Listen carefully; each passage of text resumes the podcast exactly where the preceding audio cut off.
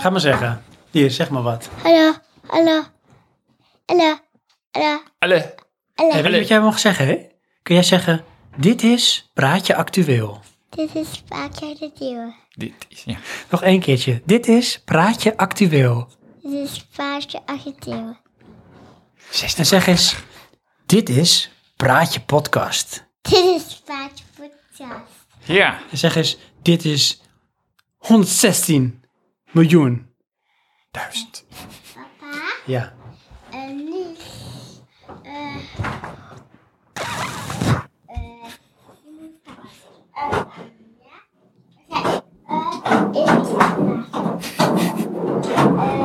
Kontje, kontje.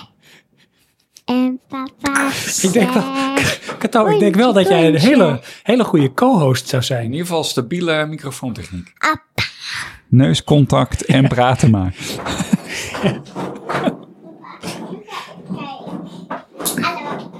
Hé, maar wij gaan wel weer verder opnemen, dus ga jij zo ook weer. Je mag nog één keer wat zeggen. Ga je nog even met Johan kletsen, dan hoort hij jou ook. Hallo. Wat wil, je, wat wil je Johan heel graag vragen? Misschien wil je vragen hoe het met Noedel is. Vraag je, hoe is het met Pusje Noedel? We zijn met Poesje nu. Heel goed. Hij doet klimmen en springen en miauwen. Elke ochtend. Bij de deur. Zo leuk. Is het lachen? Hallo? Hallo. Ga je nog wat zeggen? Nog wat. Wil je nog één keer zeggen, dit is Praatje Podcast. Eh, dit is fase podcast.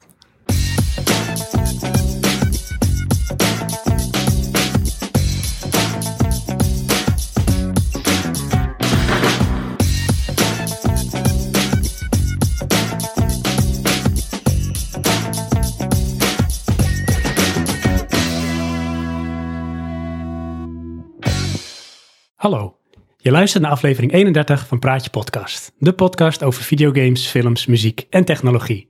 Ik ben Sven. En ik ben Johan. Ik ben Chantem. In deze aflevering gaan we het hebben over de schijnwerkelijkheid, oftewel VR. Maar eerst gaan we bijpraten.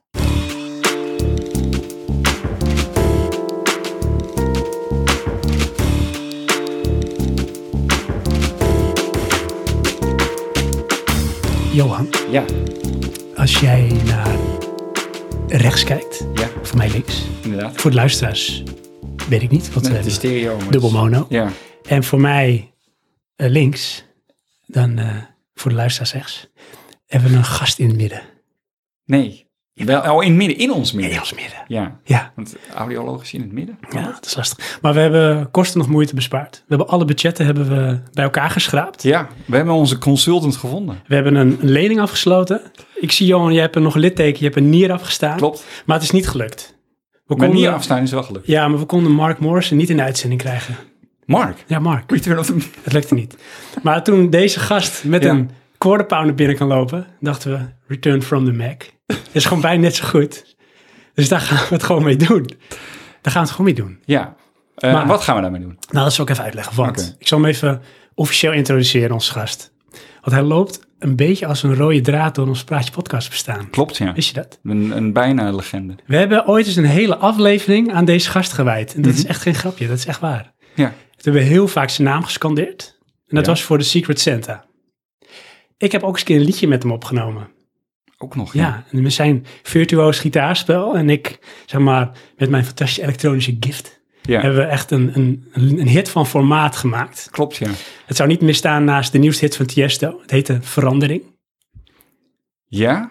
Je beseft dat we nog hier zijn, hè? Niet al in ons eindonderwerp. Nee, dat maakt eh, niks uit. oké. Dat maakt helemaal niks uit. En eh, ja, als je die nog niet geluisterd hebt, luisteraars, ga die absoluut luisteren. Ik zal ook een linkje in de show notes plaatsen naar het liedje. Dat is echt een fantastisch liedje. Het verandert ook echt je leven, weet ik zeker. Zullen we nu eerst een naam zeggen? Nee, we gaan nog door. Ik ben er nog niet. Ik, ik, ik bouw dit op, Johan. Dit is de spanning. Ehm, het is zelfs ook zo geweest dat ik ooit eens een eh, uitnodiging voor een ontmoeting met deze gast heb ik keihard afgewezen. Ja, als autist dat ik ben. Maar ja. Ja. het bloed kruipt waar het niet gaan kan. Het is hem toch gelukt. Hij zit hier in ons midden. Ehm, ik zou willen zeggen, bijna net zo goed als Mark Morrison. The next best thing. Op, ik moet nog even vertellen, op het Butterbestje Forum Ja. wordt hij de VR King genoemd. Hey. En sterker nog, is leuk voor onze luisteraars, want eh, je, je kunt het niet zien. Hij zit hier nu ook op dit moment met zijn helm op zijn hoofd. Zijn VR-helm. Want hij is zo gek is hij ervan. maar dat is niet waar, we gaan door. We gaan vertellen wie het is, want ik heb al honderd keer gast gezegd en hij heeft nog geen woord mogen zeggen. Nou, hij heeft zijn naam gezegd. Dat is wel waar, dus je weet eigenlijk al wie het is. Ja. Ik wil een applaus voor niet Mark Morrison, maar voor niemand anders dan Shantum.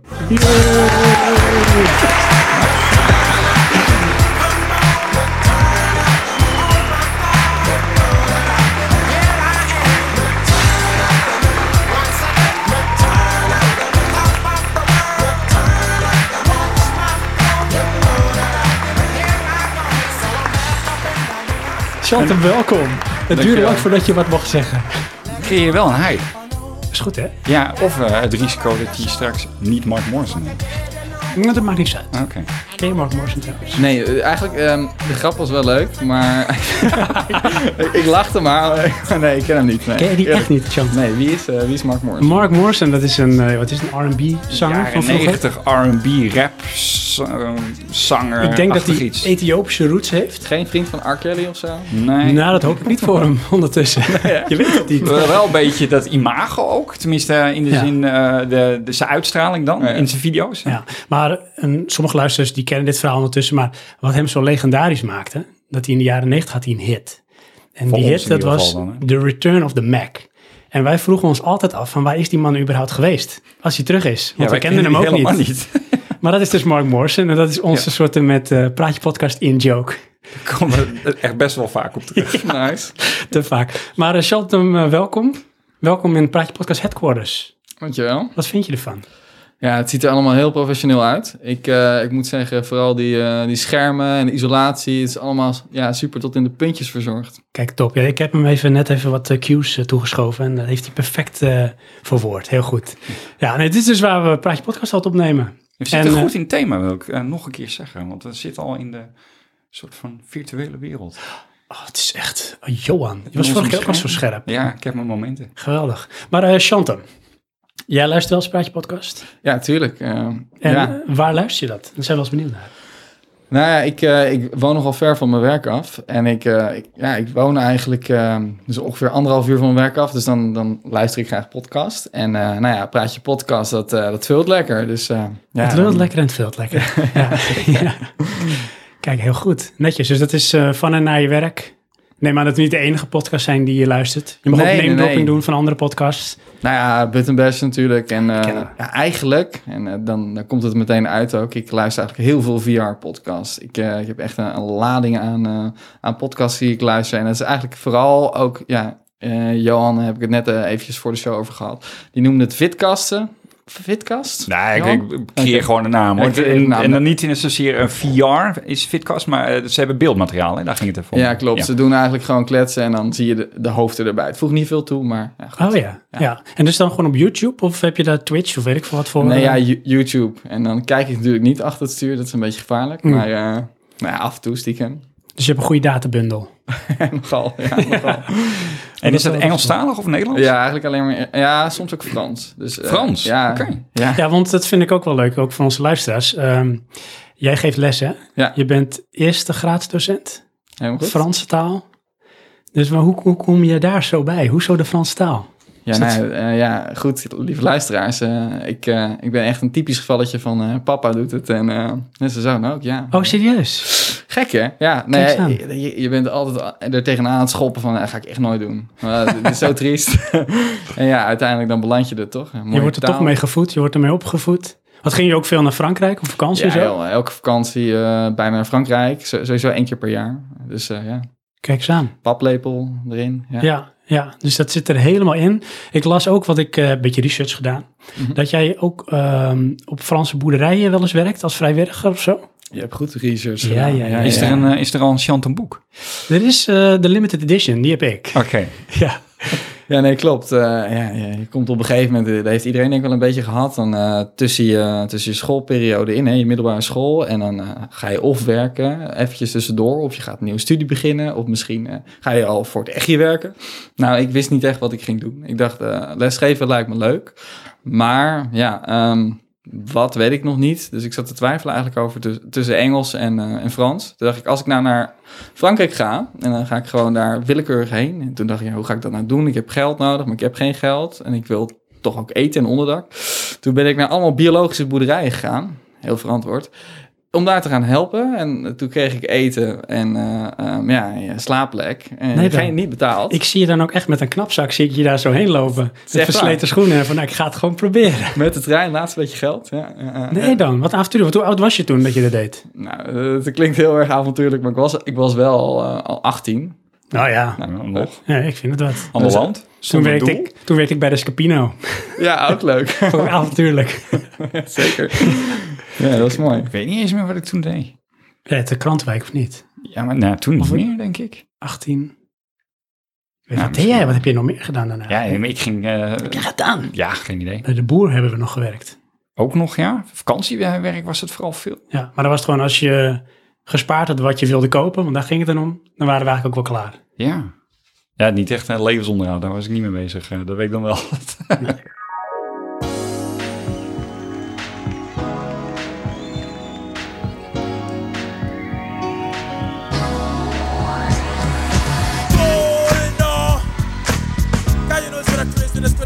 me from do what we really love to do. So hear this. God, this one goes out to yo, yo, yo, yes, and man knows who. And the might as well know say that this is one of our honest and that it was where you're saying, we will praise it, All oh. of these girls tripping on me, saying how I'm Bij je Praatje Podcast doen we altijd even bijpraten. Dat zijn we nu eigenlijk ook aan het doen, hè? Gewoon even lekker aan het kletsen, erin komen. Eh, maar aangezien jij onze gast bent, Chantem, mag jij een onderwerp aandragen. En het mag echt gaan over van alles wat jij wil. Hoeft niet, eh, niet het hoofdonderwerp, gewoon at random. Van, ik heb dit gezien. Ja, Of stiekem ehm, toch. Nou ja, het heeft toch wel stiekem eh, met het hoofdonderwerp te maken. Ik wil het graag hebben over mijn eerste VR-ervaring. Is, dat, Ah. is dat een idee? Dat mag. Dat mag. mag, allemaal. Oké. Zal ik gewoon maar beginnen dan? Ja. Ja, Nou goed, wil je, ik- wacht even, wil je er nog een speciaal muziekje onder? Ehm, doe maar iets spannends, want dat was best wel spannend eigenlijk. Oké, kijk, want je hoort het nu dan niet, maar onze luisteraars horen het nu wel. Ja, ik in mijn hoofd zit hij hoor. Ja, zie je. Hij begint nu. Oké. Eh, nou goed, de eerste keer, eh, en dat is echt zo'n verhaaltje van wat ik eigenlijk nu ook zelf doe. Ik loop vooruit. Eh, ik heb wat vrienden en een vriendin van een vriend van me. En daar weer de vader van. Oh, dit is al een goed verhaal nu. Ja, hè? Die kent iemand. Die, Nee, ja, bijna, bijna. Maar Goed, die werkte op een bedrijf. En eh, tegen, dat was ik denk 2016 of zo. En eh, die kon via zijn bedrijf een Oculus Rift DK2 eh, kopen. Nou, dat is een apparaat. Dat is een VR-headset. Lijkt een beetje op wat we nu hebben. Maar dat was nog niet zo ver. Want die schermpjes, dat was dan eh 69 bij... eh, nee, dat is nog te veel eigenlijk. Het waren echt van die hele slechte schermpjes. 46 bij, bij 800. En dat is echt, nou ja, wat is dat voor- in vergelijking met wat voor apparaten? Ja, PlayStation 2. Ja, Dat denk ik, 800 ja, PlayStation 2, ja. ja, dus dat, dat was echt wel slecht. Ehm, en ja, je kon ook niet bewegen met het ding, dus je kan alleen rondkijken. Dus je kon niet naar voren en niet naar achter. Hm. Dat was echt niet zo best. Maar goed, ik wist dat hij dat had. En dus ik vragen bij die vriend van me en die weer via via. Hè, dus ik kon, eh, ik kon daar naar het huis komen, speciaal daarvoor erheen gegaan. Ik was echt helemaal hyped, want ja, ik had ervan gehoord. Ik wist dat er Project Morpheus eruit eh, zou komen van Sony. En ik wilde al die dingen gaan proberen. Dus ik was heel blij dat ik uitgenodigd werd. Dus toen, eh, nou ja, hij liet me wat dingen zien. Hij ging er eerst zelf in. En het, ja, hij zat in een lift en hij zat in een rollercoaster. Hij zat in Toscane. Ik denk, wauw, dit is echt het einde. En eh nou, de Toscane zag er heel mooi uit hè, op het beeld. Dus ik denk, nou, dat wil ik spelen. Dus ik vroeg dat. Nou, mag dat? Tuurlijk mag dat. En eh, ik zet dat ding op. En eh, ik was in een andere wereld. Ik vond het echt fantastisch. Maar ik was er nog een- geen één minuut in. En, en ik, nou, ik beweeg zo. Ik kijk om me heen. En ik val helemaal naar achter. Nee. Met dat ding op mijn hoofd. en dat ding dat vliegt van mijn aarsens af. En eh, ja, ik schrik me dus helemaal dood. Maar ja, het is zo desoriënterend. En ik ben ook... Nou, ik was er misschien een paar minuten in. Ik was kotsmisselijk. Dus eh, ja, ik moest- ging bijna over mijn nek. Dus ik moest echt even helemaal stilzitten. Want het ging niet goed. Maar jij hebt het overleefd. Ik heb het overleefd. Heeft die Oculus eh, Kit heeft hij het ook overleefd? Ja, want die gast die wist dat dit soort dingen gebeurden. Hij had al wel vaker meegemaakt. Want hij vond het dus heel erg leuk om aan iedereen dat ding te laten zien. Ja. Dus en het was ook echt heel erg leuk. Maar ja, het was ook wel heel erg heftig eh, voor mij. Dus hij had op tijd had hij dat ding dus soort van opgevangen. En hij wist dat het zou kunnen gebeuren. Mij Ja. had hij ook half opgevangen. Maar dat was wel een ervaring. Dus die kwam echt binnen. Ja, Ik kwam knijterhard. ik kwam keihard binnen, ja. ja. En bijna ook weer dingen eruit, maar goed, gelukkig niet. Is dat ook zeg maar het moment, maar dan gaan we een klein beetje naar het hoofdonderwerp, dat zeg maar de spark echt eh, definitief oversloeg? Ehm, nou, dat was eigenlijk al eerder met, eh, met eh, het idee. Het idee dat je in je favoriete game gaat kunnen stappen. Oké, ja. Dan gaan we in het hoofdonderwerp gaan we daar alles uitgebreid over horen en over bediscussiëren. Dit is sowieso al een lekkere appetizer daar naartoe. Is er nog iets anders wat je wil mededelen? Mag van alles zijn. Eh, nee, ja, eigenlijk is... eh, ik vind het even mooi om hierbij te laten. Oké, cool. Ga ik door naar mijn co-host. Want ik moet ook even iets zeggen voor onze liefluisteraars. liefluisteraars. We zijn natuurlijk wel een tijdje uit geweest. Ja, Eh, dus Johan, vertel maar. Hoe kan dat? ik was er weer niet waarschijnlijk. Je was er niet. Ja, Waar was je? ik moest weer op vakantie. Hij moest Of weer... ik mocht op vakantie, dat klinkt positief. Ja, precies. Ja, ik ga graag op vakantie, anders klinkt het als... Ja. Ja dus jij bent eh, naar eh, de Achterhoek geweest. Ja, Thailand weer? Ja. Ja, Gaan we het eh sowieso dus echt een hele aflevering nog over hebben. Hè? ja gaan we weer doen. De fantastische avonturen van Johan in Mhm. Thailand. Kan je ook alles naluisteren, kan je controleren of ik een beetje consistent ben met wat ik allemaal zeg. Ja. Ik dwaal nog wel eens. ja, dat vinden mensen ook leuk trouwens. Als je Dat ik dwaal? Ja, mijn broer die vond de mooiste verhalen als je letterlijk aan het dwalen bent. Door het winkelcentrum en zo. ja, het is, vind ik fantastisch. Ja, Maar daar wil je het waarschijnlijk niet over hebben. daar wil ik het wel over hebben, maar dat gaan we nu niet doen. Nee. Ehm, ik ga eigenlijk over hebben wat, iets wat ik eh, daar verzonnen heb om te kopen. En dat heb ik hier uiteindelijk gekocht. En eh, dat is, ik heb het mee. Ehm, Ik denk, ja, moet- ga je dat ding van uh, Chanten Nee, nee, ik ga het laten zien aan jullie. en ik probeer het zo goed mogelijk te omschrijven. Dit is een color Color. checker passport. Johan, die wil ik. Ja, dat weet ik. Daarom had Dan ga ik mee. namelijk, daar gaat mijn ander onderwerp over. Oh, wat leuk. Ehm, wat is dit nou? Ik ben, sloop hem niet bij. Me jij kan het heel goed ook eh, eh, omschrijven. Nou, het, is in principe voor eh, film of fotocamera. Eh, mijn insteek is film, want ik eh, heb altijd eh, de illusie dat ik op mijn vakanties hele mooie films maak. Ehm, maar je kan het ook toepassen in eh, fotografie, daar werkt het eigenlijk even beter. En wat is dit? Dit is een, een klein, ja, twee creditcard groot ehm, kunststof plaatje. Drie plaatjes in elkaar. En er staan dan eh, verschillende eh dingetjes op. op eh, de eentje staat zwart, grijs en wit. Dat is dan om je, je witbalans, en je, je mid-gray te kunnen bepalen. De andere staan kleurensamples op, zodat je vaste kleuren kan hebben. Dan heb je een pure wit om je witbalans te bepalen. Die is niet reflecterend. En dan heb je een focus. Ja, maar dan ben je dus gehypnotiseerd als je daar te lang naar kijkt. Ja, maar daar, daar focus je dus je camera mee. Eh, en dan zou je dus idealiter je camera kunnen afstellen voordat je je shot maakt. En dan heb je goede kleuren. In de filmwereld doen ze dat ook altijd, Ja. hè? En de Eh, fotografie In trouwens. de fotografie ook. Ehm, Mag ik me even zien? Je mag maar even zien. Even als leek, het ziet er een beetje uit als eh, van die meiden hebben van die make-up spiegeltjes. En hier kan je nog een extra blaadje open, open Ja, goede omschrijving. Zo, zo ziet het er inderdaad uit. Je hebt ook verschillende soorten samples make-up. Maar het, het is gewoon kleur. En eh, het, ja, het, het moet zo min mogelijk reflecteren. Dat is een beetje, eh, denk ik, waar de prijs is. zit. Want het is nogal duur. Oh, Het ziet er heel high-tech uit ook Ja, wel, hoor, moet ik zeggen, nu ik hem van dichtbij zie. hoeveel euro had ik in mijn handen? Eh, dit is, eh, als je hem loskoopt, 120 euro. Oh, serieus? Ja. En ik heb hem gekocht in een setje met een eh, schermkalibrator. Dus je kan mijn schermkalibrator. monitor kalibreren.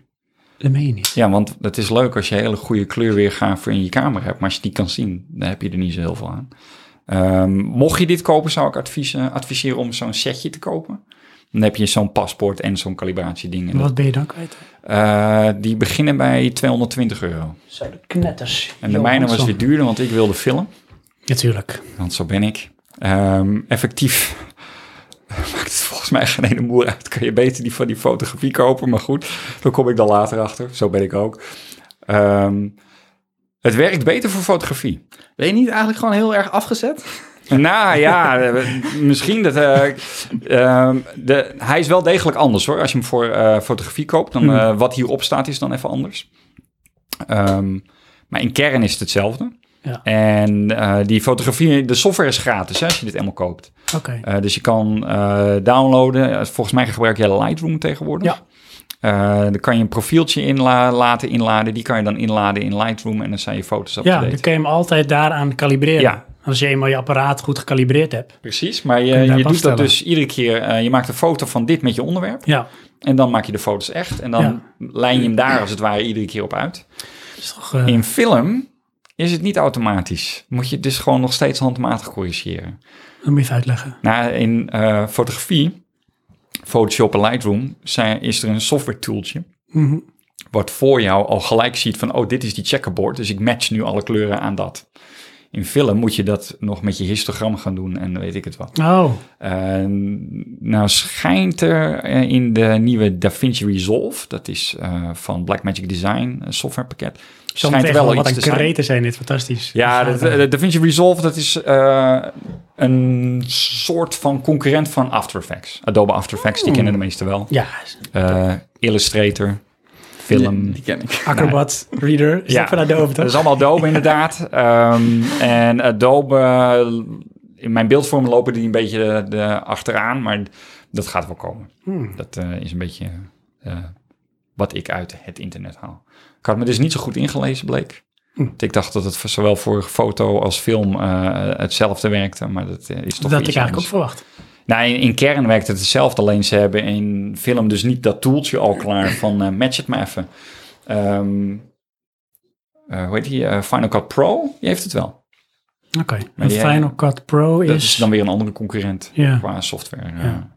Dus ehm, nou, er zullen ook nog wel andere zijn die het dan wel of niet hebben. Maar het is nog niet zo ver als fotografie. Dat, daar vind je even wat meer over. Maar die dus.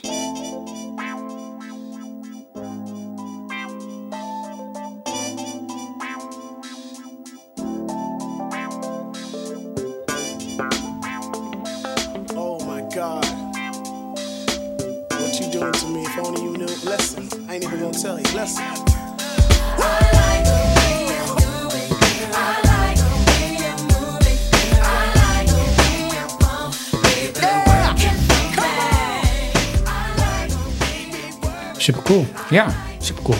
Die wou dat ik hem had. ja. Want ehm, daar gaat ook een beetje mijn eh bijpraatmomentje over. Oh, wat toevallig. Ja, ik heb namelijk een eh, nieuwe camera, fotocamera.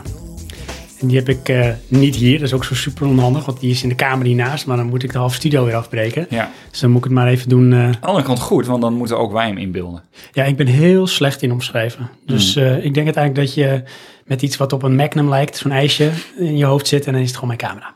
Ja. Wel de witte editie. Want het is namelijk zo, een klein stukje context. Ehm, ik vind soms fotograferen leuk en dan appt het weg. En eh, eh, vlak voor de geboorte, en dat hebben denk ik heel veel ouders van hun eerste kind, hadden wij zoiets van, we willen hem vastleggen en mooie foto's maken. Dus we kopen een professionele camera, een spiegelreflexcamera. Want dat is de bom. Praat ik over bijna vijf jaar geleden. Dus wij een spiegelreflexcamera gekocht van Canon, de Canon 550D. Wat ik niet wist is dat je er ook mee kan filmen. Dat was later een leuke bekomstigheid. Maar goed, eh kun je hele mooie foto's maken. We hebben ons toen een lens ook aan laten meten. Een Tamron 18200. En dan denk je, nou tof. Ik wist echt mijn god niet wat dat allemaal betekende toen. Maar het blijkt dus dat je 18 mm hebt. En dat is best wel, eh, dat noemen ze breedbeeld. Dus kan je best wel veel en dichtbij eh, op beeld krijgen. En 200 is heel erg ingezoomd. Dus dan zou je ook zeg maar gewoon eh, ja, dingen dichtbij kunnen halen. Of zelfs een macro stand. Dus dat je echt gewoon fotootjes en beestjes mooi kan vastleggen. Geen idee dat dat zo was, maar goed, dat kwam later. Maar die lens was allebei net niet. Toen heb ik later nog een lens erbij gekocht. Dat was de Nifty 50 50 mm van Canon. En dat is een eh, hele eh, platte prime lens, zoals ze dat noemen. En een prime lens is een lens die kan je dus niet qua focuslengte instellen. Dus die is altijd 50 mm. Maar ehm, daar staat wel een bepaalde mate van kwaliteit qua lens in. Dat je heel mooi en lichtgevoelig, dus ook bijvoorbeeld in deze situatie, het is hier wat donkerder, toch hele mooie foto's kan maken. Het is meestal, hè, de, de, de gedachtegang is dat een prime lens altijd beter van kwaliteit is. Want je hebt geen bewegende delen, dus de kosten zitten puur in die lens. Ja, en dan een ontzettende zijsprong daarover eh, gesproken. Ik had gisteren een podcast geluisterd en dat ging dus over, eh, dat is Bad Science. Dan gaan ze dus films eh, bespreken en of de science erachter klopt. En er was iemand van NASA en die legde dus ook uit van bij alles wat men bouwt, moet je eigenlijk proberen zo min mogelijk bewegende delen te hebben. Want per definitie gaat een bewegend onderdeel op termijn gewoon stuk. Ja, beweging is slijtage. Ja. Ja. En dat is dus met zo'n prime lens inderdaad dan ook Ja. zo. Maar goed, een heel lang verhaal terug. Ehm ding is best wel groot, die lens of die eh, camera.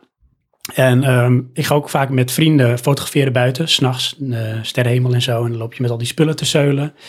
Dus daar heb ik geen zin meer in. En ik denk, ik vind het ook wel eens leuk om eens wat nieuws te proberen. En ondertussen is de ontwikkeling van de, wat ze noemen systeemcamera's, dus de camera's zonder spiegel, is best wel upcoming. Wordt al volwassenen. En ik wist niet dat jij er een had. Hoewel ik wist dat jij er een had. Ik wist niet dat dat een systeemcamera was. Jij hebt volgens mij zelfs drie. Wij hebben drie keer de Next uh, 5. Ja. Niet normaal. ja, ik ben een beetje Herbert, maar dat... ehm, ehm, ik heb de Next 5 gekocht gewoon toen die eh, uitkwam, even daarna. Want dat was dan eh, een mooi setje. Je twee lenzen plus eh, het toestel.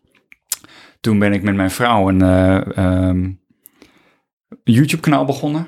Daar had ik een extra camera voor nodig. Dus toen heb ik nog een Next 5 gekocht. Maar hoezo kan je niet dezelfde camera gebruiken dan? Omdat ik eh, met twee camera's dezelfde eh, scène wil filmen tegelijk. En dan kan je switchen van shot.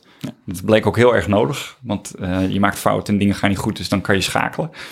Ehm, en toen heb ik ehm, een andere lens willen kopen. Ja, voor, voor de Next 5. En ja, dan was het goedkoper om weer een tweedehands te kopen met die lens dan die lens los. Dus eh, daarom heb ik een derde. Ja, En uiteindelijk heb ik in Japan eh, de zoomlens gekocht. Eh, maar dat was niet echt goedkoper. Dat was een beetje goedkoper. En toen was het van, mooi. was het in de moment? Je denkt, koop gewoon. Nou, ik wil graag, dat heb ik ook geprobeerd met die color checker passport. iets kopen wat ik nog veel ga gebruiken. Dat herinnert mij dan aan dat moment. Nou, dat doet het dus bij deze ook. Ja. Eh, dus dat is eigenlijk eh, de achterliggende gedachte. ja. Terug naar Terug naar jouw de onderwerp. camera's, systeemcamera's. dus ik denk, weet je wat, ik ga mijn eh, camera verkopen. Mijn Canon 550D met eh Tamron lens en de prime lens van Canon. Dus ik bel Cameraland. Zit in Alkmaar. En Cameraland die doet in nieuwe en tweedehands camera's. Daar hadden wij deze camera ook gekocht. Dus ik denk, nou, het zijn mijn makkers. Dus ik kom met mijn setje. Ik had gebeld. Ik heb dit te koop. Hè, dus dat is die, eh, die body. Dus dat is de body van die camera. Er zit een Tamron lens bij. Zitten twee, eh wat ik had nog een keer, twee eh, prime lenzen. Dus twee keer 50 mm lens. Er zitten drie batterijen bij, oplader, tasje, de hele jigamabat. Ik denk, nou, daar krijg ik wel 300, 400 euro voor. Want dat is het wel uitgerekend waard. Nieuw. Nee, niet eens nieuw. Oh, tweedehands is het Dus, nou, het was twee stellen tellen stil. En toen zei die man, nou, we rekenen 150 euro. 150 euro? Ik zeg maar, er zit twee lenzen bij en alles. Oh, twee lenzen, eh, 175 euro. Dus 175 euro. Die lens alleen is al 120 euro. Ja, maar hij zegt, eh, wij kopen in voor 25 euro. Zou ik ook zeggen. Ja, dus ik zei, nou, weet je wat? Ik ga het wel zelf proberen te verkopen. Dat hoopt ze waarschijnlijk ook, wat ze er zaterdag gewoon niet op te wachten, denk ik. En toen heb ik uiteindelijk het setje dus eh, kunnen verkopen voor eh 350 euro. Dus eh, ruim eh, twee keer zoveel als wat zij eh, boden. En toen kon ik dus eh, een Ja, systeemcamera ja, maar terug... klinkt zo, ja, maar de gasten kunnen niks van. Kijk, je hebt het Oh, nu kom- zelf moeten doen. Hè? Werk je bij Nee, nee, nee. Ik bedoel, het is natuurlijk, eh, je krijgt daar minder, logisch. Want hun gaan die moeite doen en misschien hebben ze het risico van niet. Klopt, kijk, en zij zeiden ook van ja, we moeten het controleren en of het nog allemaal kwalitatief goed is. En we moeten ook nog maar zien te verkopen. Ja, als ik zie dat jij dat verkoopt, dan vertel ik het helemaal niet. Dat snap ik. Je lijkt me dat duidelijk. snap ik. Maar goed, ik heb het wel verkocht gekregen aan waarschijnlijk de grootste oplichter van Almere. Want Dat was een of andere autoverkoper. En, dat eh, klinkt wel heel dubieus. ja, maar die kwam dus zo aanrijden met zijn veel te witte tanden en zijn veel te grote auto. Oké. En eh, flap, flap, flap. En eh, ik zeg, nou, hier zit alles. Ah, ik geloof het wel hoor. Is voor mijn dochter en die is met fotografie cursus. blablabla. Prima, ik neem het mee. En toen gaf hij mij het geld. Toen zei ik, nou, dankjewel. En toen zei hij wel van, tel het wel even na. Hè, want voor het niet klopt, kan je eens natellen. Nou, klopt allemaal. En die man weg, iedereen blij. En twee dagen later, toen eh, appte hij weer van, waar is die oplader? Nou, ik denk, die zet echt in die tas. Dat weet ik 100% zeker, want ik heb hem er zelf in gedaan. Ja. Maar ik heb hem nooit laten controleren wat er allemaal in die tas zat. Ja. En toen voelde ik al een beetje, shit, ja, zit hij er dan niet in? Nee, ik kan hem nergens vinden. Hè? Nou, dus ik, ik het hele huis overhoop gehad, terwijl ik wist dat hij erin zat. Ga je toch zoeken, Mhm. want je gaat hier zelf twijfelen. dacht ik van, ik ga die man wel even googlen. Oh, Ging wel een klein beerputje open. qua zijn praktijken, qua verkoop oh, van auto's. Dus hij kent natuurlijk ook alle trucjes. ja. Maar dat was redelijk agressief. En hij was, hij was ook wel, zeg maar, qua naam wel een beetje een bekende in Almere. Hmm. Ik hoop niet dat hij deze podcast luistert. Denk nee, ik niet. denk ik ook niet. Dus eh, ik denk, weet je wat, ja, ik ga ook geen discussie voeren, want straks komt hij met zijn knokploeg. telefoon? Hallo. Nee, dus eh, ik denk, weet je, ik stuur hem gewoon wel een, eh, een andere op. Maar ik had een originele Canon-lader. Oh, Die zijn heel duur. ja. Ik denk, ik ga niet een originele Canon-lader sturen. Nee. Want dat zou hij zelf ook niet doen met zijn auto's. Dan stuurt Dat hij ook gewoon een B-product. Echt, hoe bevooroordeeld zijn we? Maar goed. Dus eh, ik denk, nou weet je, dat zien we het wel. Want dan komt hij daarna natuurlijk weer van, ik ben die lens kwijt, waar is die? Ik denk, dan gaat hij me helemaal uitkleden dat hij Ja. die camera gratis heeft. Want ik voelde hem aankomen. ja. Maar dat gebeurde niet. Oh. dat dat wel veel fijn. allemaal wel mee. Het was gewoon, misschien was hij hem echt kwijt. En Ja. ik weet zeker dat hij hem kwijt is geraakt. Maar ik denk, ja, zwa. Ik denk, eh, je, je gaat zo achtervolgd worden, je, je Ja. eh. Nee, het was niet zo spannend. Wat is dat waarom we verhuisd Ja. zijn? Bier. Maar om een verhaal nog langer te maken, ik heb nog steeds mijn nieuwe camera niet eh Oh ja, maar daar ging het eigenlijk om. Hè? Die heb ik uiteindelijk gekocht via Marktplaats. Ja? Ik wilde een systeemcamera. Toen niet toevallig bij... Bij, die man, bij diezelfde man in Ja. Almere. Had ze wel goedkoop, hè? Ja, heel goedkoop. Achteraf was het gewoon een soort doos met een, wat is het, een baksteen erin. Nee, het is de Sony Alpha 5100 geworden. 5100. Een witte. Oké. En dat is eh, een systeemcamera van eh, Sony. Het is een hele bekende camera. Want ik denk dat heel vloggend Nederland deze camera kent. Dit is de meest populaire vlogcamera. Dat Oké. heeft te maken met het feit dat hij een schermpje hebt dat helemaal 180 graden kan klappen. Dat Ja. je hier zelf kan zien. Dat is echt een pre, klopt. En eh, hij heeft heel scherp beeld. Hij heeft een APS-sensor. Ja, dat is redelijk standaard. Maar die schijnt kwalitatief wel goed te zijn. Zeker voor die prijsklasse. En die kwaliteit, prijs, is dus heel Ja. gunstig. En daarom wordt hij heel goed verkocht. En weet je waar Sony heel goed in blijkt staan? Nou. Eh, continuous autofocus. Ja, dat klopt. En daar hebben die vloggers heel veel... eh, ja, weet je, want die zijn altijd ja. bewegen. Maar ik wilde niet voor vloggen. Ik wilde gewoon mooie fotootjes maken. En het leuke is, en daar heb ik me toen in verdiept. En daar ben ik nu ook weer een beetje in doorgeschoten. Is dat voor die camera kun je ook perfect met vintage lenzen werken. Dat vind ik echt gek. Dus gewoon, je gaat naar eh, de kringloop. En dan ga je gewoon kijken welke lenzen ze daar hebben. Hebben ze En- daar lenzen? Ja, hebben ze echt veel lenzen. En dat is ook echt, weet je, normaal is het een soort vlek. Dan zie je überhaupt niet dat die dingen er zijn. Ja. En dan ga je daarna op zoek. De videogames zie ik nou niet meer liggen. Ik zie alleen nog maar lenzen liggen. dus eh, ik heb wat lenzen gekocht. Oh. En dan praat je over eh 4, 5 euro voor lenzen die vroeger dan echt wel een paar honderd euro kosten. Ja, Dus heb ik twee hele, of drie hele mooie Minolta lenzen en een Pentax lens. oké. Dan heb ik een ehm, adapterring gekocht. Dat je hem kan omschakelen naar het formaat voor jouw camera. Dan Ja. past hij erop. Maar werkt dan je autofocus nog? Nee, die alles is handmatig. op, ja. Dus je aperture, dus je f-waarde, hoe groot dat gat is, Ja? dat is handmatig. Die zit altijd op die lens zelf.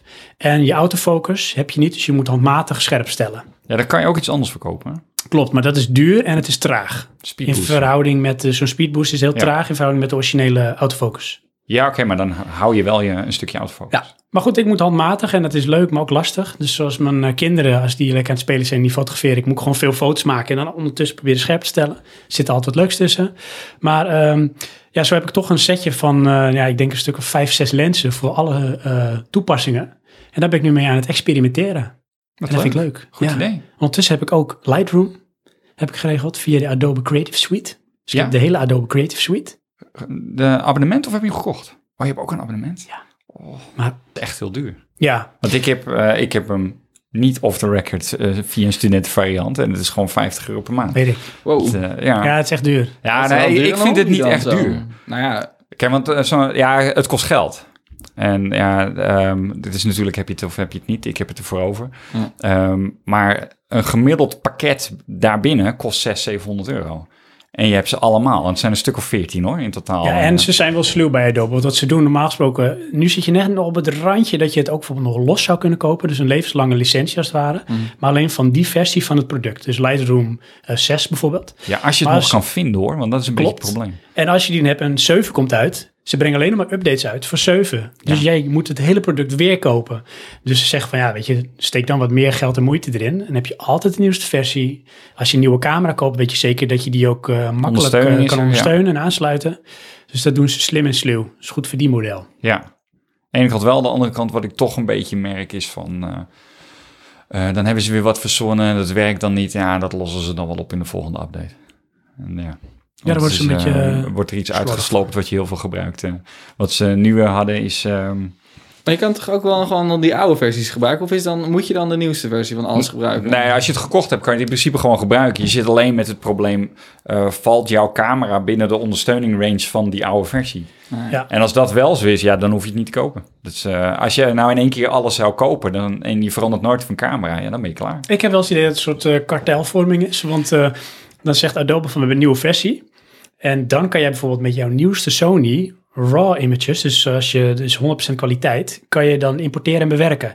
En dat is een extensie die in de oude versie nog niet ondersteund werd. Dan Ja. denk ik, waarom gaan ze niet een universele versie qua RAW, dat het altijd werkt? Ja, Want dan heb je geen verdienmodel. nee, klopt.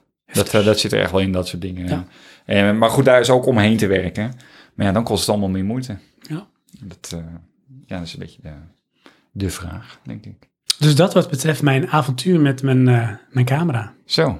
Ja. Wat was het ook alweer? Een Sony? Alpha 5100? 5100, maar Ja, ik wil nu eigenlijk alweer een ander. oké. Maar daar wil ik nog even op inhaken. Dat is eigenlijk de opvolger van de Next 5. Dat klopt, het is Ja. ook zo. Ja. Uiteindelijk wil ik eh, de A7 met een full frame sensor en een eh, viewfinder. Ja, het ding is freaking duur, man. Weet ik, weet ik. Dat, die, heb ik ook al naar gekeken. Maar welke dan? De A7R De S of Mark 2? Mark Nee, 3 niet- heb je niet binnenkort? de Mark, de, de, de, van met de instap, Dat is volgens mij de R. denk ik. Dat is een beetje de, de budget variant met alle specs. Ja, dus je kan dan eh, de, de mount versie zonder lens voor tweedehands voor 500, 600 euro vinden. Oh, dat is wel goedkoop. Ja. Want die nieuwe die kost eh, 2500 Klopt. euro alleen de body. Ja. Maar dat is full frame. Ben jij een beetje van het fotograferen? Nee, om eerlijk te zijn, nee. En, ook niet eh, voor je, jullie hebben een dochter. Ja, ja toch wel veel eh, crappy foto's met de telefoon. Ja. Maar dat is zo, weet je, het is natuurlijk zo makkelijk met de smartphone. Ja, het is inderdaad gemak. En eh, ik ben niet iemand die, eh, die gaat zitten om foto's te nemen. Dus dat is echt, eh, nou ja, even het moment vastleggen met je telefoon. Nou ja, goed genoeg. Oké, Ja. en weer door. Ja, precies. Ja, ik Consumptie, sleur voor. Ik denk 4 kilo aan apparatuur mee. Eh, met, want ik heb dus op vakantie heb ik ook gewoon twee camera's mee, meerdere lenzen. En dan heb ik zo'n stabilisator mee, een driepoot en een monopod. En dan eh, ligt het in mijn hotel wanneer we naar dat ene ding gaan. En dan denk ik, Ja. shit. Ja, Ja, alles mee, maar niet precies. mee. En we hebben wel twee camera's, maar het zijn echt van die drama dingen. Van zo'n Coolpix of zo, van Canon. Dat zijn van die standaard Hij heeft zo'n compact camera. Ja. En die, die, die dan, nemen, dan hebben we inderdaad het idee, ah, die gaan we meenemen en dan gaan we foto's maken. En dan, zijn, dan gaan we op een tripje op vakantie. En dan, eh, oh ja, oké, toch mijn telefoon, want ik eh, ben hem weer vergeten. Ja, en zo makkelijk ook om te Ja, doen. ja en eh, voor mezelf is het in principe in, tegenwoordig ook al een principe kwestie. Ik heb zoveel geld uitgegeven aan die camera. Daar ik Vind je wat mee vrouw doen dat dan. niet vervelend? Mijn vrouw, Ja. die interesseert dat niet. Die maakt foto's met haar mobiel. Ja, oké. En eh, soms ook niet hoor. Soms hebben we gewoon twee camera's en dan doen we echt samen foto's maken. Dus dat is echt wel een ding wat we samen doen. Ehm, en mijn vrouw loopt daar rond gewoon eh, klik, klik, klik, klik, want dat kost niks. Hè. Dus je kan fotograferen wat je wil. eh. Ja. Jij zit helemaal zo... eh, Nou, het, het is wat ik altijd probeer eh, en heel vaak mislukt, is dan eh, probeer ik een, een dag in te lassen van ik ga vandaag dit daar fotograferen. Zodat je echt de tijd ervoor neemt. Want meestal eh, maak je 400 foto's en is er één mooi. Ja, En eh, dat is dan zo'n momentje dat ik eh 50 foto's maak waarvan eh, moet de, de zijn. 40 echt goed zijn. eh, en de rest eh, was de focus niet goed. Of eh, zit er een andere toerist in het beeld. ja. Maar, ja, ik probeer dat. eh, want ik, ik heb wel altijd zoiets van... Met veel foto's achteraf, als ik daarna een beetje meer tijd in had gestoken... dan was het nog beter. Ja. Maar goed. En eh, dat is universeel bij mij trouwens. Als ik iets heb, zo'n hobby wat ik in één keer leuk vind. Ik weet niet of jullie dat herkennen.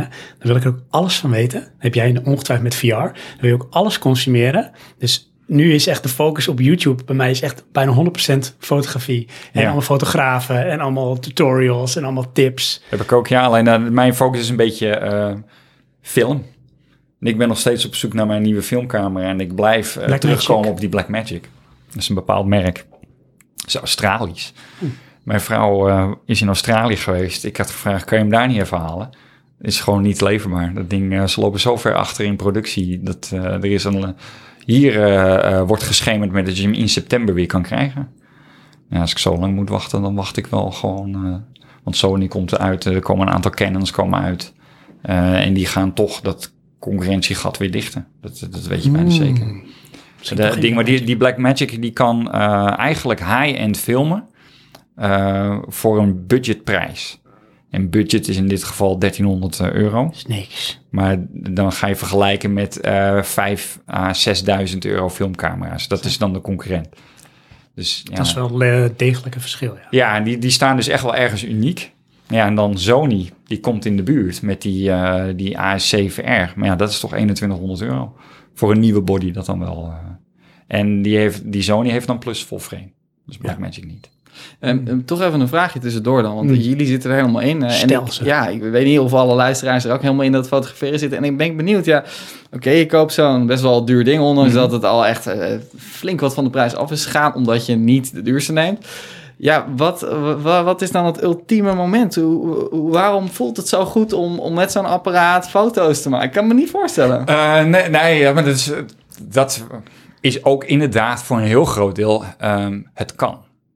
Snap je? En dat is, eh, Ja, ehm, maar Je kan de beste foto maken. Nou, maar dat Ja. is dus een, vind ik, een misverstand. Want kijk, ik ben amateur. Ja, maar dat, en eh, weet je, ik ben niet voor mijn werk fotograaf. Dus als je mij een professionele camera in mijn handen geeft, maak ik nog steeds amateurfoto's. Dus eh, ik maak, denk ik, met beide camera's maak ik net zulke goede foto's. Alleen ik heb, denk ik, met die nieuwere camera wel meer mogelijkheden. Plus er zit wel degelijk een verschil tussen dat eh gekropt, wat ze noemen, en full frame. Ehm, wat je dan echt vast kan leggen op het beeld. Het is ook een deel eh, je compositie. Dus hoe je de foto vastlegt, daar zit voor mij de kick in. Dus een beetje het perfectionistische ervan, van echt een goed moment vastleggen. En de nabewerking, want dat bepaalt eigenlijk het eindproduct. dus eh, je maakt de foto, dan ga je hem controleren in Lightroom. Dan ga je hem nabewerken tot het, het eindproduct wat je ervan wil maken. En dat kan heel dicht eh, eh, liggen tegen hoe je de foto nam, of je maakt er iets creatiefs van. En dat vind ik zeg maar wat, ja, wat voor mij een beetje de Het is geeft. Een beetje een uitdaging ook voor jou om dan ook die nabewerking zo mooi mogelijk te doen en het hele proces zo, ja. Ja, en dat kan eenmaal beter, vind ik zelf, met iets beter eh, equipment. Ja, bij mij. mij is het toch een beetje een hebben ding. Eh, en, maar dat komt dan wel ergens vandaan. Dus zoals wat ik al zei, eh, wij hebben die YouTube-kanaal. dat hebben we nog steeds hoor. Heb ik gemaakt met mijn vrouw. Dus, eh, mijn vrouw is Thais, kan koken. Dat is uh, Roy Maak. Dan kan je Google maar, dan vind je ons. Eh, maar dat deden wij op een bluescreen. En dan kom je allemaal beperkingen tegen en die zitten in je hardware. En nu komt dus voor mij ineens eh, de hardware wordt bijna betaalbaar. Dat ik denk van, oh, dat wil ik. Maar dan zit ik ook een beetje bij van, ja, maar eh, mijn huidige camera's heb ik al tien jaar. Deze moet ook tien jaar meegaan. Ja, dan moet ik ook 4K kunnen. Nou, dat, dan is er iedere keer iets wat erbij moet, wat hij ook moet kunnen. En dan, ja, dan eindig ik toch op deze camera. Iedere keer weer. Ja, Ja. Ik weet niet. eh, ehm, ik heb nu al meermalen gehad van, oh, dat is toch maar goed dat ik hem nog niet gekocht had. En ook al meermalen, als ze hem nu hadden, dan koop ik hem gelijk. Maar ja, dat eh, een beetje een soort van spelen ding, spanningsveld. eh. want het, ik, ik heb wel het idee van, als ik hem heb, ga ik hem ook weer meer gebruiken. Dus dat is ook zo. En want in dat ook... opzicht is het geen hebben dingetje, want je, je gebruikt sowieso... Jawel, zoals nu met mijn de vorige vakantie heb ik ook, ik denk, vier uur aan film. Dus het, het is wel dat ik er iets mee doe. Ehm, maar dat is wel hobby. Nee, ik leuk. maak een vakantiefilm, dat is het. Het is niet dat, eh, dat je mijn productie op tv gaat zien of zo. eh. dus, ja, Je weet het niet. duur hobby. Ja. Nou, lachen toch als je Ja. daar lol mee kan hebben. Ja, prima.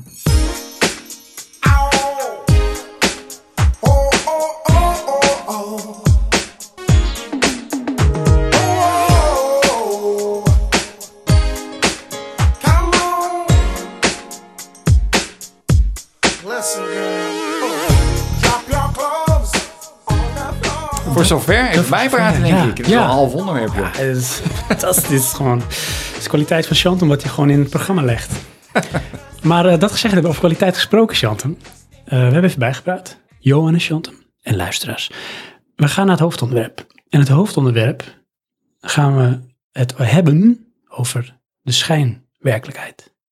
Virtual reality.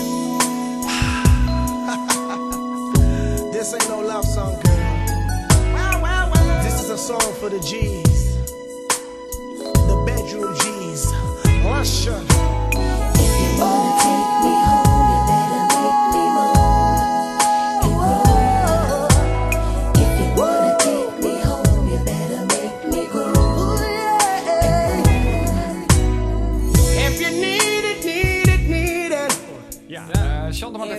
van, gaan we beginnen met eh, een soort van technische diepgang? Mag, mag Dat ik allemaal. dat jullie vragen, hè, dat jullie allebei iets zeggen van, eh, nou, ik noem een term, hè, dan ga ik een soort- van quizje, hoeveel zijn het er? 1, 2, 3, 4, 5, 6, 7, 8, 9, 10, 11, 12 termen zijn het. Nou, 11 eigenlijk, die ene hebben we het al over gehad. Eh, wie de meeste goed heeft of zo, iets in die richting? Je mag die Oculus Go houden. Nou, dat sowieso niet. hey, zou je wel willen of niet? Dat is wel leuk, Leuk ja. Ja, dat is een leuk spelen dingetje, zeker. Ehm, nou, daar gaan we meteen ook maar gewoon mee beginnen, toch? Ja. Want we zitten ondertussen in het hoofdonderwerp. Oh, we nemen al wel al op. Ja, we zijn Oh, oké. nemen. Nee, goed, Want, is eh, duidelijk? Lieve luisteraars, eh, Johan, Chantem, eh, we hebben net even een eh, demonstratie gehad, een live demonstratie van eh, de Oculus Go. Zeg het goed? Ja, helemaal goed. Die had je meegenomen en eh, dat was wel tof. Dat Ja. wel weer een ervaring. Ik heb zelf namelijk ook niet zo heel veel ervaring met VR. Anders dan een keer op een beurs en bij jou, Johan, op de PlayStation VR. Dus eh, ik vind het al snel indrukwekkend. Maar ik weet niet of dit in het kaliber van VR heel indrukwekkend is. Nee, om eerlijk te zijn is dit eigenlijk eh, ja, je instap. eh, nou ja, goed, je hebt nog erger. Of nog erger. ehm, dat is een beetje onrespectvol, want het is wel gewoon een mooi ding. Maar ehm, weet je, je cardboard, dat is gewoon niet te vergelijken met een PSVR of een, eh, of een, een, Rift of een Vive. Of, ja, misschien wel een, een nieuwer model nog. Dit is gewoon wel je, basis, laat maar zeggen. Maar het werkt en je kan er leuk mee spelen. Ja, dat is zeker waar. Dat is ook wel tof. Want we gaan het natuurlijk over VR hebben. Virtual reality. Kan jij, of jij, of jullie, in een nutshell even voor de leek... Bijvoorbeeld mijn moeder die, niet luistert, die nu luistert van wat is eh, VR? Wat is virtual reality? Ja, ik kan het wel proberen. Het, ehm, het is een apparaat, een headset. Je zet het op je hoofd, een soort van helm. En wat het doet, het, ehm, allebei je ogen worden bediend met eh, andere beelden, zodat je een 3D-effect krijgt. En dat is niet het enige. Je zit in een wereld waar je eh, ook helemaal om je heen kan kijken. Eh, met een bepaalde headset kan je ook naar voren leunen of naar achter leunen. Dus je kan, laten we zeggen, in de wereld bewegen en het beweegt met je mee. En je hebt echt het gevoel dat je er fysiek bent. Dat is de bedoeling, laat maar zeggen. Ja. Het grappige is, ik zou dat eh, andersom zeggen. Ja. Ja. Ja, en niet dat het goed of slecht is hoor, maar meer van... eh, wat voor mij, als ik VR zou vertalen, zou ik zeggen... ja, het geeft je de mogelijkheid om ergens anders te zijn. En het is toevallig ook 3D. Want ik, eh, toen ik die PlayStation kocht, had ik later pas eh, de gedachte... oh ja, maar het is natuurlijk ook allemaal 3D. Je bent niet alleen maar ergens anders, maar het is ook nog eens in de diepte eh, qua ervaring... eh, waar ik tot dan toe eigenlijk niet bij stilgestaan had. Ja, want Oh, dat is ja. een groot verschil. Als je, je kan bijvoorbeeld jezelf helemaal omringen met schermen. Ja. En laat maar zeggen, dan, dat is hartstikke mooi natuurlijk, want dan zit je erin. Bijvoorbeeld, je hebt van die eh, enorme gaming rigs met, een, met zo'n stuurtje. En dan heb je helemaal schermen om je heen. Het kan curved zijn of allerlei verschillende schermen. Maar dat is niet hetzelfde, Nee. want dat is het tweede. Je kijkt nog steeds naar platte schermen. Of nou helemaal om je heen zit of niet. Je hebt van die domes ook, wat je met, eh, met schoolreis heb je dat misschien gedaan. Dan zie je de sterrenhemel boven je. Dat is leuk, maar eh, je hebt er geen diepte in. Het is gewoon een plat scherm nog steeds. Ja, Ja, dus dat was je, voor je mij een mist een beetje, beetje- de immersie daarin. Nou ja, de, die, de- in VR is die immersie dus nog meer. Ja. Het is meer dan alleen maar zijn op de locatie van het beeld. Want je hebt wel degelijk, eh, ehm, eh, zoals met, met YouTube, heb je VR-opnames. Eh, ja, dan ben jij daar neergezet en je hebt de vrijheid om je omheen te kijken. Maar het is niet 3D. Nee, het is tweedimensionaal. En misschien is er wel een 3D-variant, dat weet ik dan even niet, qua, qua beeldmateriaal. Ehm, maar ja, die stap, dat bewustzijn had ik niet helemaal eh, voordat ik die eh, VR kocht. Wat ik merk, ehm wat we net dus die demo eh, gedaan met die Oculus Go en met mijn VR-ervaringen, is dat ik er altijd helemaal in zit. Dus voor mijn gevoel zit ik ook echt helemaal in een andere wereld.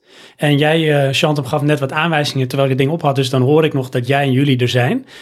Maar ik zit dan helemaal in die wereld en ik merk met name als de bril dan afgaat, en dat heb ik elke keer met VR, is het echt zo'n overgang van zie je even weer back to reality.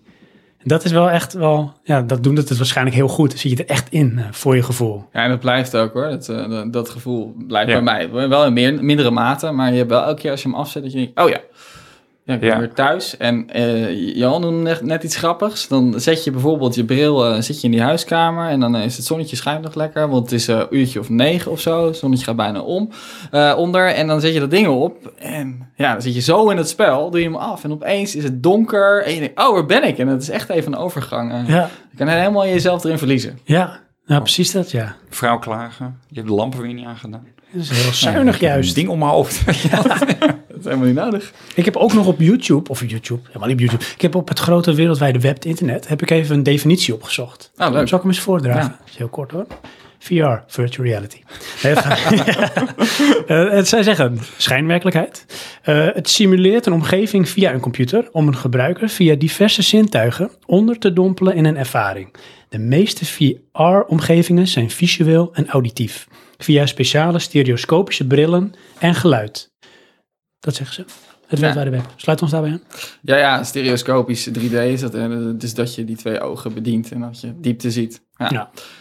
Ja. nee, mooie, ja, mooie definitie. Eh, misschien ja, ook een leuk bruggetje naar eh, de volgende definitie. Oh, ja. Ja, ik heb namelijk, eh, ik kijk dus elke dag wat ik al vertelde. Ik kijk elke dag en luister vooral eigenlijk. Ik kijk eens onverantwoord in de auto naar vi- video's van YouTube. Over alle headsets die er zijn. Niet alleen PlayStation VR. Ik heb wel alleen naar een PlayStation VR en zo'n Oculus Go. Maar ik vind het ook leuk om andere dingen te horen. Nou, en dan word je echt doodgegooid met verschillende soorten ja, definities. En ik ga er een paar eh, aan jullie voorleggen. Het zijn er elf en ik, eh, ik ben benieuwd wie de meeste goed heeft. Eh, nou, ja. Ik zet er even een muziekje onder, wederom. Ja, gewoon een soort quizmuziekje. Wel virtueel. Oké, Oké, daar gaan we.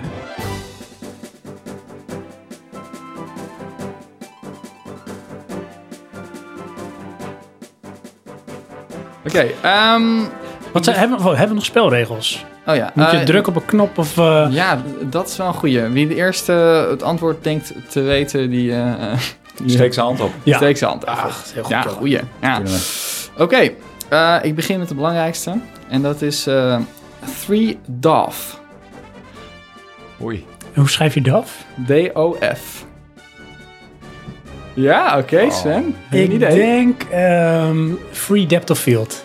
Oh, we zitten in de buurt, jongen. Eh, ik ga hem, eh, en nu gaat het vooral om wat het nou inhoudt. Ik ga hem even helemaal uit, uitspreken. Misschien dat je dan een beeld hebt. En, hè, eh, ja, misschien heb je het dan wel goed.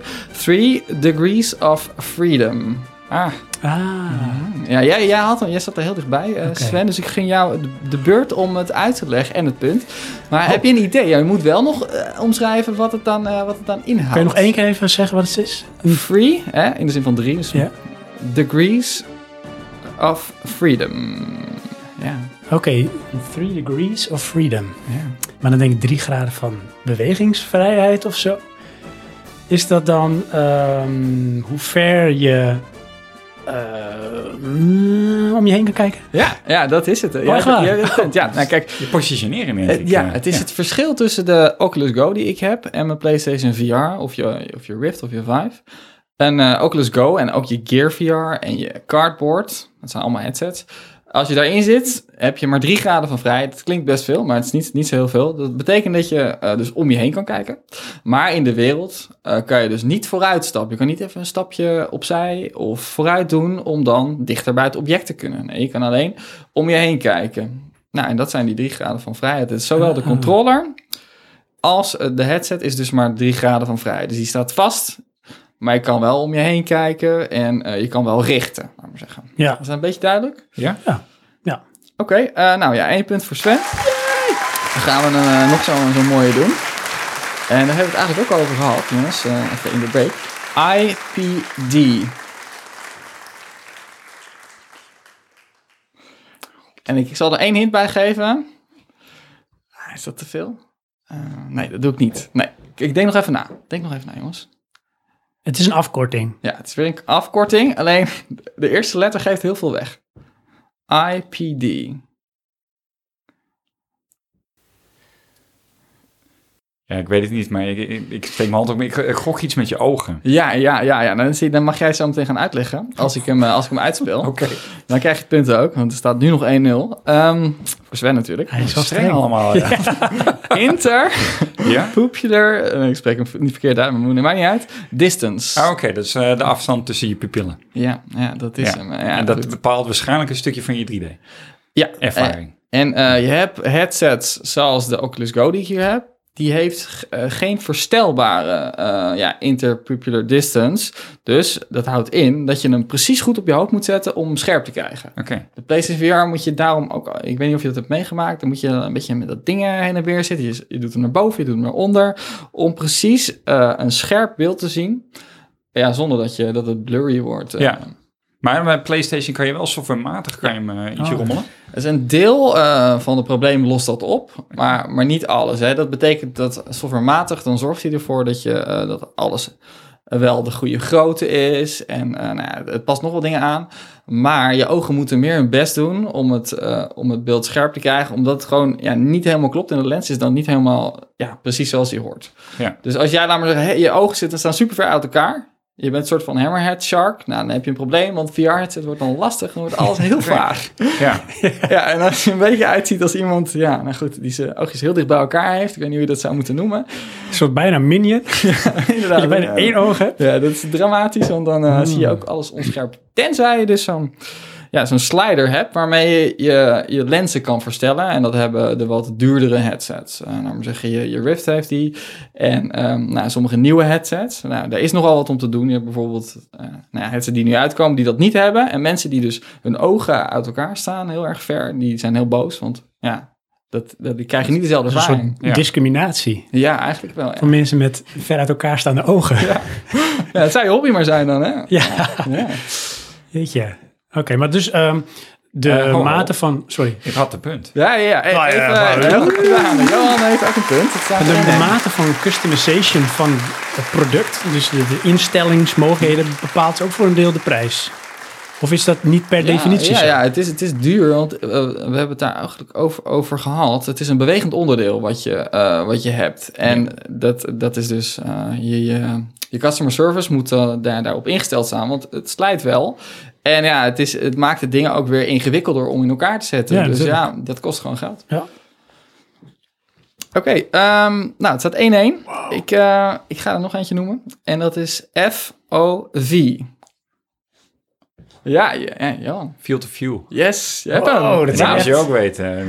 Eh, kan niet. Cameraman. Yes. Nou, leg even eh, uit. Ja, leg het eh, uit, Johan. Field of view is eh, de, de kijkhoek eigenlijk. Hoe ver je kan kijken eh, vanuit een bepaalde positie.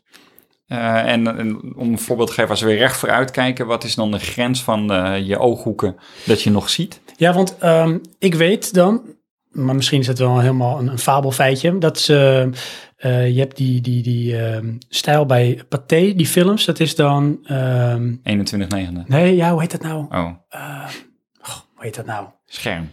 Nee, dat is een speciale ehm, eh, zaal die ze hebben. En het heeft een naam. Het heeft te maken met gewoon jouw oogzicht. IMAX?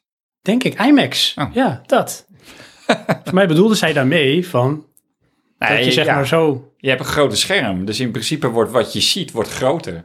Eh, en in mijn vertaling bij IMAX is het juist doordat je zoveel beeld hebt, zit je er meer in. Ja, Ehm, Omdat je en dit is hele- denk ik een beetje andersom van eh, je field of view is eh, in meer of mindere mate beperkt afhankelijk van het apparaat wat je hebt. Ja, je moet het zien, eh, ehm, de field of view. Als je, laat maar zeggen, een, een lage kwaliteit headset hebt, dan kijk je soort van door een, door een verrekijker heen. Dus dan heb je enorme ringen om je ogen. Ja, alsof je een paard bent die alleen maar rechtdoor mag lopen. Ja, dat, dat is heel vervelend, want dan kan je niet om je heen kijken. Zo'n mens heeft super brede zicht, ik weet niet precies hoeveel het is, maar je kan een soort van bijna achter je kijken. Met zo'n headset, die zijn er niet op ingesteld dat je, eh, laat maar zeggen, je hele zichtveld nog steeds hebt, je hele field of view. Nou, wat ze proberen natuurlijk, is al, je, al die headsets zo breed mogelijk te maken. Zodat je levensechte ervaring hebt en niet alleen maar eh, vlak voor je kan kijken. Nou, en de een is er minder goed in dan de ander. PlayStation VR is een beetje in het midden. Ehm, maar ja, dus je hebt bijvoorbeeld ook de, de Pimax. Dat is een nieuw apparaat. En die heeft dan veel meer graden van, eh, van zicht.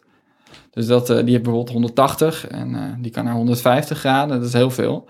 En de PlayStation VR is eigenlijk maar 90. Ja, afhankelijk van hoe je dicht je dat ding op je hoofd kan zetten. Hè. Als je helemaal, laat maar zeggen, tegen je aandrukt, dan zie je natuurlijk meer dan als je, als je heel los zit en een stukje van je af. Aangezien je dat scherm zit dan dichter op je ogen, dus heb je ook meer om je ogen heen. Ja.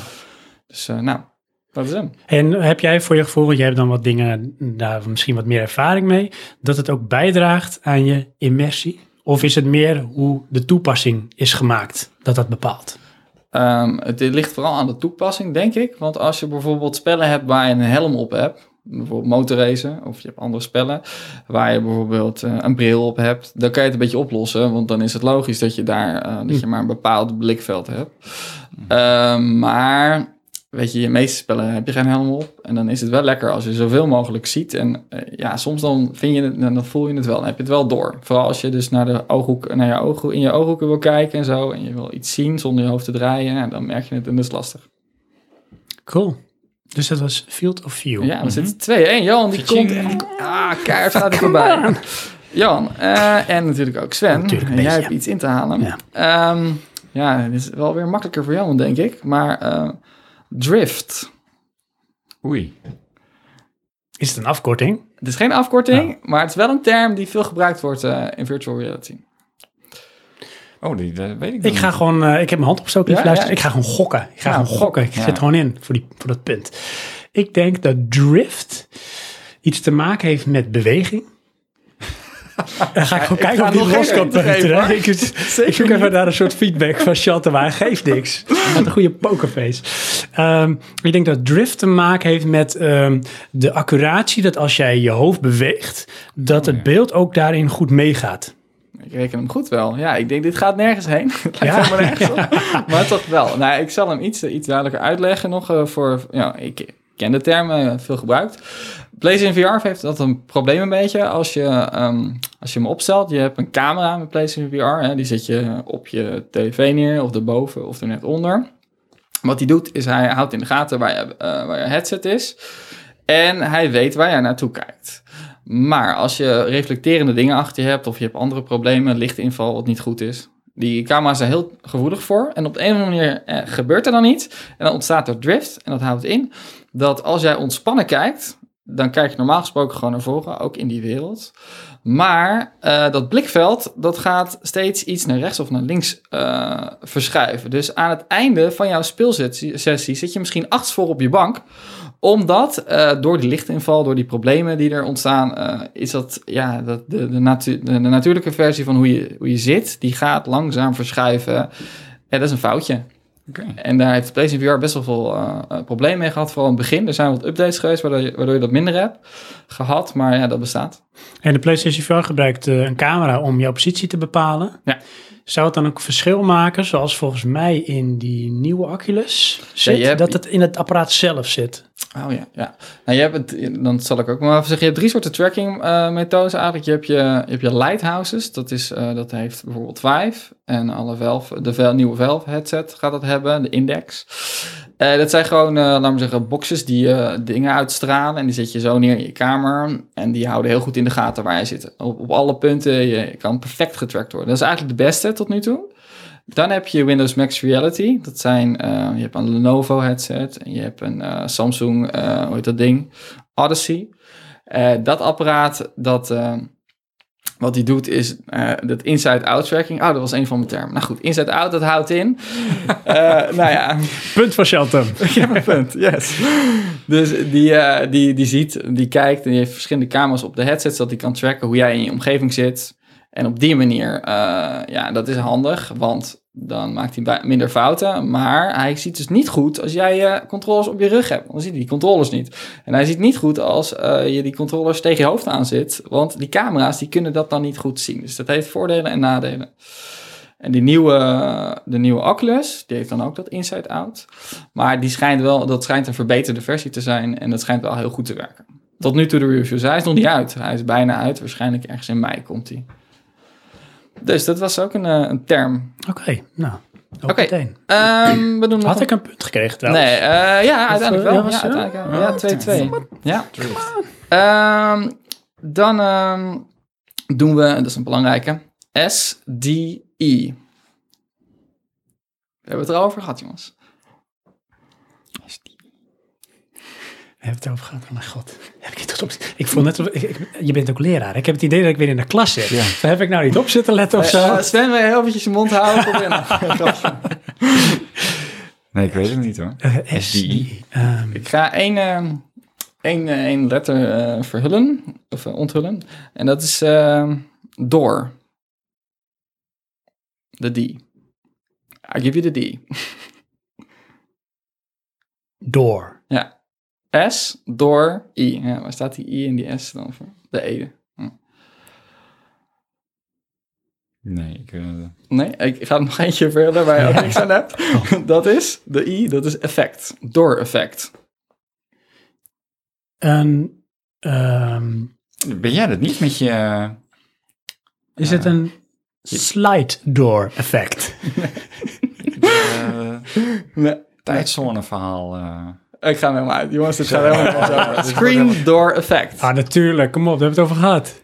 Dat is het idee alsof je zeg maar door een venstertje zit te kijken. Juist. Of dat je er echt Ja, Of nou, niet helemaal? ja, niet helemaal eigenlijk. Oh, nee, oké. eh, is- eh, weet jij hem dan, Johan? Want, Nee, eh, nee, dan niet. Nog steeds niet eigenlijk. maar- Screen, Screen door effect. Het schermpje, wat je in je, in je headset hebt, jullie hebben allebei geen punt helaas. Ah. Het schermpje is, ehm, normaal, de bedoeling is dat je het scherm niet ziet. Je Ja. kijkt de wereld in. Maar, daar hebben we eigenlijk, wij hebben het eigenlijk daar meer over gehad, Johan. Ja. De PlayStation VR, als, je- als je donkere omgevingen hebt, die, die zijn niet zo mooi. Hè? Je hebt niet een hele zwarte zwart en eh, sommige kleuren en sommige vormen, die zijn niet heel duidelijk. Waardoor je, dus als je erop probeert te focussen, dat je dan gaat opvallen dat de pixels eh, verlicht worden en dat je ziet dat er pixels in het schermpje zitten. Dus hoe meer je de pixels ziet en hoe meer je eh, de structuur van het scherm ziet, hoe die in elkaar zitten, die pixels. Ja, als je dat ziet, dat heet het screen door effect. De bedoeling is dat die zo laag mogelijk is, dat die er niet zichtbaar is. Zijn er eh, headsets die het nagenoeg niet hebben? Dus dat je eigenlijk bijna een soort met OLED-effect hebt. Dat het helemaal donker donker is en Nou, contrast ja, heel groot. Er zijn headsets die hun best doen, maar er zijn nog niet echt die het helemaal verwijderd hebben. De PlayStation VR is best, best oké. Maar wat ik zeg met die donkerheid, is dat, eh, is dat lastig. Ja, eh, die zijn nog niet, doen ze hun best voor, maar nog niet echt. Ja, de, de Samsung eh, Odyssey Plus, die heeft dat geprobeerd. Maar dat, dat is een beetje ten koste ge- gegaan van de helderheid. Dus die heeft een soort van filter overheen gegooid, waardoor je dus die individuele pixels niet ziet. Maar daardoor is je beeld ietsje vager geworden. Maar dan zie je niet je scherm. Dus dat is altijd weer een beetje, dan komen we op mijn eh, camera onderwerp. En bij fotografie heb je zeg maar de driehoek. Ja. Dat is eh, je ISO-waarde. Mhm. Ehm, dus dat is zeg maar hoe lichtgevoelig je sensor is. Dat is je, je aperture, je f-waarde, hoe groot zeg maar het gat is in je lens, hoeveel licht er binnen kan komen. En het is je shutter speed, dus hoe lang jouw sluiter open staat om licht binnen te laten. En daarmee moet je altijd afhankelijk van de situatie mee spelen om het mooiste beeld te krijgen. Maar als je gaat voor bijvoorbeeld eh, een hele hoge ISO-waarde, dan kun je bijvoorbeeld in donkere situaties beter fotograferen, maar heb je heel veel ruis in je beeld. Misschien dat je daarmee een beetje zou kunnen vergelijken. Nou, ja, je, je, draait aan het ene knopje en daardoor ja, dan wordt dat mooier, maar ja, dan verandert het andere. Ja. Ehm, nou, eh, nog een paar. Room scale. Dat is geen afkorting, maar wel gewoon iets. Room scale. Room scale.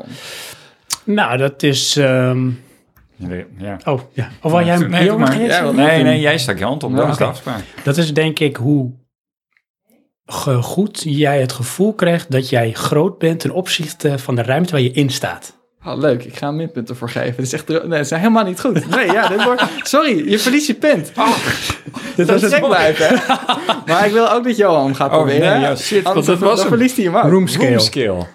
Ehm, nou, het was dus niet eh, de, de verhouding van de ruimte waar je eh, schijnt eh, op dat moment te zijn. Ja. Ehm, is het niet eh, de, ehm, hoe ver je de ruimte kan maken? Ja, Dus nou, als het ware hoe groot eh, het... eh, jij bent in een kamer en je kan die kamer maar zo groot maken. Want daarna is de opbouw er niet meer. Ja, ja, ja, ja, ja, ja, ja. Nou, ik, ben Ja, ik hou wel mijn Ik hoor punt. echt vier ja. Hij houdt ja, jij houdt je punt. Jij Ik zag ondertussen Chantal wel een papiertje doorschrijven. Nee. Toen gaf het goede antwoord, maar geeft niet.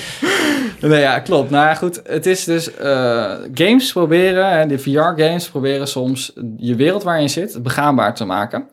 En eh, dat kan bijvoorbeeld door smooth locomotion heet dat. En dat is je gewoon met je analoge stick van je controller of eh, door een knop in te drukken ga je naar voren. Maar room scale houdt in dat jij in je kamer met je headset op je hoofd Oh, echt kan gaan lopen en de, de wereld dus zo ver mogelijk in kan gaan zonder dat je knopjes in te, hoeft te drukken. Ja, dus oké. dat, nee, eh, maar dat is wel iets anders dan wat ik bedoel. Ja, nou, dan hebben Ah, we dan allebei punt maar één punt. Ja. hey, want ik had 1-1. eh, daar eens over gelezen, als ik mag interrupten. Zeker. Eh, ik had gelezen over die eh, Oculus Quest.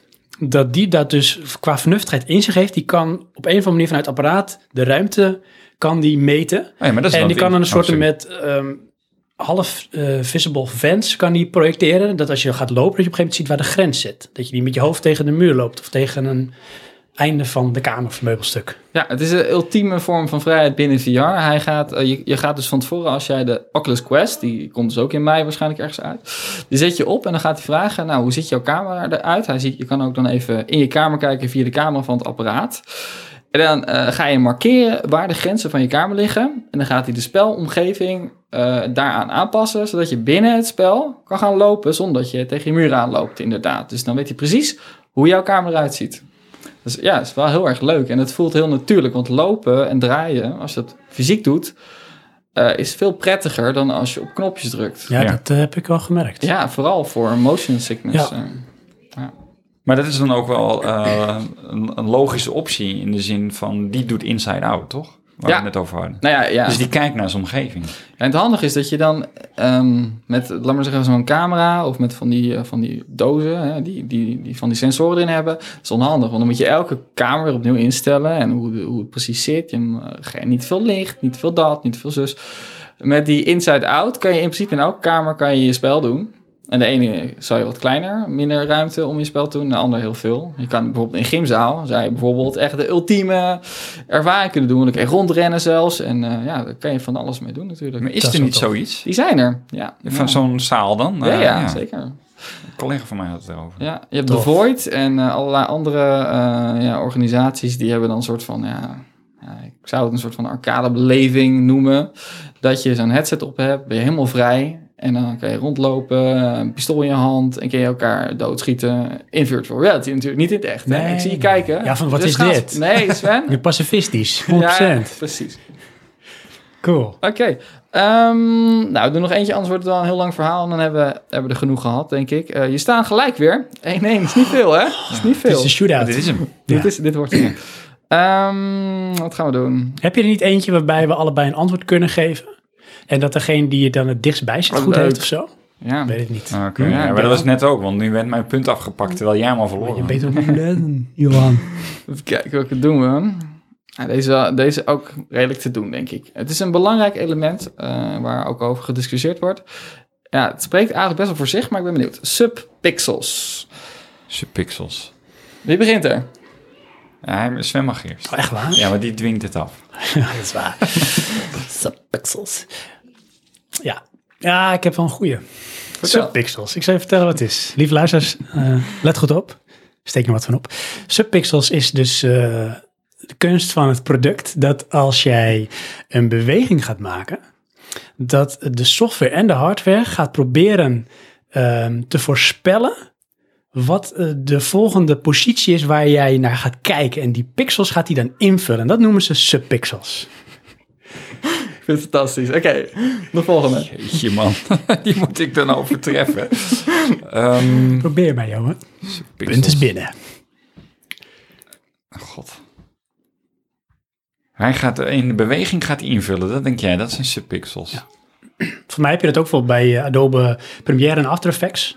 Kan je met bepaalde effecten gaat de software of het algoritme proberen te voorspellen wat de volgende positie is. En dat vult hij dan in.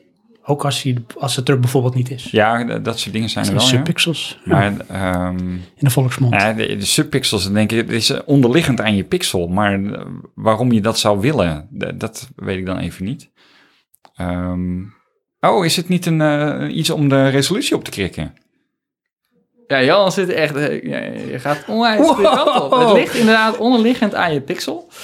En je, je pixel die kan eh, twee subpixels hebben of drie. Eh, en dat, dat, is, dat is best wel belangrijk. Want bijvoorbeeld de PlayStation VR heeft er drie. En dat maakt dat...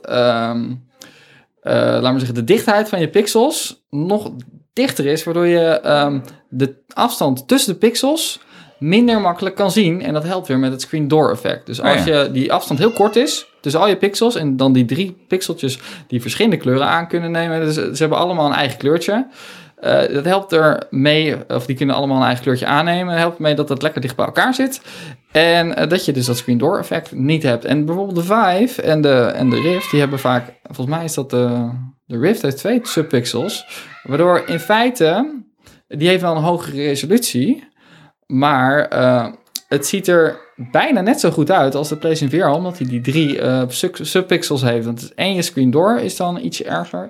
En je mist gewoon stukjes beeld, eh, omdat je nou ja, niet al die subpixels hebt. Ja. Het is een lastige term. Ik moet zeggen dat ik hem zelf ook niet helemaal goed kan uitleggen, maar dan nou, snap het. heb je een beetje een beeld. Ik heb wel nu het beeld van, ik dacht, nou, hoe hoger de resolutie, dan zit je geramd. Maar er komt veel meer bij kijken. Ja, Ja. je hebt ook verschillende schermen natuurlijk. LCD, je hebt, eh, ja, je hebt van allerlei soorten schermen. Het heeft allerlei effecten op, eh, op je beeld. Ja, zeker. Ja, maar het is het ook wel wel lastig. natuurlijk zo. Want ehm, als je eh, simpel neemt naar je, je LCD-scherm, die dan een hogere resolutie doet, die techniek blijft hetzelfde. Ja. Dat is alleen de resolutie die erop weergegeven Ja, wordt. dus hoger. inderdaad is meer een beetje van, een eh, software gimmick. LCD versus LED of OLED. Ja. Ja, dan wordt het anders. hebben, maar ja. dan die, dat is een soort improvement op dat, eh, de resolutie. Ja. Daar kan het nog beter van worden. Ja, en bijvoorbeeld die OLED, het is heel goed voor je, voor je zwartwaarde. Dat zit volgens mij in de Odyssey. Uh, maar het nadeel is daarvan dat je smeer krijgt. Dus als je draait, dan gaan de zwartwaarden, die, uh, je, je zwartkleurtjes, die, die trekt die door en het, dat wordt een beetje smoezelig, je zwart. En zou maar dan wel bijvoorbeeld- hele diepe zwart. Oké, ja precies. Want dat is natuurlijk met, met eh, OLED heb je dat heel veel. Ja.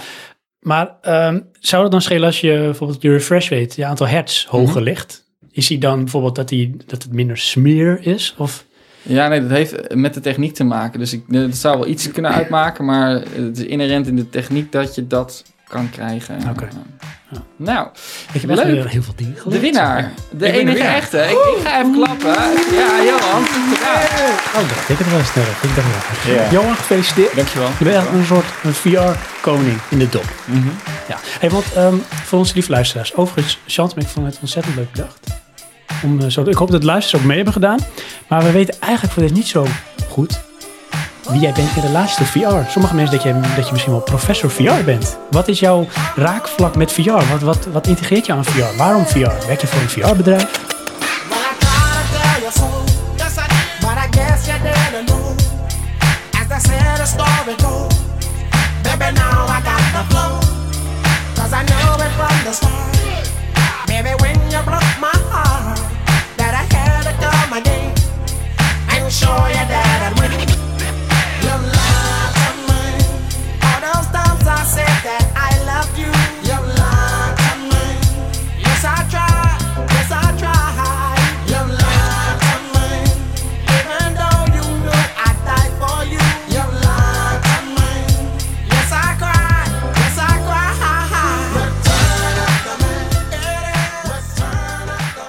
De luisteraars weten niet zo goed wie jij bent.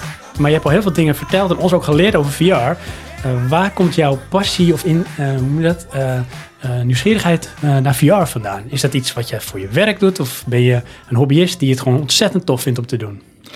Ja, nou goed, vooral dat laatste. Ik vind, ik vind het gewoon heel tof om te doen. En vanaf het eerste idee van virtual reality, eigenlijk vanaf Project Morpheus. Eh, het gaat al wel langer terug hoor. Want Project maar Morpheus, voor de mensen die niet weten, dat was de codenaam van de PlayStation ja, VR? PlayStation VR, ja. Ja, dat, eh, dat werd toen aangekondigd dat dat er zou komen. Dat leek me heel tof. En eh, nou, toen ging ik op de Rift. Dat vond ik nog veel toffer. Daar word je kotsmisselijk van. Maar het idee zag ik. En ehm, ook wat, wat het zou kunnen zijn meer. ja, dat sprak me gewoon heel erg aan. Ehm, nou, dus daar gaan een hele hoop eh, centjes naar. Ik krijg geen centjes van, helaas. Ik, ik, als ik, ik had er graag eh, voor gewerkt. Misschien een deel, niet, niet volledig. Maar eh, het, het zou wel leuk zijn om er iets mee te doen. Maar ja, aan de andere kant, als je er weer werk van gaat maken, dan voelt het ook weer anders. Ik vind als hobby is het gewoon heerlijk om te doen. Een goede ontspanning voor mij natuurlijk ook. Ja, ik vind het gewoon fantastisch. Ja. En is het ook zeg maar budgetair goed te doen? Of heb je vaak ruzie met de vrouw? Ehm, Of misschien vindt het ook helemaal fantastisch. nou, soms eh, kom ik een beetje met hangende pootjes kom ik aan het eind van de maand naar, eh, naar mijn vrouw toe en dan zeg ik... Schat, je weet toch dat ik een paar spelletjes heb gekocht? Zullen we nog ja, ietsje, ietsje ruimer doen deze maand? Dat we iets minder sparen deze maand? nou ja, het gaat veel geld in zitten. Daar moeten we eerlijk in zijn. Ik eh, speel heel veel games die uitkomen op de PlayStation VR. Nu ook dus op mijn Oculus Go. Het is gewoon duur. Ja, games zijn duur. Game is een dure hobby. Vooral als je veel leuk vindt en eh, aantrekking tot ja, veel nieuwe ervaringen hebt. Ja, en is het dan ook duurder, een VR-game, zeg maar verhoudingsgewijs, dan een, een reguliere game? Eh, verhoudingsgewijs wel. Ja, als je kijkt naar eh, puur op lengte. De VR-games zijn over het algemeen kort. Dan zijn ze ook wel goedkoper. Maar niet zo goedkoop die zich van nou het compenseert. Dus een, een dure VR-game, eh, dat is eigenlijk al bij 40 euro is echt duur voor een VR-game. En dan verwacht je, laat maar zeggen, eh, ja, 5 tot nou, ja, 12 uur of zo. Eh, maar echt niet meer. Dan, dan zit je, je, Skyrim VR, dat is een grote game, is wel een port dan, maar dat was gewoon 70 euro. Maar we, we spreken in VR-games vaker over games van, nou ja, je, je kleine spelletje waar een, leuke gimmick in zit, is, is onder een tientje. Een spelletje waar iets meer inhoud in zit, maar vaak beperkt is in uren, een uurtje of drie, zit je aan 20 euro. Misschien tot 5 of zo. En alles daarboven, ja, verhoudingsgewijs, kan je dan meer uren spelen. Ja, maar dat maakt het dan dus ook eh, duurder. Dat maakt het duurder, ja, zeker. Alright, cool. Ehm, even kijken, ik heb wat dingen eh, voorbereid. Eh, we willen wat dingen bespreken. We hebben ook heel veel input gehad van onze luisteraars van het eh Button Bashers voor. Wat hebben we de luisteraars gevraagd? Nou, we hebben de luisteraars gevraagd, ehm, wat is je lievelingseten? Dat is echt zo weird. Kreeg je hele rare antwoorden Ja. op, volgens mij. maar ik zei echt of virtueel. Nee, we hebben ze eigenlijk heel simpel gevraagd van, wat eh, vind je van eh, VR? Oké.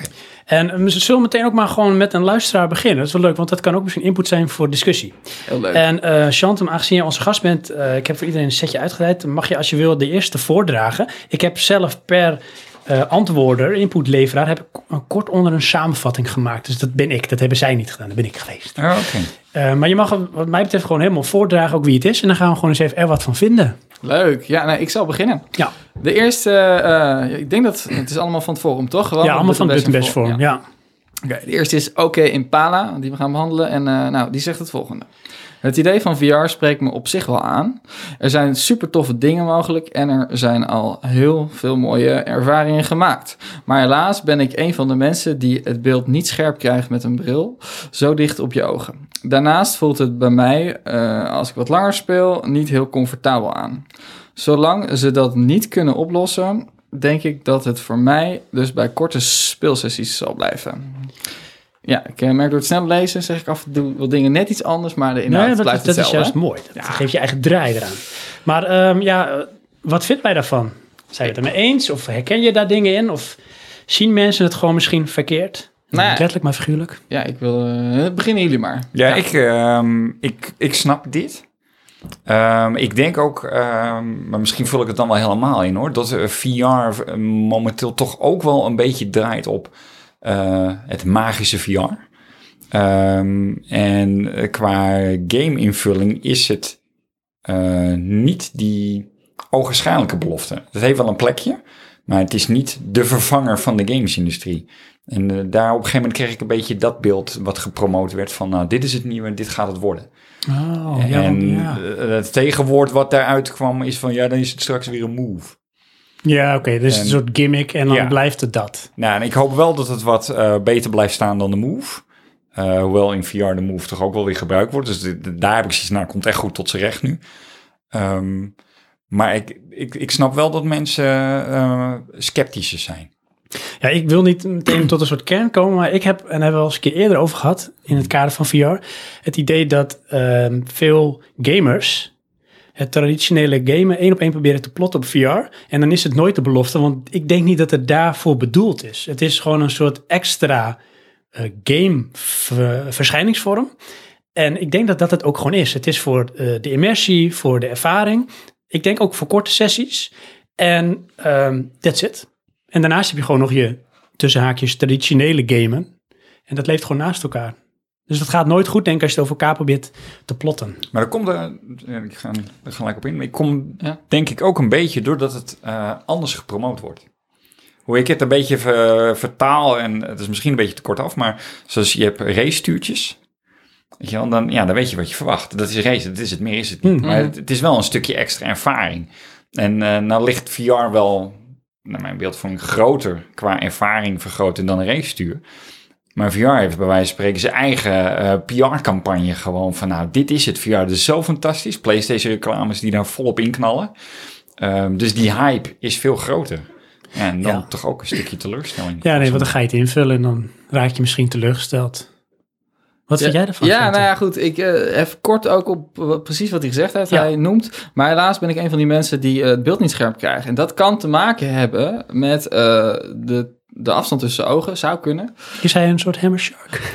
ik hoop het niet voor hem.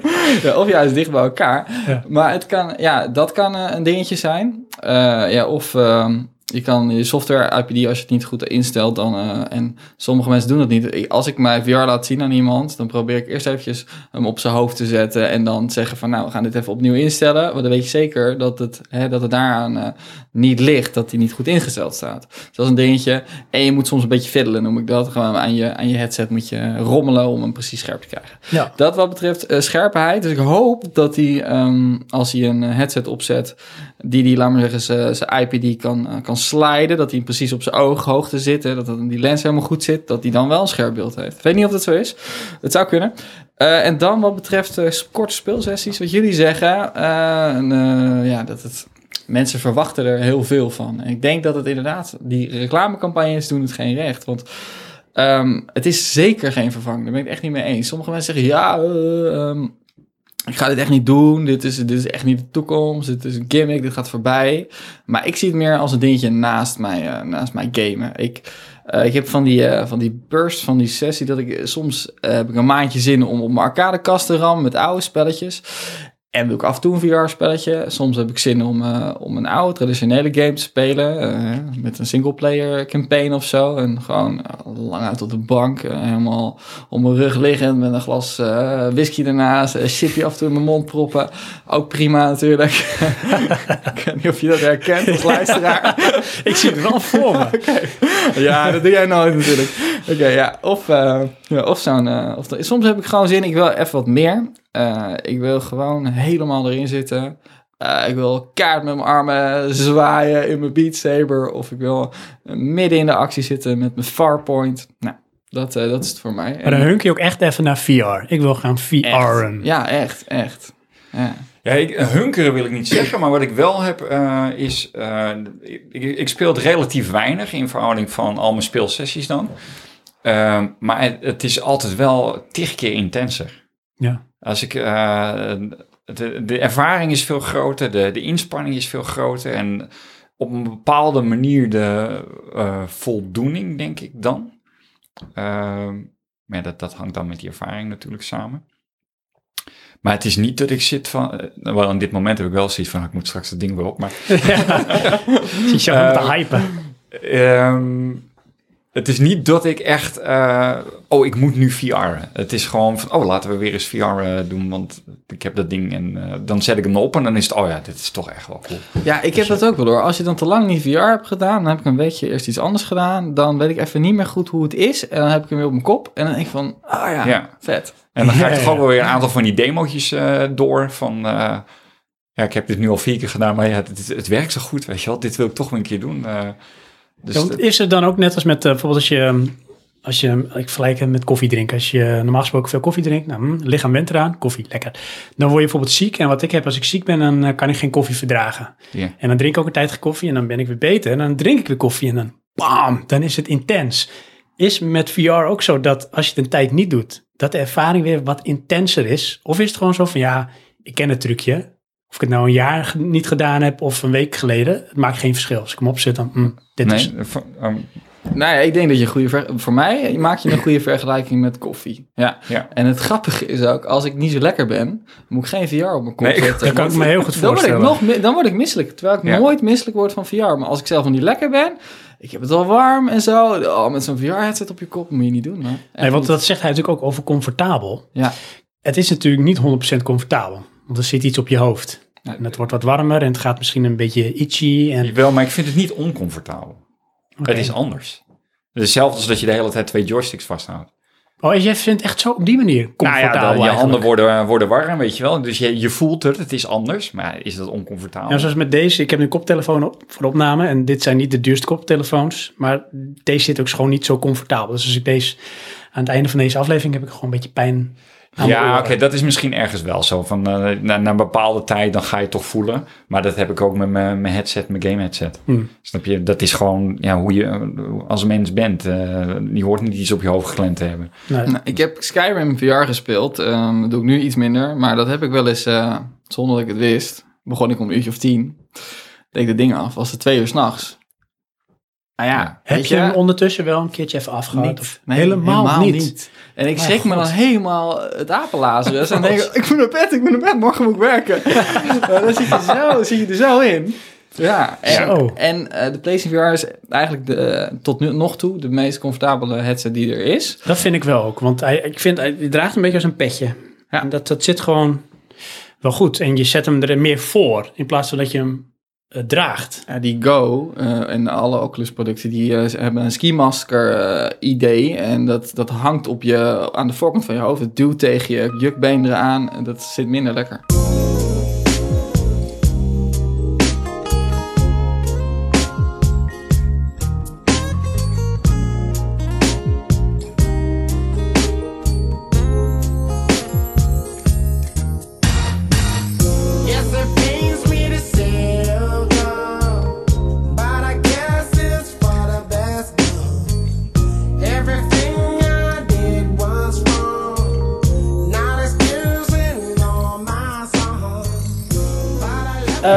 Even kijken, ik heb ook wat vragen heb ik, eh, verzameld. We kunnen af en toe wat in een mix gooien. En ik heb ook nog iets anders, maar dat gaan we straks doen. En ik wil, en dat is ook leuk voor de luisteraars. Dus als jullie luisteraars nou denken van... ik word helemaal enthousiast van Chantem. Of ik weet het nog niet zo goed met VR. Ik wil eigenlijk, eh, en dan blijft daar vooral dus voor luisteren. Weet je, aan het einde van de aflevering wil ik gewoon... stel dat je nou denkt, ik wil het. Wil ik gewoon de pro tips. Van waar moet je beginnen, waar moet je aan denken. Zodat we onze luisteraars op weg helpen. Weet je daarvan? Ja, leuk, Ja. natuurlijk. Belangrijk. Ik had even een, eh, een vraag, en misschien is een hele stomme vraag, maar toch ga ik hem stellen. Wat is nou, en dan misschien in jouw ogen, Chantem, of in jouw ogen, Johan, het grote verschil tussen, wat ik dan even noem, traditioneel gamen en VR-gamen? Ik, eh, ik ga dan vanuit Johan, denk ik, wat hij al noemde. Hij noemde, het zijn eh intense ervaringen. Dus je zet hem op je hoofd en het kost ook een beetje moeite. Je moet eh, je kabels erin pluggen. eh, je moet zorgen dat je camera weer goed zit. Je moet dat ding op je hoofd zetten. eh, je moet je, je move controllers, als je volledige ervaring hebt, dat je handen hebt, moet je aanzetten. Kost allemaal wat frictie, kost, kost moeite. Maar als je dan er eenmaal in zit en laat maar zeggen, je bent Creed, Rise to Glory, dat is een boxspel aan het doen. Dat voelt dan extra goed. Want ja, je zit er helemaal in, je ziet publiek om je heen. En je zit, er, ja, je zit er gewoon zo erg in. En je, je, de geluiden en alles, het, eh, ook 3D-audio. Dus als je naar, naar rechts naar het publiek kijkt en er staat iemand links van je die kletst, dan hoor je het ook linkeroor. Hè? Dus totale immersion. Ja. Oh ja, Ja. cool. Ja, dat heb je anders of minder met traditioneel gamen. Ja, de 3D-geluid kan je natuurlijk wel met een surround setje doen, op zich. Maar dat je naar links kijkt, ja, het is, het is toch net iets anders, denk ik. Ja, het is de overtreffende trap. In de, of eigenlijk hoe het zou moeten zijn. Je hebt natuurlijk 3D-geluid ten opzichte van je kijkveld. Maar ja, je kijkveld is dan nu echt gekoppeld aan je hoofd. In plaats van aan het scherm waar je op dat moment aan het inkijken bent. Eh, daarnaast eh, vind ik wel dat er een bepaalde verschuiving is in eh, een VR-game en een gewone game. Want het is natuurlijk het medium. Ehm, en ja, nou ben ik even kwijt waar ik heen wilde. Het is echt virtual. ja, Heb, jij- heb jij een idee bij, Sven? Eh, want je hebt het nu wel een paar keer gedaan. En eerlijk, wat, wat, eh, ja, wat is dan bij jou het eh, verschil? Ehm, dat sowieso wat jij ook zei. eh, jij hebt mij ook wel de beleving. Dus, eh, dus eh, als jij zegt als het helemaal goed gaat, dan is het helemaal tof. Dan zit je erin. Ik heb veel meer het gevoel dat ik, noem maar even, als ik het moet vergelijken, in een soort kermisattractie zit. Dus iets wat je normaal gesproken niet zoveel doet. En dan doe je het en is echt heel intensief. En ook als je dan klaar bent, dan appt dat nog even na. Zit je nog een beetje, je komt eruit. En met traditioneel gamen, en misschien komt dat omdat we het al heel lang doen, of omdat gewoon de immersie minder is, heb ik dat veel minder. Dus eh, op het moment dat ik het eh, speel, en dat heeft misschien ook te maken met wat volgens mij Apenhul eh, zei van het forum, de telepresence. Als ik VR speel, dan zit ik echt daarin. Dan ben ik daar. En als ik aan het gamen ben, traditioneel, heb ik nog steeds het gevoel dat ik vaak gewoon, ik zit in de woonkamer op de bank en ik ben een spel aan het spelen. En dat gevoel, dat blijft wel een beetje afhankelijk van toch wel hoe heftig het spel is. Maar op zich blijf ik gewoon in de kamer dat spel spelen. En daar zit voor mij een beetje het verschil qua eh, ervaring tussen die twee vormen. ik eh, heb het al met eh, hoe herinner je het? Ik zat er echt ik zat er precies aan te denken. Herinneren is een VR-game. Dat is dezelfde herinnering als dat je een gewone game herinnert. En als je het dan maar aanzet, denk je, ja, maar dit is echt iets heel anders. Oh ja. Snap je? Als Oh. ik, eh, ik speel Battlefield. Nou, dan in mijn hoofd zie ik tanks en dan ren ik eh, door een, een, een, eh, een veld heen, weet ik veel wat, knallen. Dan eh, dat robotspelletje in VR, dan in mijn hoofd ben ik op platformpjes aan het eh, springen. Maar dat vertaal ik eigenlijk als Mario. Bijna 2D, om het zo te zeggen. Maar in het VR is dat helemaal niet zo. Je bent daar. Je bent daar. Je dus bent dat daar, is echt ja. een, een, een schaal verder van hoe jouw herinnering daarvan is. Oh. Daarom heb ik ook iedere keer als ik dan die helm weer opzet, denk ik, oh ja, jezus, dit is echt iets heel anders. Oh, dus bij jou is juist van, het is echt gewoon veel intensiever als de herinnering dat ik het speelde. Ja, inderdaad. Heb, ja. heb jij dat ook? Of heb Nou, juist nee, van, nee, het is ja. juist heel erg de herinnering van hoe ik het Het speelde. ligt aan het spel. Eh, met, met, eh, met Astrobot heb je het over. Dat is een, eh, is een robotje. En dat is een, een van de. Nou, het is bekroond tot beste spel van, eh, van vorig jaar volgens mij. Eh, over alle platforms heen. Het is echt een heel goed eh platformerspel. Heel innovatief hoe ze dat in VR hebben gezet. Daar heb ik hetzelfde. Dus als ik daar aan terugdenk, dan denk ik, oh ja, dat poppetje. En dan zit ik een plantje op te, op klimmen. En dan ben ik eh, water aan het spuiten. Allemaal leuk. Maar eh, bijvoorbeeld als ik terugdenk aan mijn ervaring met Resident Evil 7. Dan dat huis. Ik, ik kan je zo door het huis uit mijn hoofd, kan ik precies alle laadjes, alles noemen. Want ik, ik, heb, ik zit in het spel, ik zat in dat huis. Oh ja. En dat is wel heel heftig. Dus ik, kan, ik zie die klok vormen. Ik zie daar eh, een laadje onder. En daar zat dan een, eh, een sleuteltje in. En ik kan helemaal door het huis lopen. De koelkast. eh, wat voor smerigheden er allemaal in zaten. Maar is het dan ook zo hè, dat eh, jouw herinnering dan aan die game Ja. en dan het huis is dan theoretisch net zo levendig als jouw herinnering straks aan deze kamer, dit huis waar je nu bent. Dus is het voor jouw gevoel, zou je het zo kunnen herinneren als van ik ben echt in die ruimte geweest? Ja, bijna wel. Ze, ze hebben een onderzoekje gedaan dat je veel beter eh, iets kan onthouden als je in die plek bent geweest. En met VR hebben ze dat onderzocht. Liet ze mensen ja, in een eh, ze lieten ze foto's zien. Of eh, dat je met je VR-headset op de plek bent. En je onthoudt het veel beter als je dus met VR in de plek bent geweest. Omdat het toch anders is eh, Ja. dan plat foto's of filmpjes. eh. Ja, Ja, wat dat geloof ik grappig. wel, want het is dan bijna echt. Ja, De, de, de volgende stap is echt. Dan eh, het is de Matrix. aanwezig zijn. ja, ja. Ehm, zullen we nog even een luisteraar? ja, leuk. Johan? Oh, ik mag. Ja? Doe jij de Ehm, volgende lijstje? Heather Grace. Oké.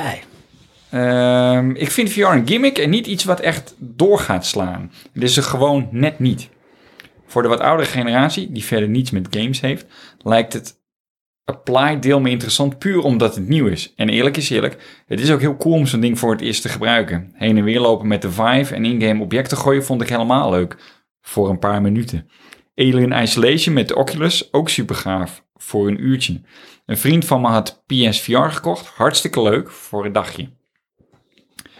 Nou, dan komt er nog wat meer, maar dan ga ik door naar de, de, de samenvatting eigenlijk. Eh, een gimmick, maar leuk voor eventjes. Games waarbij je zit im- immersiever dan, dan teleporteren. Snel misselijk, leuk als attracties, maar geen potentie voor thuis. Ja, want het, het, het eh, ene stuk wat ze zei over dat eh, als zij zei als je een game hebt waarbij je dus moet zitten, dus dat is onderdeel van de game en zij noemde de heist. Want de heist is zo'n game, die heb ik ook gespeeld, die in die starter pack zit volgens mij van PSVR. Ja. Dan zijn alle settings zijn eigenlijk eh, statisch. Als in, je kan een heel klein beetje wel bewegen, maar je, je zit eigenlijk als het ware. En zij vond daarin de beleving intensiever dan bijvoorbeeld het kunstmatig teleporteren wat je ook met Doom hebt.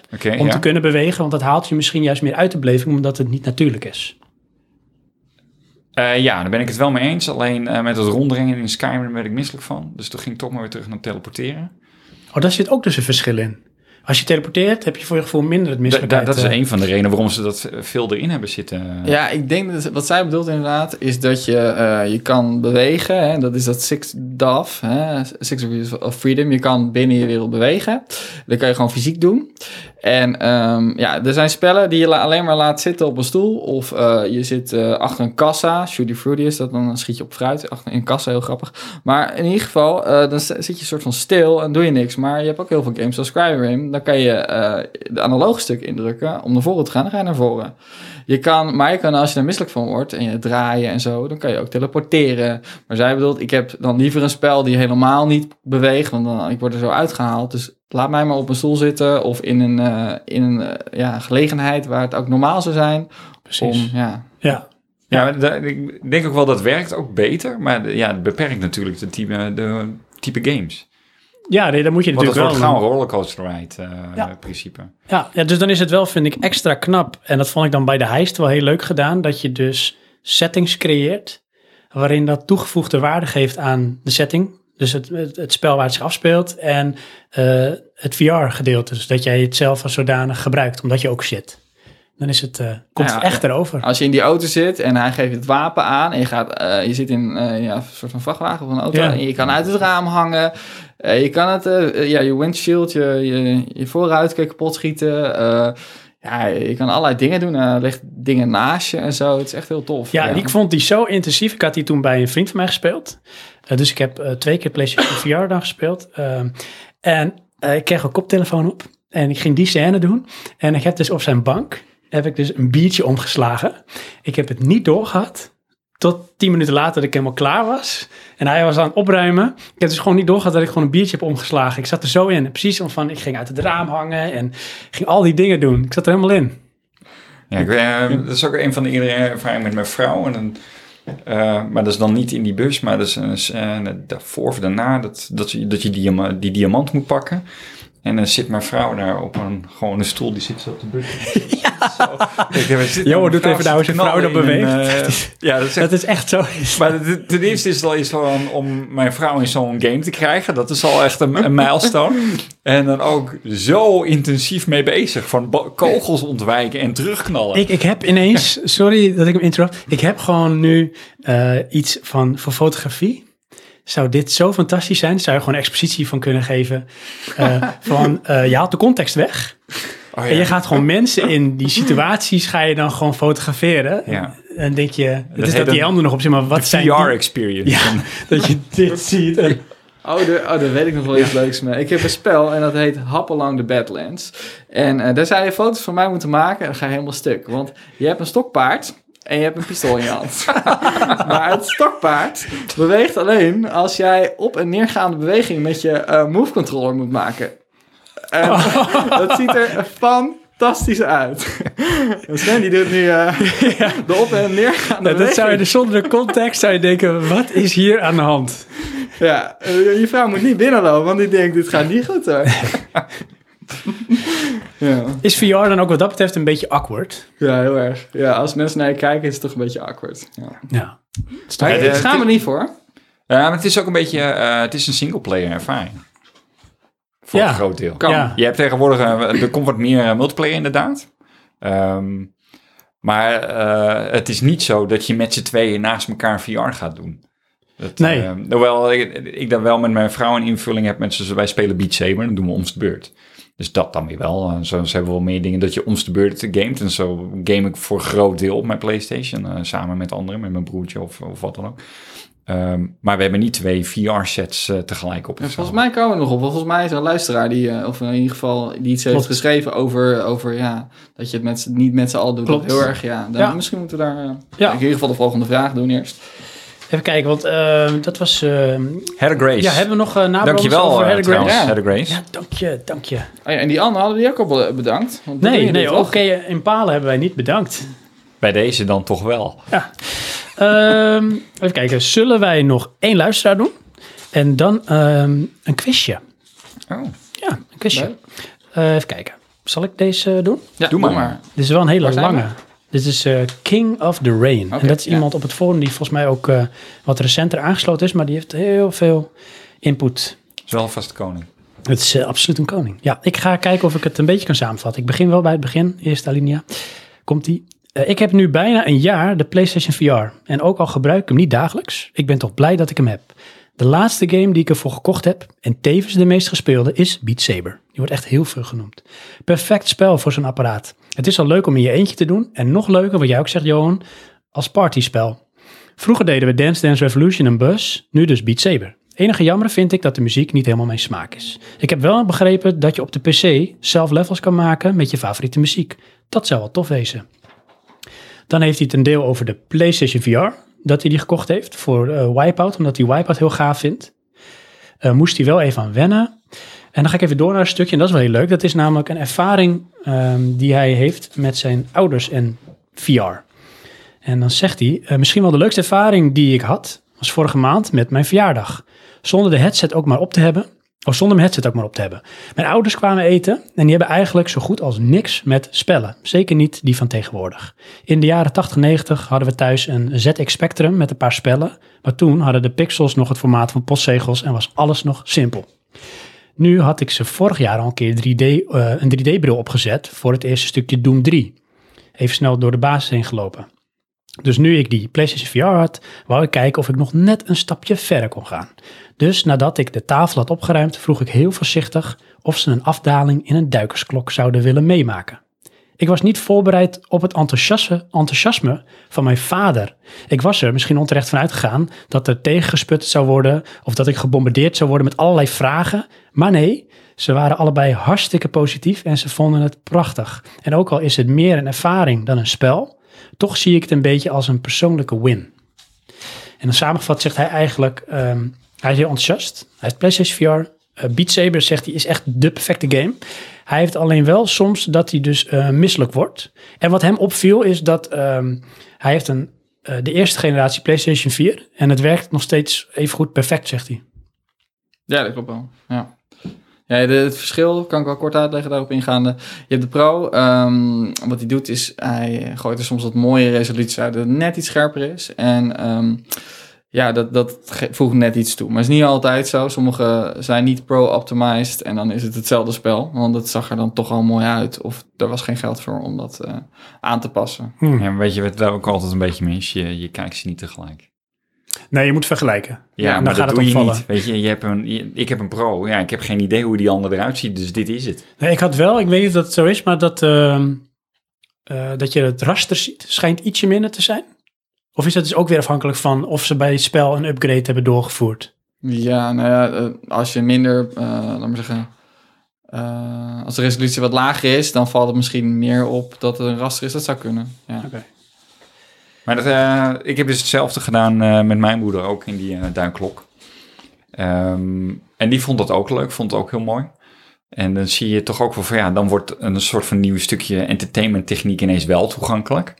Eh, maar het is geen game. En dat is wel een grote factor. Ja. Maar ik heb vroeger in mijn jeugd wel eens gepoogd mijn moeder mee te krijgen gamen. En dan is het... wat, we springen ook alweer? Ah, mam, ah, spring nou gewoon. Weet je wel, dus dat, dat zit daar niet in en dat, dat gaat ook niet gebeuren. En ja, dit, je hoeft eigenlijk niks te doen, dus dat lukt wel. Ja, want dat heb ik juist ehm, met, met VR en dat vond ik ook toen met eh, Move, eh, ook vooral met de Wii. Dat ehm, het is heel intuïtief, dus bijna iedereen kan het. En wat ik grappig vond, eh, daar herken ik dan ook wat eh, met je moeder met gamen dan. Dat eh, we hadden een Nintendo thuis en als mijn moeder dan wel eens een poging waagde om te gaan gamen en dan speelden we Mario, dan pakte ze de controle en als ze dan wilde springen, dan ging ze met de controle steeds omhoog. Dus ze maakte de beweging van wat het poppetje moest doen. En dat wordt natuurlijk goed vertaald met Move. Ik kan me ook voorstellen dat beweging en kijken in combinatie met Move, dus je gebruikt je eigen eh, zeg maar, eh, ja, ledematen en bewegingen om de game te doen, dat dat makkelijker en intuïtiever werkt dan eh, het vertalen naar een controller. Ja, maar om dan die generatie mensen ook nog echt een game te laten doen, dat is wel een stap hoor. Ja, ja dat is ja, inderdaad misschien wel een... Maar goed, maakt het niet onmogelijk. Want het is, het is de Wii, bleek ook hele generaties te gaan golven en bowlen. Dus Ja, ja, good fun. Ehm, hebben we nog nabranders voor King of the Rain? Zeggen we... dankjewel. ja, dankjewel.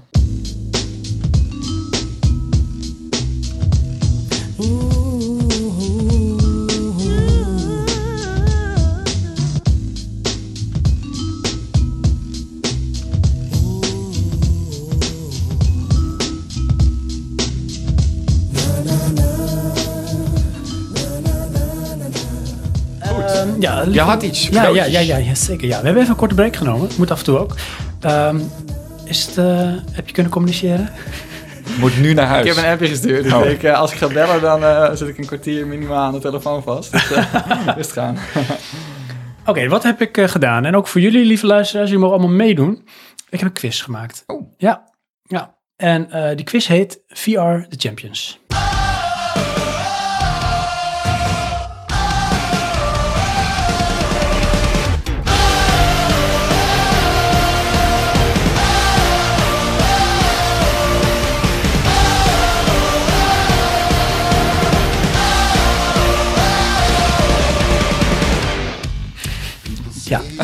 VR The Champions. Daar hoort ook dit introliedje bij. Aha.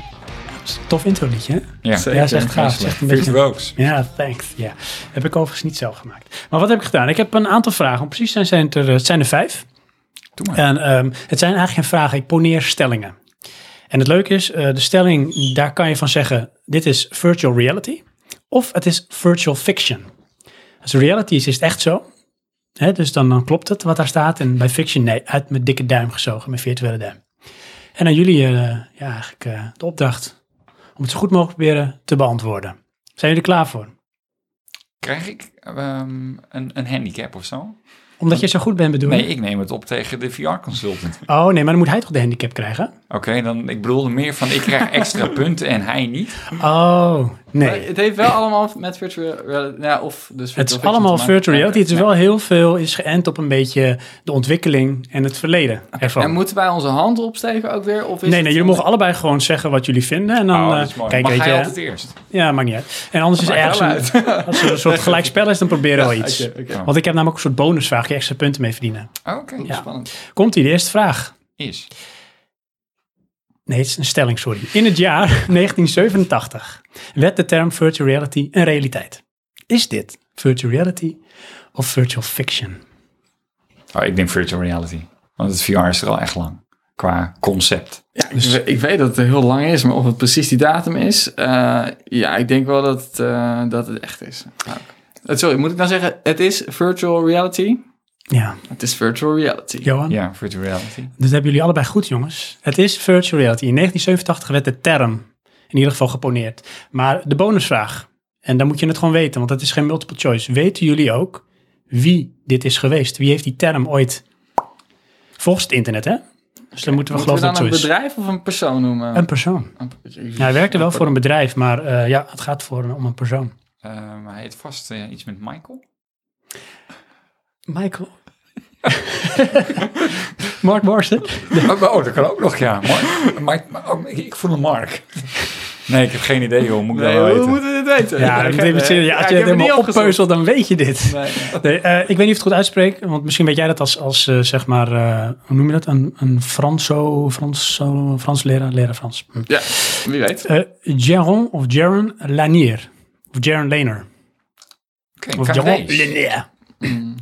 Nou, hij was degene die eh, de term eh, poneerde in dat jaar. Ah, maar waar? Wie? Van waaruit? Nou, kom nog. Oké. Uh, luisteren jullie dat goed? Wisten jullie het wel? Tuurlijk. Wist jij het, Dynamite? Nee? Oké, we gaan door naar de tweede, tweede stelling, stelling. Dan gaan we. De eerste VR-headset. Het was een stereoscopisch beeld dat via een soort helm geprojecteerd werd ter bevordering van kijken, in dit geval vanuit een tank. En dat noemen ze de Telesphere Mask. En dat werd in het geheim getest door de Duitsers aan het einde van de Tweede Wereldoorlog. Is dit virtual reality of is dit virtual fiction? Nou, dat is virtual fiction. Ik denk, eh, ja, dat wil ik eigenlijk ook zeggen. Je doet nu de hele tijd eerst, maar ik zeg ook Oh, sorry. virtual fiction. eh ja, is goed hoor. Jongens, hier, hè? Ja, Virtual fiction, virtual Ja. fiction. Ja. Dit is inderdaad virtual fiction. Ja, ik zat al, weet je wel, dat stereoscopisch. Toen dacht ik, hè, hadden ze dat toen al? nou, nou, stereoscoop. oh, nou goed, is wel redelijk oud. Dus Nou, ik zal je ook vertellen, en dat is ook een beetje voor de bonusvraag weer, jongens. Ehm, de term telesphere mask, dat bestaat daadwerkelijk. Het was alleen niet van de Duitsers tijdens de Tweede Wereldoorlog, het was later. Weet jullie toevallig wanneer dat ongeveer was? In welke tijdsetting? Dus een, zeggen we de jaren 30, 40, 50, 60, Maar die was ook 70, echt 900. stereoscopisch. En dat was daadwerkelijk stereoscopisch. Dus eh, het was eh, in de 20e eeuw. Dus dat kan ik wel vertellen. Maar eh, weten jullie wanneer? En eh, dan gaan we gewoon even wie dichtstbij zit, die wint aan de punten. En nog een punt, weet je ook misschien ook wie dat heeft toen getest of uitgevonden. Nou, ik, zeg maar iets. Ik, ik, eh, ik durf het niet te zeggen wie, maar ik zou eh, zeggen 1980. Ik denk dan 1985. En eh, zijn voornaam weet ik even niet, maar zijn achternaam is denk ik Linier. nee, nee uh, Sheldon zit er het dichtstbij, maar jullie zitten allebei nog wel way off. Het is echt vroeger. Ja, het is echt in de jaren 60 waren de eerste VR-pogingen al. En dat was door een uitvinder, dat was Morten Heilig. En dat betrof dus daadwerkelijk een stereoscopisch, dus 3D white vision beeld met through stereo sound. Maar het had nog geen, want daar zit ik dan aan te denken. Want ik heb er wel iets over gelezen. Maar volgens mij had het nog geen head tracking. Dus dat... Nee, nee, nee. Het was echt waarschijnlijk nee. gewoon Telesphere Mask heette die term. En dat. Was gewoon eigenlijk twee schermpjes. Ja. En die droeg je als een soort bril voor ja, je neus. Ja, ja, maar wat zag je dan? Of je het dan... zou zeggen stereoscopisch 3D. Dus ik denk het effect wat je misschien had vroeger in de bioscoop met die gele en rode brillen. Ja, oké. Okay. Dat, dat is het denk ik of gewoon. Ja, dat zou ik nog, nog net geen virtual reality noemen. Maar hier wel. Het was een poging tot. Ja, het, dat is daar. Ja. of in het begin. Ja. Uh, even kijken jongens. Het staat zeker gelijk. Gelijk. Ja, het staat 2-2. Uh, 2-2. Hmm. Heb ik al twee punten? Ja, jullie oh. vraag 1 allebei goed. Ja. Als zijn de, de, de stelling. De virtual reality. Virtual reality, tweede is virtual oh, fiction. Ja, gaan we naar de derde. Komt-ie. Stelling 3. Apple is in 1995 al eens bezig geweest met VR. En de codenaam daarvan was eyeglasses. Is het virtual reality of virtual fiction? Ik denk virtual fiction. Ik heb er nooit van gehoord, maar wie weet. Apple? Nee, nee, is uh, fiction. Echt waar? Volgens Echt mij waar? heeft Apple zelfs een keer uitgesproken dat ze dat uh, geen toekomstmarkt zien. Nou, dat was 1995, hè? Misschien dat ze toen daarachter kwamen dat het geen toekomst had.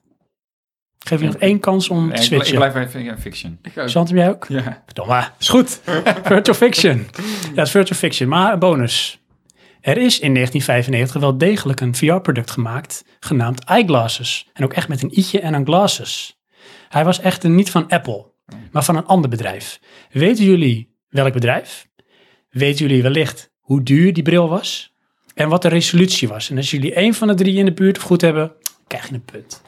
Maar dan mag hij eerst. Mag ik eerst? Oh, wacht even, maar Chantem heeft meer punten. Chantem heeft drie punten, want Ja, die zat dichter bij, die, buurt, eh, ja. bij wanneer dat was. Ja, dus jij staat ja. wel voor, Chantem. Oké, Eh, dan begin ik. Oké. Eh, nou, ik weet wel een paar bedrijven die dat hebben gedaan, maar iGlass ken ik niet zo als de naam. Ik weet dat zeker er eentje heeft gedaan, maar die heette niet de iGlass volgens mij. Eh, En die was niet uitgekomen uiteindelijk. Ehm.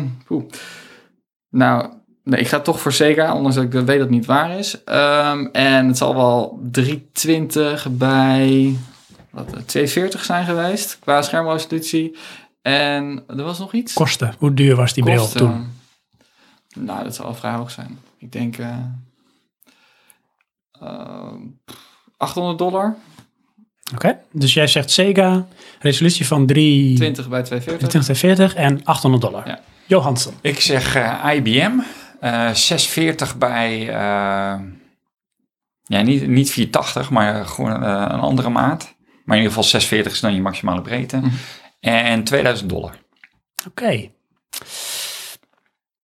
Er zit ergens een punt bij. Die zit bij Johan. Chantem, jij hebt alles fout. Eh, nee, het bedrijf, dat was Virtual I.O. Ja. Het is echt, echt super lachen. Dat moet je echt een keer gaan doen. Jullie ook luisteraars. Ja. Ik ben het gaan uitzoeken. Je hebt op YouTube heb je dus een eh, channel. En daarop staan eh, VHS-banden. Opnames. Van demo's, ook films. Ik was Daryl aan het kijken laatst weer. Ken je die nog? Het jaren 80. Klinkt bekend. jongetje van de dat Neverending Story, dat jongetje zit daarin. Hij is een soort met artificial robot iets. Oh ja. Mm. Maar dan is een jongetje.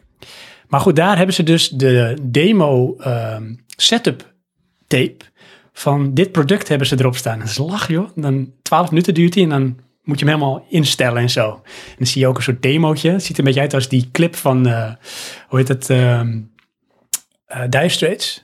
Van Ja. eh, Money for Nothing. Daar moest ik aan denken. Zo ziet het een beetje Daarom uit. ik die. IBM.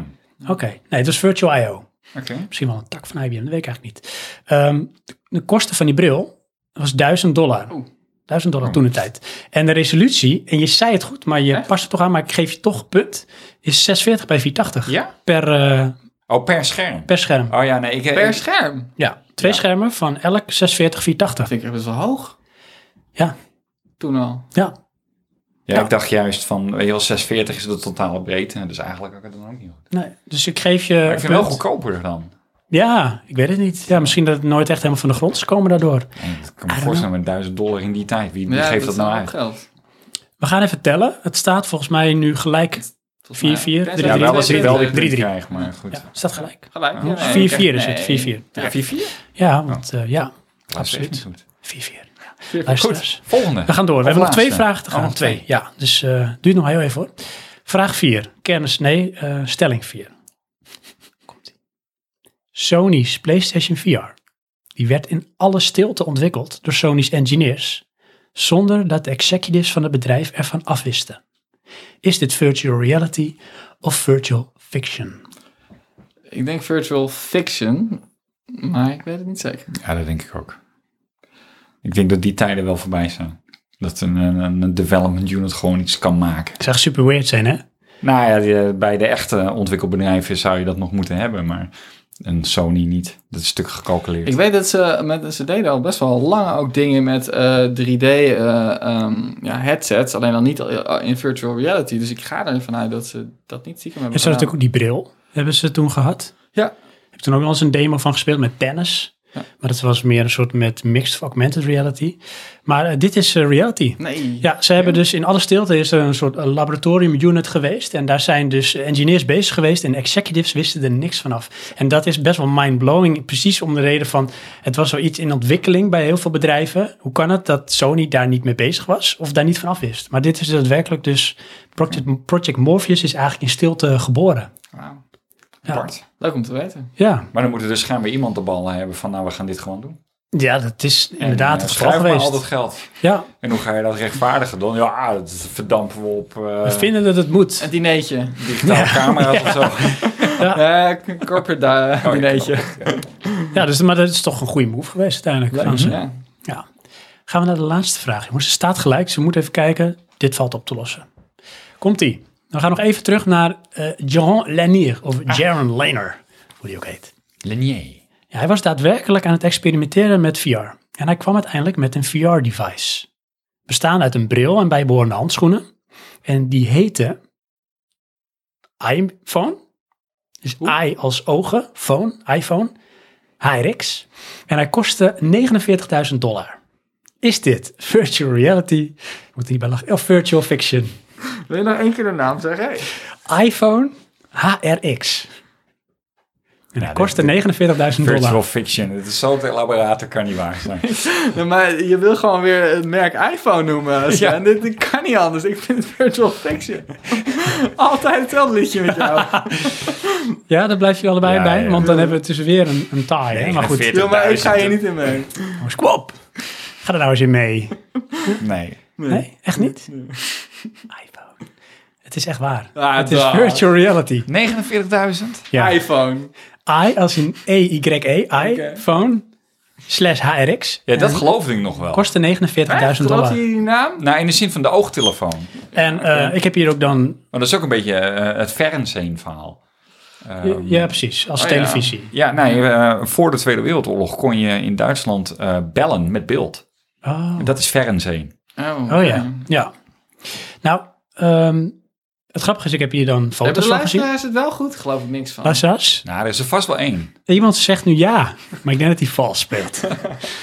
Eh, ik zal je vertellen, ik heb er foto's hiervan gezien en dit leek heel erg op, ik weet niet of je die film kent, The Lawnmower Man. Ken je die film? Ja. Die moet je helemaal opslurpen, want dat is, Ja. gaat ook over oud. mij een soort, ehm, een, ehm, soort eh, uitvinder of wetenschapper. En die heeft een, een buurjongen, die is volgens mij autistisch of iets. En die komt dan helemaal los, of die, zijn IQ gaat omhoog, doordat hij in aanraking komt met virtual reality. Een beetje dat idee, zo ziet dat eruit. Virtual reality, zegt het internet. Dat was de quiz. Eh, we hebben dus een, een tie, dus gelijk spel. Dus jongens, voor beide eeuwige room, eeuwige virtual room. Ja. En voor de luisteraars misschien even. Dat is leuk. Wel wat geleerd. Wel wat, wat Ja, zeker, ik ja. vond, eh, vond het leuk. Wat is, wat is het meest blijven hangen? Eh, Wat het ontzettend leuk gepresenteerd werd. Nou ja, en die, dat Sony eh, in, eh, in het geheim dus Ja, dat, dat, apparaat heeft lopen Vind ik ontwikkelen. echt uitzonderlijk. Dat is toch wel weird. Ja. Dat is gek. Ja. Ja. Het, eh, goed, het iPhone eh 49.000 euro en het zal zo. Ja. Maar, of dollar, wat was het? Dollar, Wie, ja. wie heeft dat nou? Ja, nee, kan toch het, niet? eh, het slaat ook nergens Het op. was, eh, ook, het was geen economisch succes, neem ik aan. Nou, ik denk dat het ook misschien niet verder kwam als Of een ze hebben soort, er één eh, verkocht en als, dus- een, als een soort kit of een proof of concept. Oh, wat je ja. dan, als je het echt wilde, misschien net als die Google Glass of zo, dat je dan eh, veel moet betalen voor een inferieur product. Ik denk voor, eh, ja, voor het leger of zo, die hebben al vaker dat soort nieuwe, eh, nieuwe apparatuur waar ze dan Ja, dat eh, zou in investeren en dan op de een of andere manier een applicatie voor eh, vinden. Ja. Nou, Dat zou nog wel kunnen, inderdaad. Ja.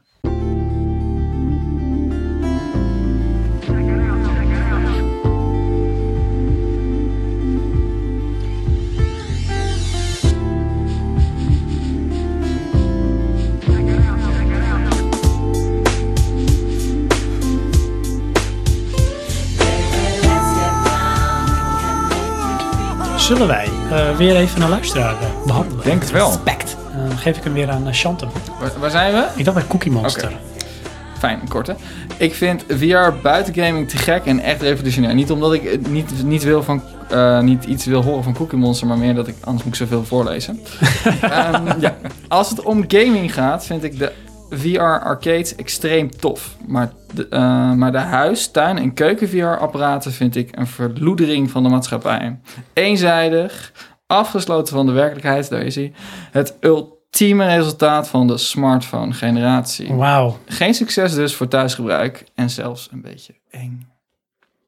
Ik krijg rillingen over mijn nek. Ja, als in van hoe kun je dat nou zeggen of vinden? of, of zo- sluit je erbij ik wil, aan? ik wil hier meteen, mag ik hier meteen op reageren? ja, tuurlijk. Ik word hier een beetje... Lekker vanuit van. emotie ook. Ik word hier een beetje verdrietig van. En de, weet je, iedereen mag zijn eigen mening hebben. Cookie Monster, ik zie ook echt gewoon een traan biggelen zo langs de wang van Chantem. Ja, maar omdat ik dat, dat woord gimmick en, eh, en eh, ja, eng en, eh, en ja, heel erg op jezelf. Er zit er altijd wel kern van waarheid in, ergens. Maar het is wel iets wat ik gewoon zo graag doe. En ik zou het zo jammer vinden als, ja, als het stopt. En als, als de algemene consensus binnen maatschappij heerst zo van... Nou, dit kan echt niet en dit is stom en dit is een gimmick. Dat kan wel invloed hebben. En dan zie ik, ja, mijn, eh, mijn hobby zie ik een beetje teniet gedaan worden. Iets wat ik toch heel graag doe. Dat is gewoon puur emotioneel hoe ik daarop reageer. Ja, maar goed, er valt wat voor te zeggen. Want vind je ook zeg maar dat daarin, noem even, de publieke opinie een verkeerd beeld ervan heeft? Ja, en dat heeft ook te maken met hoe, eh, denk ik, Sony en al die andere VR-bedrijven het presenteren. Zo van, dit gaat alles omgooien. Is onzin, weet je. Het kan heel prima naast je gewone game eh, leven. Elke zaterdag, of heel vaak, zit ik met eh, familie of vrienden... zit ik op de bank gewoon, een splitscreen, op mijn beamer... spelletjes te spelen. Helemaal leuk. En ik hoef echt niet elke avond VR te doen. Hadden ze het dan misschien ehm, meer mainstream la Nintendo moeten aanpakken? Nintendo zet vaak in op, zeg maar, samen, gezellig, familie. Mm, Kom maar ja. Als ze nou zo'n propositie, zo'n beeld hadden ge- ge- gebouwd rondom VR, zou het dan ook anders landen? Nee, want dat is het niet. Het gaat erom, eh, tenminste vind ik dan, de, de, de uiting die gemaakt wordt in de, de reclame voor VR is van, dit is het nieuwe, dit is gaming. En dat Oh, en is dan, het niet. dan zeggen mensen, ja, maar dat wil ik helemaal niet. Inderdaad, ja, dan moet ik met een helm op zitten. Ik ga niet met een bril op thuis zitten. Dat zeg ik namelijk zelf ook over 3D-televisie. Eh, dus dat snap ik dan wel. Maar eh, ja, dan kom ik toch weer bij die stuurtjes wel. Van nee, dit is ook gaming en dit is wel degelijk iets anders. Maar het is niet de vervanger van. En ja, dat verhaal wordt niet verteld. Het is, het is echt een beetje... eh, Anders ze vind ik het ook wel goed hoor van Sony. Van die gaan er dan vol in van dit is VR, dit is het nieuwe. Want dan krijgt het ook een platform.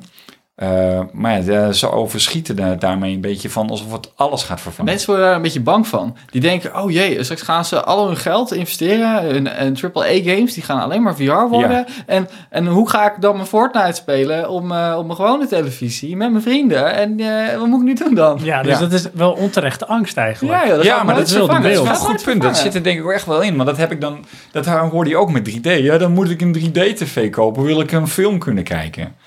Nou, dat is helemaal niet gebeurd. Die 3D-televisies zijn al helemaal niet meer. Nee. Dat is echt een gimmick die dat is echt, eh, eh, naar de achtergrond zweeft. Maar dat is dan eigenlijk ook weer de, de angstpropositie bij VR. Van, ja, dan heb ik straks die VR-set en dan verdwijnt het naar de achtergrond. Ja, want precies. En dat beeld, dat heerst. Ik herken dat wel een beetje. Ja. Ik kijk daar zelf ook wel een beetje zo tegenaan.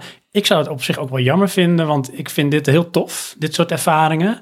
En eh, ik zat ook heel lang al te twijfelen om een PlayStation VR te kopen. En ik zou het nog steeds willen, maar dan wacht ik toch nog een keer tot het moment dat ik echt nog even wat geld over heb liggen en dan koop ik het wel.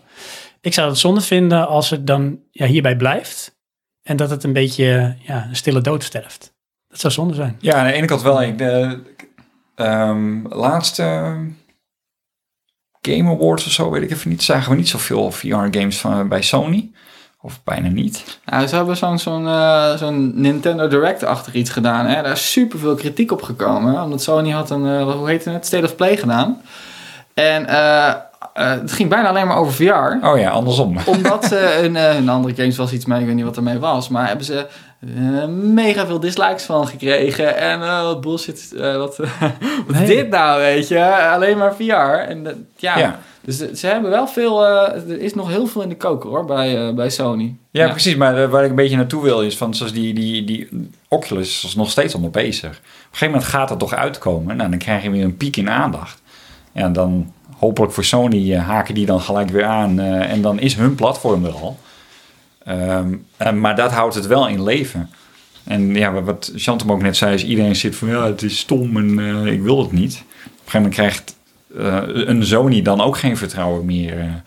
Nog even los van ons, naar onze podcast luisteren. Maar, Ja, dat is absoluut. maar dat is wel een ding. Nintendo ziet er wel eh, iets van een, een. Die ziet hem, denk ik, iets meer als een gimmick. Want ik weet niet of jullie het hadden gezien. Maar Nintendo, die eh, heeft. eh, er zijn nu reviews zijn eruit.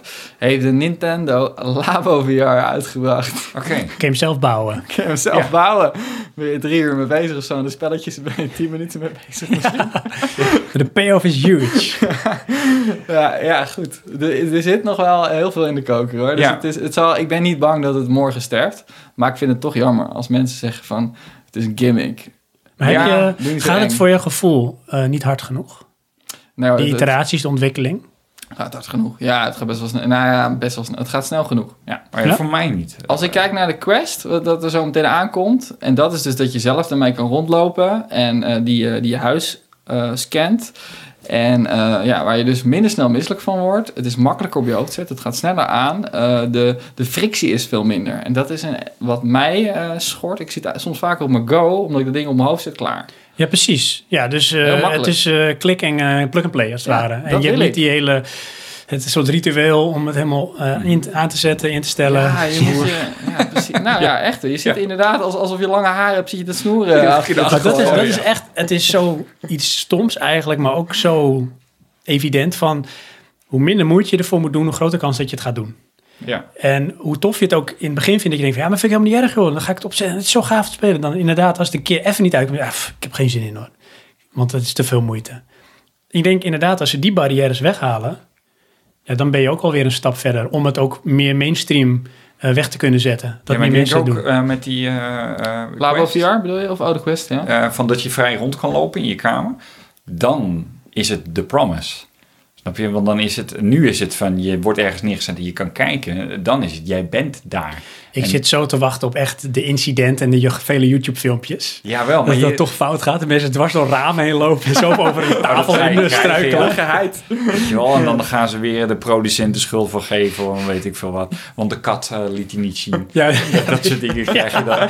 Maar goed, maar de, ik, ik denk dan kom je in niveau, ehm, hoe heet het nou wat ze in Star Trek hebben? De, de holodeck. de holodeck. Ja. Ja. dat is toch ongelooflijk? Ja. Tenminste, ik, kijk Star Trek kijk nog steeds. En dat is toch wel echt een van de games waar ik nou wat fantastisch is dat. En dat kan dan. Ja, ja, dat is eh, nog eh, next level. Ja. Volgende stap. Eh, even kijken jongens, want we hebben nog genoeg luisteraars. Ehm, ik heb ook nog wat vragen. En we gaan ook gezien de tijd even kijken of we keuzes maken. Ik ben wel even benieuwd. misschien even kort in een toelichting. Wat is je beste en wat is je slechtste VR-ervaring tot nu toe? Ja, dat is, eh, voor mij is het vrij makkelijk.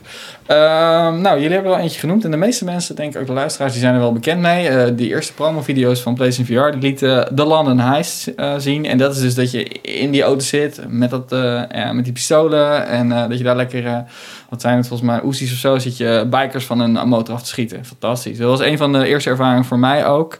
Dat was echt heel tof. Maar ik heb echt een heel lijstje. Er zijn zoveel toffe ervaringen. Je hebt Firewall Zero Hour, dan zit je met de aimgun. Dat is een soort van mitrailleur, dat je fysiek in je hand hebt. Hè. Dat is een aparte peripheral, zo'n, eh, hoe noem je dat? Een, eh, hoe noem je peripheral? Ja, Ja, en, Een, eh, aanvullend iets. ja, nou, een, eh, Ehm, een, on- een accessoire. een accessoire, accessoire. additionele accessoire. Die je kan kopen bij de PSVR, die wordt ook getrackt. En dan zit je met zo'n mitrailleur. eh, ja, kan je, eh, ja, kan je eh, dat is team-based, eh, co-op, moet je praten met, met mensen online. Van, nou, we gaan die gast daar doodschieten en weet ik veel wat. Gewoon ja, die leuk. schijnt het wel heel goed te doen. Die is hè? echt heel goed. Ja. Ja, die ziet er, heel, die ziet er ook nog betrekkelijk mooi uit. Je krijgt al een downgrade, omdat het, ja, het moet twee keer renderen. Maar eh, Firewall ziet er mooi uit. Nou, je hebt Wipeout, dat, dat ken je, alleen dan in VR. Super tof. Astrobot, wat we ook al genoemd hebben, met dat robotje. Super schattig en een heleboel leuke... eh, er zit heel veel, dat vind ik wel, er zitten heel veel gimmicks in. Ja. Dus elke keer, oh, weer een nieuw grappig dingetje. Als ik nu op mijn touchpad druk, dan eh, schiet ik water. Als ik nu op mijn touchpad eh, druk, dan gaat die ballon schieten. Ik zeg maar iets. Dus dat is echt heel tof ook. Eh Raz, hè, de oude Dreamcast. de oude Dreamcast game die op een gegeven moment naar de PS2 ging. Dat is nu in VR. Ja, de- dan raak je helemaal een beetje de weg kwijt. je. Het is een beetje... Dat Ja, eh, lijkt me wel chaotisch. ja het, maar het is wel heel vet. cool. Ja, eh, Pinball FX, dat is, eh, nou ja, flipperen. En in VR, dat vind ik tof. Eh, wat heb ik nog meer? Ik heb hier Resident Evil staan. Ja, dat is eentje die me echt bij is gebleven. Ja, Ik want heb- Ja? ik heb alleen daar dan ehm, de demo van gespeeld. Ja. We waren toevallig op vakantie, ik had de Playstation mee. En ik denk, ik ga die demo spelen, dat is Ja. een paar jaar geleden. En mijn vrouw zat achter een boekje te lezen. Dochter lag al bed Ja. in een vreemd huis. Ik vond het eng. Ik vond dat al eng. Ik dacht toen op dat moment ook van, als dit VR gaat worden, als ze dit in VR, scheid ik drie eh, kleuren poep. Ja, zal ik je een geheim vertellen? maar ik heb wel soms dat ik eh wil dat mijn vrouw naast me op de bank zat. Als ik het speelde. af en toe even zat naast Zit mijn vrouw dan naast me? Het lijkt me zo eng vanwege de suspense. Het is echt eng, jongen. Krijg je opeens zo'n eh, zo'n eng gezicht in je hoofd gedouwd. En je weet niet wanneer, maar je weet dat het gaat komen. En, oh, maar dat- man. Ik weet ook, volgens mij was dat Apenhul, die had het volgens mij ook verteld. Die ehm, had dat, dacht ik, ik weet niet of het nou VR was of, of gewoon gespeeld. Ik dacht misschien VR.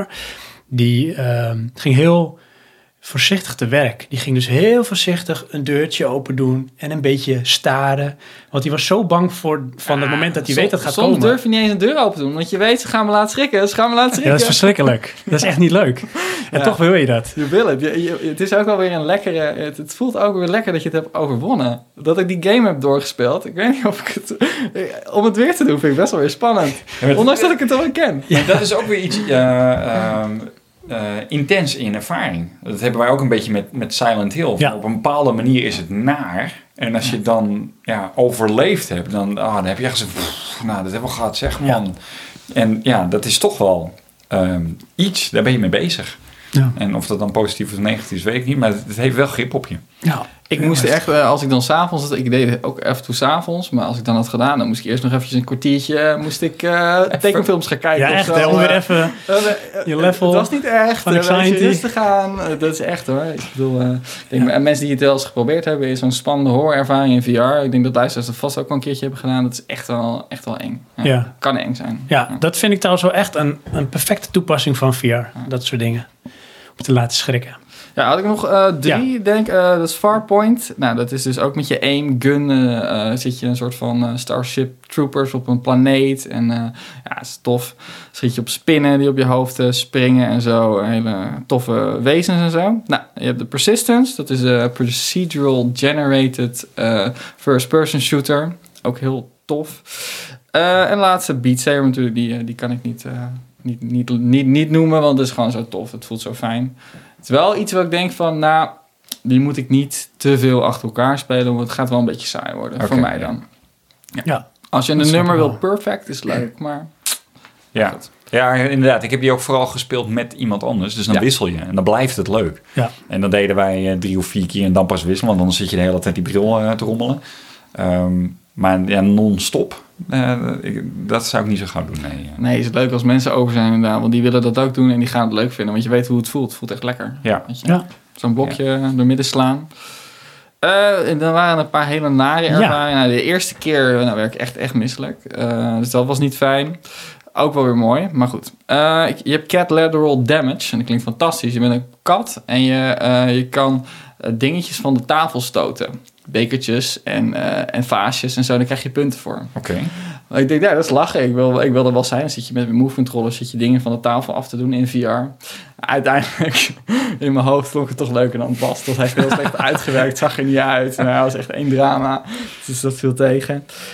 Eh, wat ik nog meer niet echt leuk vond, was ja, Drive Club VR. Het is een, eh, een maar wat ik het idee heb, is dat de, dat de developers, die hebben gezegd, nou ja, deze game, Drive Club, eh, dat vergt best wel veel voor de PS4 en de PS4 Pro.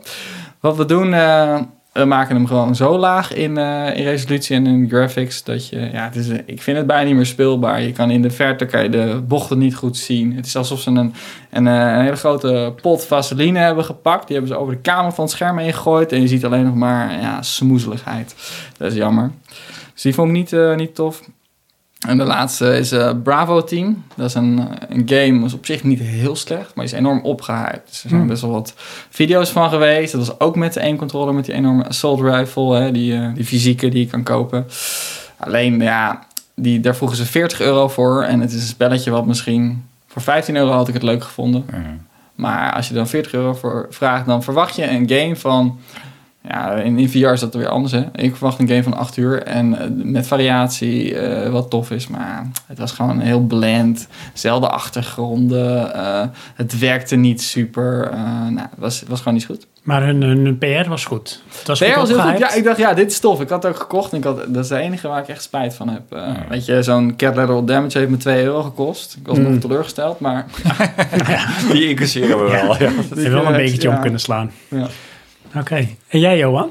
Ehm, Experiences? Goeie of slechte? Goeie of Eh, slechte? de leukste vind ik een beetje moeilijk, maar dan denk ik toch wel de, de London Heist. Maar dan zie ik dat dan als setting in geels. Dus met eh, mijn vrouw en ook mijn broertje. Die zag ik dan ook zo kwijlen onder een, onder, een- onder een kastje, eh, wa- wat er dus niet in het echt is. Eh, dat vind ik wel eh, fantastisch qua ervaring. En die komt binnen twee maandjes komt het volledige spel ervan uit, hè? Ja. Waarschijnlijk in of, of eind mei of juni. Oké. En dat heet, eh, hoe heet het ook weer? Blood and Truth heet dat. Oh, Het is van dezelfde makers. En die hebben dus die ervaring dan uitgebreid en met meer en meer uren. Een uur- uurtje of zeven of zo. Ja, Dus, dus weet dus een, en een volledige game. staat hoog op mijn lijstje ook. Cool. En de, de negatieve, de, of de teleurstelling, was eigenlijk, ehm eh hoe heet die nou? Eh, Valkyrie. Eve. eh, Valkyrie. Maar dat was dan meer, eh, ik keek daarnaar uit, van nou, dat lijkt me echt fantastisch. En dan, dan je, oh, ik heb een demo, dat is mooi, dat hoef ik hem niet te kopen. En ik, toen was wel eh, een beetje aan het einde van mijn speelsessie, maar ik vlieg eruit en ik ga torderen en ik was gelijk misselijk, toen moest hij af. En toen was het ehm, zo erg dat ik echt mijn- ding af moest zetten. En toen dacht ik, "Zie je, maar dat kan ik helemaal niet spelen. En dat, ja, dat was een bepaalde teleurstelling. Dat is eh. echt jammer. dat niet dat dat slecht of goed is, maar ik had echt zoiets van: dit is voor mij eh, wat VR heel goed kan. En dat kan ik dan niet spelen. Dat is toch wel een beetje raar.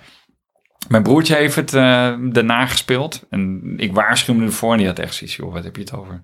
Die vliegt gewoon eh, alle draaiend erachteraan. En die was gewoon die game aan het doen zoals het moet zijn. Dus eh, ik ga het nog een keer proberen. Maar ik heb het nog niet gedaan. Alleen ik had echt zoiets van, ja, dit, dit is gewoon een belemmering. In plaats van eh, een Ja. openbaring eh, van wat zo'n game kan En zijn. dan legt het een soort een, nog een fysieke reactie erop Ja. bovenop. En dan is het gewoon eigenlijk klaar. Ja, ja, dat was raar. Maar goed, Ja. kan Daarom niet alles. Nee. Ik heb kort, ehm, ik heb natuurlijk niet zo heel veel VR-ervaring. Ik heb een keer op de ehm, First Look, heb ik, eh voor mij was het Oculus Rift, heb ik een game gespeeld die volgens mij ook voor de PlayStation VR is. En dan ben je een vogel. Bird. Eagle Flight. Eagle Flight. Eagle Flight. En wat ik daar heel tof van vond, omdat ik dat totaal niet had verwacht, is ik maakte op een gegeven moment een soort snoekduik. En ik kreeg kriebels in mijn buik. Oh ja, En dat vond ik zo weird en ook tof tegelijk. Dus die is heel erg blijven hangen. Nou, de London Eye werd al genoemd. Uh, Beat Saber, omdat ik daar het gevoel had van hier doen ze iets wat gewoon eigenlijk ook alleen maar goed werkt voor dit product, voor VR. Dit is gewoon hoe je VR kunt doen. En dan voelt alles meteen goed. Dus dat vond ik helemaal te gek. Eh, slechte ervaring is ook al genoemd, dat is die Drive Club. Die speelde ik en toen werd ik ook kotsmisselijk.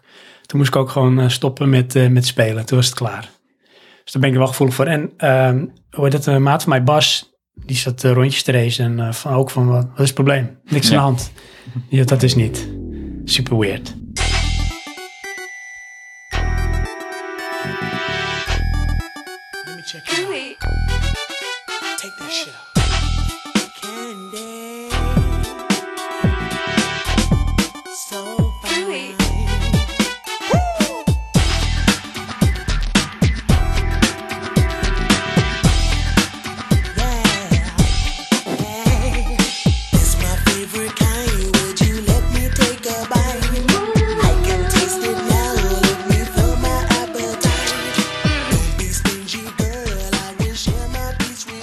Nog een vraag en dan een luisteraar. De vraag is... Nog een vraag komt ie. Voor wie is virtual reality niet geschikt? En voor wie juist wel? Ja, eh, ik, daar kan ik wel wat antwoord op geven. Eh, dat is gewoon het begin, dat, hoe het nu nog is. Het, dit kost het is veel frictie. Hè? Dus eh, je moet een apparaat opdoen, je moet dingen klaarzetten. Het kost moeite om een iets intensere ervaring te hebben. En mensen die liever, eh, die willen gewoon gamen voor hun, voor hun plezier, willen chill zijn of willen het doen op een hele relaxte manier met allerlei dingen terwijl ze ook op hun mobiel zitten of zo. Eh, je hebt ze. Eh, of willen het misschien alleen op het toilet doen met de telefoon. Daar is het gewoon niet geschikt voor. Je, hebt er, je moet er energie in steken om het ding op je kop te zetten. Je moet energie insteken om, om je op te laten nemen in die wereld. Dus ik denk dat het niet geschikt is voor mensen die heel relaxed willen gamen. Maar het is... ehm, eh, je moet veel moeite voor doen om Ja. wat uit te krijgen. Ja. Maar op zich kun je er wel hele korte sessies mee doen. Ja, dat is waar. Maar eh, goed, ja, het vormt toch een drempel als, als je uit je kastje je, je VR-headset moet halen en je camera eventjes rechtop moet zetten en eventjes je, je, je bankstel of je, of je tafel, je salontafel iets aan de zijkant wil schuiven. Ja, Dat wil niet moet je toch elke keer weer even doen. Ja. PC Ja. is één knop, hè? Bam. en spelen. Ja, ja. Of of eh, je- PlayStation trouwens ook. dat Ja, op je- zo. Maar ehm, ja, ik, ik denk, eh, ik ben het daar wel mee eens hoor. Maar aan de andere kant heb ik zoiets, eh het is eigenlijk wel voor iedereen. Er is voor iedereen wel wat wils qua ervaring. Ehm, Maar het is inderdaad niet eh, casual gaming. Dat is het niet. Nee. Eh, of, of wat hij zegt, eh, relaxed even gamen. Dat, eh, dat is het niet. Je, je, je moet er wat moeite voor doen. Ja, en die, die moeite moet je ervoor over hebben. Ja. Dat, Ja. eh, maar ik, ik raad het sowieso iedereen aan. Je moet het een keer proberen. Je moet het een keer eh, Ja, is ervaren. leuk man. Gewoon, Ja.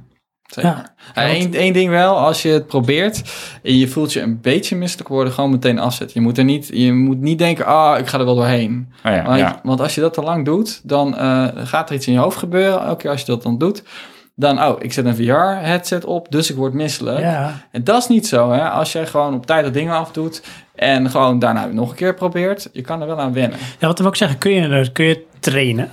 Ja, Ja? zeker. ja, dat geloof ik ook. Maar hoe train je dat? Nou, ik had, eh, mijn eerste game was dus die eh, compilatie-cd, eh, David, wat is het, Blu-ray met eh London eh, een of andere eh, Space Odyssey-achtig heette het. Eh, je had een soort van Pong-spelletje. En ik begon met die Shark Cage, hè, waar ik ook heel veel mensen in heb gezet. Dat is, dan hoef je niks te doen en er gebeurt niet zoveel. En daarna ga je naar London Heist, dus dan zijn nog steeds stil. En je moet dat opbouwen en dat doe je dan veel. Dan zo'n Pong-spelletje, dan beweeg je wat meer met je hoofd terwijl je aan het spelen bent. En dan pas eh, probeer je spellen te spelen waar je dus fysiek stilstaat, maar op de een of andere manier met je controller moet gaan bewegen. Want dat is het heftigst. Als, jou, als jij draait terwijl je zelf niet draait, of als jij naar voren gaat terwijl je zelf niet naar voren gaat, dat is het lastigst. Dus daar moet je aan wennen en gewoon steeds proberen, steeds ja, van kort, vijf minuutjes, tien minuutjes, kwartiertje. En zo heb ik Resident Evil, kon ik in aan het begin ook niet spelen, daar werd ik kotsmisselijk van. Omdat je zoveel loopt en beweegt en draait, zonder dat je dat fysiek ook doet. En dat heb je dus ook zo opgebouwd. Ja. Ja, aan het begin, ik baalde ook. Ik wilde, ik wilde Drive Club VR wel spelen, omdat ik het gruwelijk lelijk vond. Ik wilde wel spelen, maar ik werd kotsmisselijk van. Ik wilde Resident Evil meteen helemaal kunnen spelen. Kan niet. Moet je ook niet gaan proberen, want dan... Ja, het kost, dit kost dus ook weer moeite om je daar doorheen te worstelen. Ja. Ja, hebben, zoals met die eh, Valkyrie, waar, waar- werd ik in één keer heel misselijk, dus moest hij af. Maar eh, Wipeout en ehm, en inderdaad het demo-spelletje waar je een soort van looprobot zit op een planeet. En die gaat ook, weet je wel, dat je anti-zwaartekracht staat. Dus, dus, dus raar eh, ten opzichte van het horizontale vlak. Ja, dat kan je dan een tijdje spelen en dan, dan moet je ook stoppen. Dus dat, dat, eh, dat moet je inderdaad wel trainen. Tenminste, ik denk dat je dat kan trainen. Ja. Want als je dat maar in sessies eh, gewoon eh, doorgaat, dan worden die sessies vanzelf langer. Het is Ja. zo jammer, want je, de beste, de tofste spellen die je hebt, die, ja, die hebben het full locomotion. Dat je, dat je moet bewegen in de wereld. Weet je, ik vind zo'n spel als The Persistence of eh, wat ik noemde, ja, die, die, die, al die spellen met die hè, Firewall en ook eh, je Farpoint. Daar beweeg je met die sticks. En het is zo tof, maar ja, het kost ook, het lichaam moet er echt aan wennen. En Farpoint gaat dan nog wel, want dat spel is zo opgebouwd dat je eigenlijk nooit heel veel hoeft te draaien. Ja. Alle actie, die beesten komen ook allemaal aanvallend van voren en nooit van de zijkant. Dus die eh, als overgang naar volledige bewegen kan je die gebruiken. Of je gebruikt bij elk spel teleportatie, maar dat is voor sommige mensen wel dat het een beetje de, ja, de ervaring breekt. Ja, Ja. dat haalt de magie weg. Want Ja. dat vond ik ook eh, bij, bij Skyrim. Eh, ik heb wel een aantal manco's, maar zodra ik een pijl en boog in mijn handen kreeg, Ja. de hele tijd pijl en boog schieten, vond ik zo cool. Ja. En dan dat lopen, dan, dan zit je dat sturen en dat draait niet helemaal lekker mee, omdat je dat niet goed beheerst. Nou, dat had ik dus En- met name bij Doom, eh, Ja. dat we die speelden. Van, ik was veel te veel bezig met hoe moet ik dit nou gaan doen? Hoe kom ik op die plek met het teleporteren? Ik, dat wil ik niet. Ik wil gewoon die game kunnen spelen. En dat haalt me eruit. Ja, Dus dat vond ik lastig. inderdaad. Maar voor de bewegingsziekte is dan de teleporteren toch wel beter. Ja, Dat, en dan, dan heb je dat niet. Nee. Maar ja, dan sta je wat ongelukkiger, dus dat is toch ook niet helemaal eh, Ja. De invulling. lastig. Lastig. Een luisteraar. Een luisteraar. Pak jij hem? Ehm, welke doen we? We, even kijken, er wordt nog gereageerd door King of the Rain op Heather Grace. En dat was wel grappig. Dat ging dan over het ruiken van eh, spellen. En die refereerde dan naar een PS2-magazine die hij had. En daar schreef ze het over. Maar op zich kunnen we die dan wel even laten. Hoe leuk die ook is. Zou ik zeggen oldschool? In no school, but the old school. Daar Ja, weer. is hij weer. Eh, ik heb er geen ervaring mee, maar het trekt me ook totaal niet. Dat is wel leuker dan, ja. Je sluit jezelf af van de omgeving. Natuurlijk met als doel een andere wereld instappen. Maar dan nog trekt het me niet. Ik speel liever samen in contact met de medespelers. Het lijkt me trouwens inderdaad iets waar ik ook snel misselijk van kan worden. Nou, samenvatten trekt totaal niet liever samen spelen. Ja, Ehm, Ja, eh, wat ik dan eh, toch weer heb is, eh, probeer dat gewoon een keer. Want het is echt wel een ervaring. En ehm, het is niet per se de vervanger. Samenspelen kan altijd nog. Dat is ook zo een onbekend maakt op moment. Hè? Je kan er inderdaad wat van vinden vanuit jouw, noem het maar even, paradigma als eh, traditioneel gamer. Ja. Maar dan doe je denk ik het product tekort als je die ervaring niet een keer ervaart. Ja, het grappige vind ik dan, dit- hij komt best wel, tenminste ik had hem ook, maar eh, naar boven van eh, je kan niet samenspelen. Maar hoeveel games kunnen nog eh, splitscreen? Ja, Je moet echt zoeken, hè? er wordt niet zoveel reclame meer Nee. voor gemaakt. Van we gaan met z'n allen, ja natuurlijk Nintendo doet dat wel, maar als je kijkt naar Playstation of Xbox, is dat toch minder. Het is Ja, alleen, bijna. alleen maar online. Ja, Klopt. inderdaad. maar ik Dat moet is- zeggen, ja. ik, ik speel met een maat van mij dan ehm, soms couch co-op. En dan zoeken er wat games vooruit. En eh zo nu dus uh, Guns, Gore en Cannoli, deel 1 en deel 2. En dat vind ik echt wel een ervaring. Net als dat we vroeger ook op de, op de bank samen gameden. Dat vind ik, dat is niet te vervangen. Maar Nee. zo moet je het misschien ook niet zien. Maar die, ik snap wel daarin van als daar je voorkeur ligt. Ja, maar dat is ook niet, dat bedoelde ik niet meer. Het is ook niet zozeer te vervangen, Nee. maar het, het is meer van, dat is er al bijna niet meer. Nee. Snap je? En ja, dit is gewoon hoe het nu is, eh, maar wel VR. Ehm, daar, als je dat samen op de bank gamen, ja, dan moet je echt je titels voor gaan Je zoeken. hebt, je hebt wel, je hebt voor VR heb je de diner duo. Dan is er één iemand is met de controller is hij, eh, is hij de bediener. En de ander die zit te bakken. En moet je naar elkaar roepen, eh, ik wil eh, nummer 4. En dan ga je in VR nummer 4 maken. En ga doe jij je drink, drankjes. En dan moet je met je controller moet je drankjes gaan halen en dingen eh, bij Tof. mensen op de tafel neerzetten. Oh, dat Super wil ik hebben. Voor met je vrouw, Ja, voor met je precies. vrouw is het Het klinkt perfect. een beetje als... Mijn vrouw is eh, kok. is echt tof. Ga het ook je weer? Dat of zoiets? Ja, Ja. ja. Ja, zoiets is het. eh, en dat is superleuk. Oké. En je hebt eh, Is er één? Pixel Gear heb je. Dat is dan eh, de, degene in de VR. Die ziet, laat maar zeggen, om zich heen allemaal poppetjes lopen. En eh, er liggen allemaal muntjes. Alleen hij ziet de spelers niet. En al die poppetjes, eh, die zien er hetzelfde uit als de spelers. Alleen de spelers zitten met een controller, zitten die rond te lopen in die speelwereld. Maar hij kan niet het verschil tussen, tussen een boom uit, die door de computer wordt gestuurd of die stilstaat, eh of een poppetje die de computer wordt, eh, door de computer wordt eh, bestuurd en de echte speler. Dus die spelers gaan muntjes proberen te pakken zonder dat de speler dat doorheeft en wie nou de speler is. Dus die, je hebt twee guns als, als je in VR zit en dan moet je dus schieten op bomen en op, op poppetjes waarvan je denkt, ah, dat, jij bent waarschijnlijk Oh, die gast die naast me zit. En je probeert dus, je kan zien waar de speler in VR naar kijkt. Ja, dus als hij naar links kijkt en jij zit rechts op het scherm, kan je snel gaan lopen, een muntje gaan halen. eh, voordat hij ziet dat ja, als je een boom bent, dan moet je dus niet lopen. En als ik zie dat een boom loopt, dan schiet ik erop. Ja. Dus het is echt geniaal, het is hilarisch. Leuk ja. Ja, dat, Dat is een grappig concept. En de laatste die ook eh, wel tof is, is Keep Talking and Nobody Explodes. Die ken ik dan wel, ja. Dus nee, ik heb eh, eh, boekjes uitgeprint met handleiding hoe je bommen ontmantelt. Degene in VR ziet de bom voor zich, niemand ziet het verder. En ja, je moet hem er doorheen werken. Welk draadje moet hij knippen? Eh, heeft hij zoveel batterijen? Eh, nou, dan moeten we het volgende doen. Het is heel tof. Ja, Oh joh. heel veel communicatie zit erin. Ja. Dat is echt lachen. Die had toch een prijs gewonnen daarvoor? Ja, zo? ja. die heeft ook een prijs gewonnen. Ja. Ja. Ik denk ook wel dat je het met dit soort dingen, als het product de gimmick is, dan moet je er natuurlijk van alles omheen verzinnen om dat interessant te maken. En dan kom je juist, denk ik, om dat soort eh, concepten kom je dan uit. Wat Ja. het dan leuk maakt. Ja, maar in dit geval is het dan ook weer het samenspelen. Dat ja, is hier het nou, concept. juist dat. eh, ja. Ja, en de Playroom, dat is... eh heb je er wel eens gedaan? Heb jij wel eens gedaan, Johan? Playroom, Weet ik VR? even niet. Dat is van Sony zelf. Het zijn mi- superveel minigames. Dat je, eh, heb je vier controllers en dan doe je spelletjes. Eh, ook een beetje hetzelfde als wat ik beschreef. Hè. Dan is één bijvoorbeeld eh, is degene met het wapen. En de anderen zijn allemaal muizen. En die moet je dan proberen te Oh ja, vangen. ja. Dat soort dingen allemaal. En Ja. eh, je moet samen eh, spoken ontdekken. En de VR-player ziet dat niet. En de spelers op de bank die beschrijven waar die zit. Dat soort dingen. Oh ja, tof. Ja, dat, ja, dat is een extra gelaagheid die het toch weer op een andere manier interessant maakt. eh. Ja. Wat old school, jongen, wat hij nou allemaal niet losmaakt bij ons. Ja, bedankt. Maar, ja, bedankt, maar ga het wel een keer proberen. Hè, is eigenlijk het eh, devies. Ja.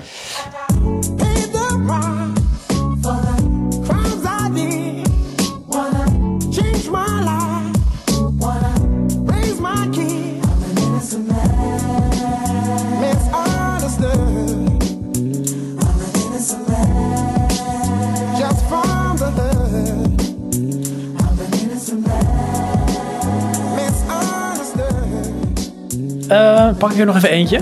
Sagittarian. Die is echt heel lang van stof, maar ik ga het toch proberen. Nee, dat is één zin. Het is leuk, maar het voelt niet helemaal goed. Voor de ogen bijvoorbeeld. Daar vind ik wel, eh, heeft hij wel een puntje. Want wat ik altijd merk, eh, al die keren dat ik dan VR heb gespeeld, en dat doe ik dan misschien ook daadwerkelijk niet, is het effect dat ik ook heb als ik echt heel intensief aan het gamen ben, dan knipper ik minder met mijn ogen. Krijg ik branderige ogen. Nou weet ik niet of ik daadwerkelijk minder knipper met die bril op, of dat het door het diepte willen of kunnen zien komt, dat ik een branderig gevoel krijg. Ik heb het ook als ik naar de bioscoop ga met een 3D-film. Ik krijg echt van die branderige ogen. Eh brandige ogen niet, wel eh, vermoeid. Ja, misschien wel, eh, ja. is dat dan het dus effect. bijna een, een wipe-out, dan knipper ik echt niet. En dan krijg ik wel branderige ogen, want anders mis je de bocht bij mij spreken. Ja, En het is wel iets anders als VR voor mij, dat. oké. Maar inderdaad, ja, ver- vermoeing. Ja, Dat, eh, maar ja, Ervaar je dat ook? zit eh, met Ja. een eh, mobiel op je ogen geplakt. ja, het, echt, je zit, eigenlijk zit je zo. Als je, als, je, als je de helderheid wat minder fel instelt, kan je op de PlayStation VR, als je hem gewoon wat laag doet, de helderheid, dan eh, heb je er minder last van. Dat is wel, ja. Maar eh, het is wel vermoeiend voor je ogen. Ja, Ja, klaar. Ja, dat is duidelijk. Ja, dat, ja. Ga eens tegen een scherm aan kijken. Dat- nee, dat is ook zo. Ja, Dan goed, het als denk ik de hele eh, avond loop te gamen op mijn, op mijn eh, computerscherm of zo en van, van 20 centimeter afstand heb ik hetzelfde. Hè? En er is bij mij geen verschil, maar misschien omdat je andere mensen minder knipperen met hun ogen. Ja. Ja. Dat zou kunnen. Ja. Ehm, je mag er nog eentje voordragen, Ja, Chantal, als je wil. Het is eh, Finger eh, met een 3 eh, als E. Eh VR kan heel leuk zijn, maar ik denk niet dat het in de thuissituatie geschikt is voor lange verhaalde games. Voor iets als Beat Saber is het dan weer wel extreem vet. En als je een race van race games houdt, voegt het ook echt wel wat toe. Ik vind het zelf nog wel net wat te duur en ik wacht dus rustig even eh, af op de prijsontwikkeling die de komende jaren ja, gaat plaatsvinden. Dus uh, samenvattend leuk, maar niet voor langere verhaalde games. Games als Beat Saber zijn perfect. En nog net even te duur, zegt hij. Ja, duur weet ik niet hoor. Het is, ehm, ja, het is wat je ervoor over hebt. Maar als je ehm, goed probeert te zoeken naar aanbiedingen, kan je in principe voor onder de 200 een, eh, een pakketje eh, scoren met VR-bril, eh, met eh, move controllers. Als je tweedehands gaat, zou ik niet aanbevelen, want het kan zijn dat je dode pixels hebt, dat, er, eh, dat de controllers een batterijlading zijn verloren en dat die niet meer goed oplaadt.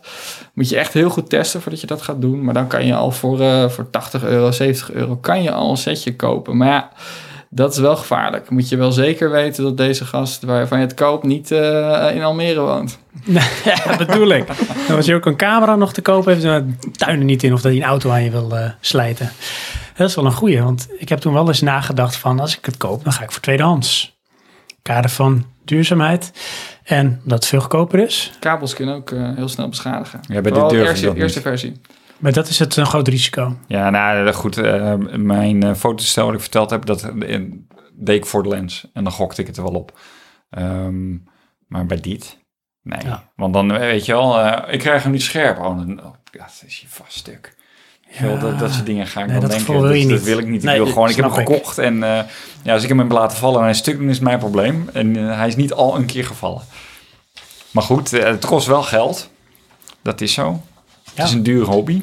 Het is een aanschaf even. Kijk, eh, ik denk wel ehm, dat er een verschil zit wat je koopt. Maar dat komt misschien ook straks in de pro-tips. Want als je al een PlayStation 4 hebt, denk ik dat het juist veel toereikender is om dan een PlayStation eh, VR te kopen.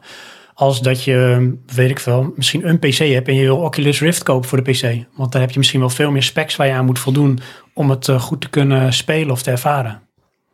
En is het voor mij PlayStation VR nog redelijk betaalbaar. Nou ja, als je, als je al, al elke keer netjes je PlayStation Plus eh, binnen, games binnen hebt gehaald en je hebt PlayStation Plus, zitten er wel al een paar VR-games bij. Volgens mij PlayStation Worlds is een keertje gratis geweest, Rix is een keertje gratis Ja. geweest. Er zijn nog een paar games, dus die heb je in principe al als je dat doet. Maar dit soort oudere spellen, er zijn heel veel sales op VR-games. Dus eh, je moet maar eens voor de grap in de gaten houden. Ehm, eens in de, in de maand zijn er wel weer echt een hele lading spellen voor 50%, 75%, 60%. En duik jij daar dan ook in als liefhebber? Nou ja, ik koop ze vaak al heel snel, tenzij ik niet zeker weet eh, eh, of het wat voor mij is. Of ik denk van, nou, ik vind het te duur voor de game. Maar als ik hem echt wil hebben, zoals nu is Falcon Age eh, uitgekomen. Dat is, dan heb je een pet eh, Falcon. Dus een, eh, een arend, hoe zeg je dat in Een Nederland? valk. Een valk, tuurlijk. Een valk. Goedemorgen. Een valk heb je op, je op je arm en die ga je dan opvoeden. En eh, met hem ga je avonturen beleven en zo. Ah, vind ik tof, dat koop ik gewoon nieuw. En dan, ja, dan betaal ik 20 euro. Dat is niet heel duur. Eh, dan ga ik niet wachten op een sale, want ik denk dit is iets voor mij. En eh, de reviews beschreven ook, dan ga ik dan wel eerst kijken dat het een goede game was. Nou, prima. Dan koop je hem. Ja, dus dan, heb ik niks aan die sales. Nee, nee. Eh, even kijken. Dus het hoeft niet duur te zijn. Games in ieder geval niet. De meeste games zijn korter, dus vaak ook iets goedkoper. Ja. Dus dan moet je gewoon eigenlijk of eh, nou ja, goed naar die sales kijken. En het, je moet ook een beetje in perspectief zien. Dus alle waarde naar zijn geld eigenlijk.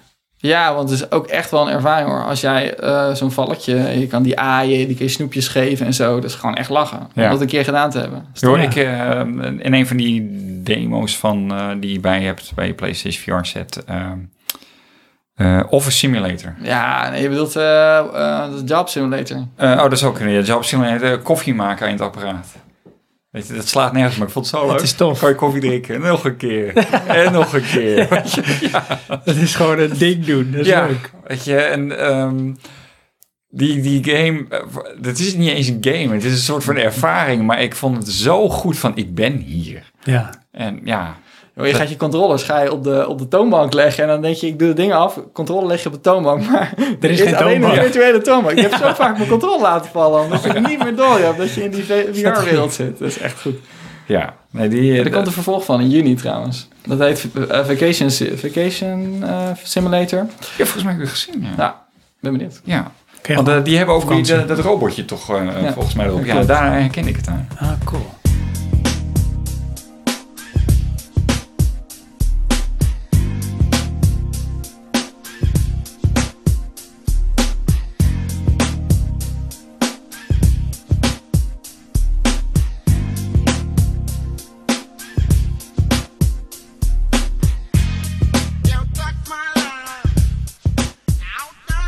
Nog een paar dingen.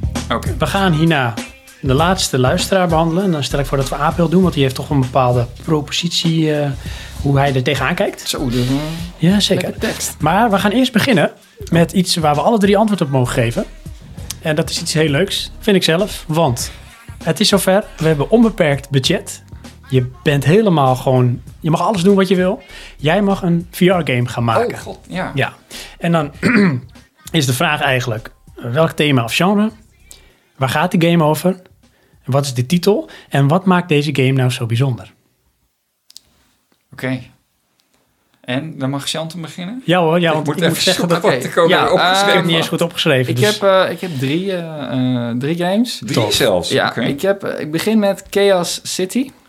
Wow. En de bedoeling is, eh, en dat is het leuke vind ik aan VR, je kan dus, eh, wat jij zegt, al- als office worker, je kan koffie zetten en zo, je kan allemaal dingetjes doen. Maar wat ik wil, is een spel waarin je in verschillende ruimtes zit. En de bedoeling is dat jij eh, zorgt dat er chaos uitbreekt. Dus er zijn allemaal NPC's of echte mensen. En je moet zorgen dat, eh, nou ja, bijvoorbeeld dat je iemand eh, een klap geeft en dan heel snel eh, ergens heen gaat of zo. Of je doet een lichtje uit en dan ga je iets doen dat er chaos uitbreekt. Of je, gaat, iets, je laat iets vallen. Dat mensen denken, oh, dat andere mensen wat doen. En dan gaan ze, gaan ze elkaar lopen beschieten en zo. En dat er gewoon chaos uitbreekt. Dan heb je level uit als, als je zoveel chaos hebt ontstaan. Is die ook multiplayer?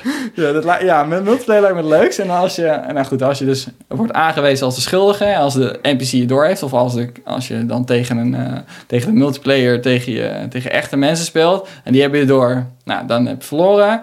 Eh, heb jij gezorgd dat de totale chaos is uitgebroken, mensen zijn dood, er liggen allemaal dingen overal, dan win jij. Dus dat, eh, dat lijkt me lachen. Cool. Ja. Tof. Wel cool. Ja, hoe heette die? Chaos City noemde ik het. Chaos heeft allerlei soorten ruimtes waar je dan chaos kan creëren. Tof. Wat een concept. Ja, ik heb dus eigenlijk niet goed opgeschreven. Maar ik kan het wel soort uit mijn hoofd doen. Ik heb het Oh. één ding, maar dat is meer een soort gimmick. Oké. En niet ehm, uit, ja. ja, nou, ik noem de game noem ik gewoon Inception. Ik steel het gewoon even van de film. Aha. En wat het eigenlijk is, is ehm, in VR ga jij eh, VR ervaren. Oh, ja. En daarin ga je ook weer VR ervaren. Ja. Die game is er al. Maar Ja? niet, ga verder. Ah, Ja, ja, er. Weer. Heb ik het weer? ja. En dus, eh, je, je begint ergens bijvoorbeeld in, je, in een kamer en daar ligt een VR-headset. Nou, die ga jij opzetten. En daar zit je dan in een ervaring of in een game... waarin je dus op zoek gaat naar weer die headset die je dan op gaat zetten... en daar gebeurt dan weer iets. Dit is exact een game. Niet, Ja, het is niet waar. Echt exact. Even kijken, hoe heet die game ook weer? Inception. Nee, nee, nee, nee. Nee, is van de, eh, van de makers van eh, Rick and Morty. Oh, Eh, en die hebben een game uitgebracht. Oh, hoe heet dat ding nou? Oh jongens, ik kom niet op de naam. Maar dat is exact dat. Je begint in een office en dan eh, moet je inderdaad zoeken naar een VR-headset. Die zit in een laadje en dan zit je ergens in een boomwereld. Gaat iedereen tegen je schelden. Moet je allerlei dingen gaan uitvoeren. En dan moet je dus weer zo'n VR-headset inzoeken tot, tot je uiteindelijk bij het einde komt. En zijn meerdere paden en zo. En doe je allerlei grappige dingen in allemaal verschillende werelden. En met VR-sets die je Nee. op je hoofd zet. Het is er. Het is, het is wel leuk ook. cool. Ja, Ja, moet het doen. moet ook wel. We noemen het Inception. We doen het Inception. Johan. Nee, ik, eh, ik heb hem, ja, iets anders denk ik, maar ik was echt ehm, van hoe ga ik een, een normale game vertalen naar VR? Mhm. En het is dus een soort van ehm ja, role-playing game. Eh, maar dan de, de, de setting is van je bent een, eh, een onderzoeker in een, een of ander laboratorium waarbij je bezig bent met dataverwerking, met de verbinding met mensen, met rekenkracht. En dan is er een of andere aanval en dan upload je je als het ware in het systeem. En dan ga je je eigen moord zien op te lossen vanuit beveiligingscamera's en allemaal plekken, zodat jij een zicht hebt op de wereld waar de dader nog is. Oh. Dat is eigenlijk dan het eh, concept. Eh, en ja, daarmee verplaats je dus naar locaties en dat is dan de gimmick. En ik zou het dan noemen een natural intelligent. Natural. En in plaats waarom? van artificial intelligent. Ah, Want dat is wat je aan het zoeken bent. Want jij bent dus de persoon die in het systeem zit. Ja, wauw. Ik hoor allemaal goede concepten. Ik hoop dat er ontwikkelaars eh, of mensen die willen investeren meeluisteren. van, die Ja. kunnen we wat mee. Jij krijgt een belletje van je stilt onze naam. ja, Ja, ja, ja. lawsuit, ja. ja, ja. Oh mijn god. Wat Oh, grappig hè, van ehm, hoe je dan toch binnen hetzelfde concept een totaal andere invulling gaat geven. Ja, Ja, jij gaat de overtreffende trap van wat het is. ja. Ehm, ik ga het dan proberen te vertalen naar een, een, een game die we eigenlijk al kennen, alleen dan toch dat toe te kunnen passen. En ehm, jij leunt dan toch in, in, in het verhaal van dit is de ruimte en dan ga je iets beïnvloeden. ja. Ja, dat is wel cool. Ja, ik heb nog eentje. Het lijkt me wel tof, want ik, eh, ik weet niet, dat is een heel apart verhaal hoor. Maar eh, hebben jullie ooit Postal 2 gespeeld? Eh, Ik ken het wel, Ja, maar nou, ik heb het nooit gespeeld. Nou, het is een heel eh, gewelddadig spel, maar het leuke aan het spel is dat het heel willekeurig is. Dus als jij eh, op mensen afloopt, dan eh, roepen ze dingen, maar ze kunnen je ook overvallen. Ehm, nou, er gebeuren, kunnen allemaal gekke dingen gebeuren, maar je moet ook dagelijkse tasks uitvoeren. Dus je moet boodschappen gaan doen, je melk halen, je moet een paycheck halen bij de bank. En dit soort eh, mundane tasks, eh, van die, van die eh, sleurdingen, hè, die zijn gewoon leuk in VR. Omdat je dan handelingen moet eh, ehm, doen die het gewoon leuk is om met, met je handen te doen. Dus eigenlijk zo'n spel, alleen dan in VR. Dus dat je rondloopt door een stad en je- eh, dan moet je, eh, moet je iets schrijven aan mensen. Je moet eh, melk uit de schappen halen. Gewoon stomme dingen. Het is echt leuk om te doen in VR. Maar dat je ook mensen tegenkomt die je dan gaan overvallen. Want het heeft zoveel impact als jij iemand opeens die voor je staat en een weer, geweer pakt en zo. Je verwacht het niet. Dat, dat zijn gewoon grappige dingen. Dus een soort van wereld waarin je allemaal een lijstje hebt met dingen die je kan doen. Dat, dat vind ik grappig. Ja, Ja. cool. En het leuke ook aan die game is, als je dan in zo'n bank zit, dan kan dan elke keer gebeurt er iets geks, weet je. Dan is er een overval, terwijl jij je paycheck aan het halen bent. Dus dan, dan misschien moet je dan een pistool gaan pakken en moet je tegen de eh, overvaller schieten.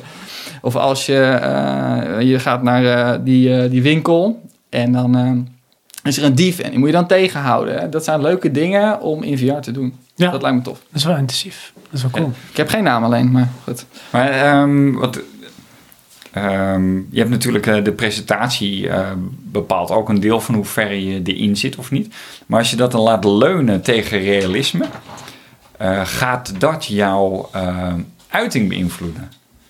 Of je, je gaming, snap je? In, in, eh, eh, in een, neem een random game om dan een pistool te trekken om op iemand te richten. Dat is de game, dus dat, daar sta je niet bij stil. Maar in VR sta je daar wel. En dan zit je er met je gezicht op en dan trek je pistool en dan krijg je vol de reactie van die NPC dan. Ehm, ga je dan iets anders doen? Het is veel meer in your face. Het Ja. komt veel dichterbij. Ja, maar Dan is je reactie misschien anders. Ja, precies. En dan ga, zou je dan ook kunnen gaan dwingen van eh, eh, het goed of slecht zijn. Snap je? De, de meeste games waarin je goed of slecht bent, dan ben ik vooral aan het proberen wat is het effect als ik goed of slecht ben. Ja, ik denk dat eh, hoe immersiever het is, dus hoe dichter het bij de realiteit komt, hoe meer je gaat handelen naar hoe je zou gaan handelen. Ja. Omdat het, het gevolg dan misschien ook prettiger of juist minder prettig is. Als dat het toch een letterlijke fysieke afstand lees jou tot het scherm als je normaal gamed is. Ja, maar heb je dan dus, als je het realisme vergroot, eh, dan kader je je eh, reactie tot wie je bent? Ik denk meer. Juist, of misschien ja. juist niet hoor. Dat je denkt van nou wil ik eens een keer de andere kant ervaren. Maar misschien heb je kleine subtiele fysieke en eh, geestelijke dingen, triggers. Ja. Die je misschien toch een bepaalde kant op sturen die je normaal ook zou doen. Omdat het echter is voor jouw Ja, hersenen, voor je gevoel. ja dat is wel een raar ding. Ja, ik denk ook wel. En misschien, volgens mij wordt dat ook gebruikt. Dit soort dingen kun je denk ik ook heel goed therapeutisch inzetten. Ja, met angst en zo eh, wordt dit heel veel gebruikt. Ja. hoogtevrees, eh, angst voor, eh, voor spinnen of zo. Ja, luister, als Johan stond dus ergens hoog op een soort toren. En eh, daar viel een soort antenne waar op stond, viel bijna Ja. om. En Johan heeft een beetje hoogtevrees, maar ja, ik heb wel hoogtevrees en eh nou, het wordt niet minder hoor. het wordt vooral bevestigd. het, eh, nou, het is wel, dat is wel grappig. Dus, eh, maar hoogtevrees is ja, misschien een beetje raar, dat weet ik niet. Ik weet niet hoe andere mensen hoogtevrees ervaren. Maar ik, ik kan best wel in een hoge toren staan, dat is helemaal geen probleem. Totdat je het raam weghaalt. Dan durf ik daar niet meer te zijn. eh, in die ruimte dan, snap je? En ehm, hier eh, heb ik niet dat eh, concept van raam of zo. Het is dan toch een beetje game, maar oh nee, het is wel hoog. En ja, dan heb ik een, een- het is toch ietsje anders. Maar er komt dus een lichamelijke reactie. Die Ja. komt gewoon. ja, en daar inderdaad. kan je niet ik, ik voel tegenhouden. die, die, die, die van, weet je wel, Ja. die, die angst die voel ik dan eh, erin zitten. Het is niet zo eh, dat ik helemaal bevries of zo, want dat heb ik ook niet met mijn hoogtevrees. Hoewel, ik heb wel eens op, op trappen gelopen en dat je bezig bent van blijft dit wel hangen. Maar ehm, ja, de ervaring is er wel degelijk. eh. Ja.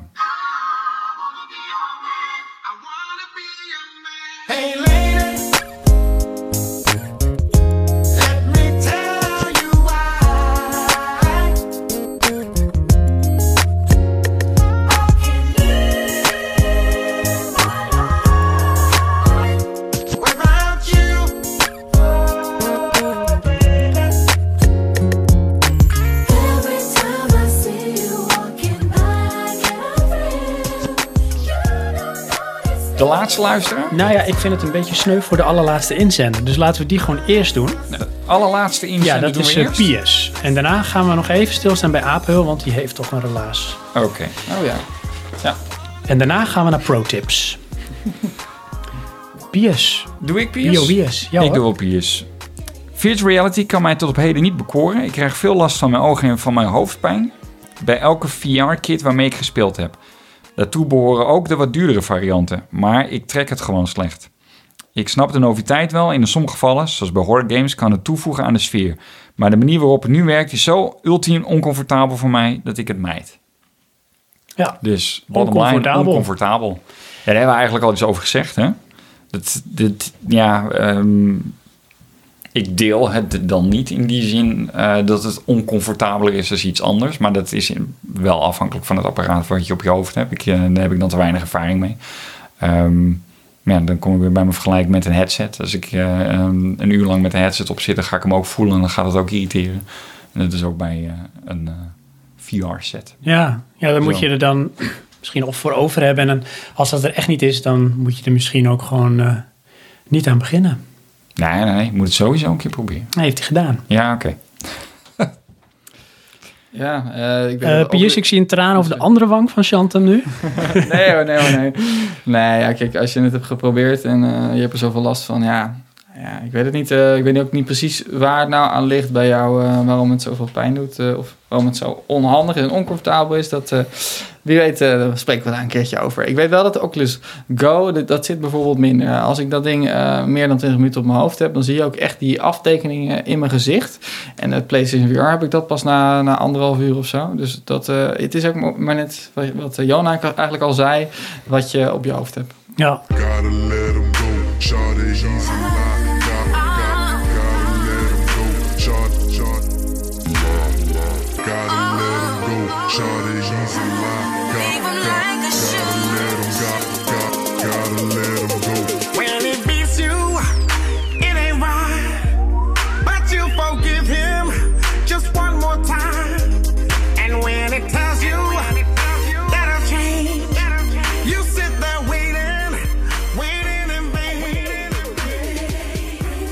Nou, welkom terug. Ik hoop dat jullie thuis ook even gerelaxed hebben. Of misschien heb je snel even een korte VR-sessie gedaan.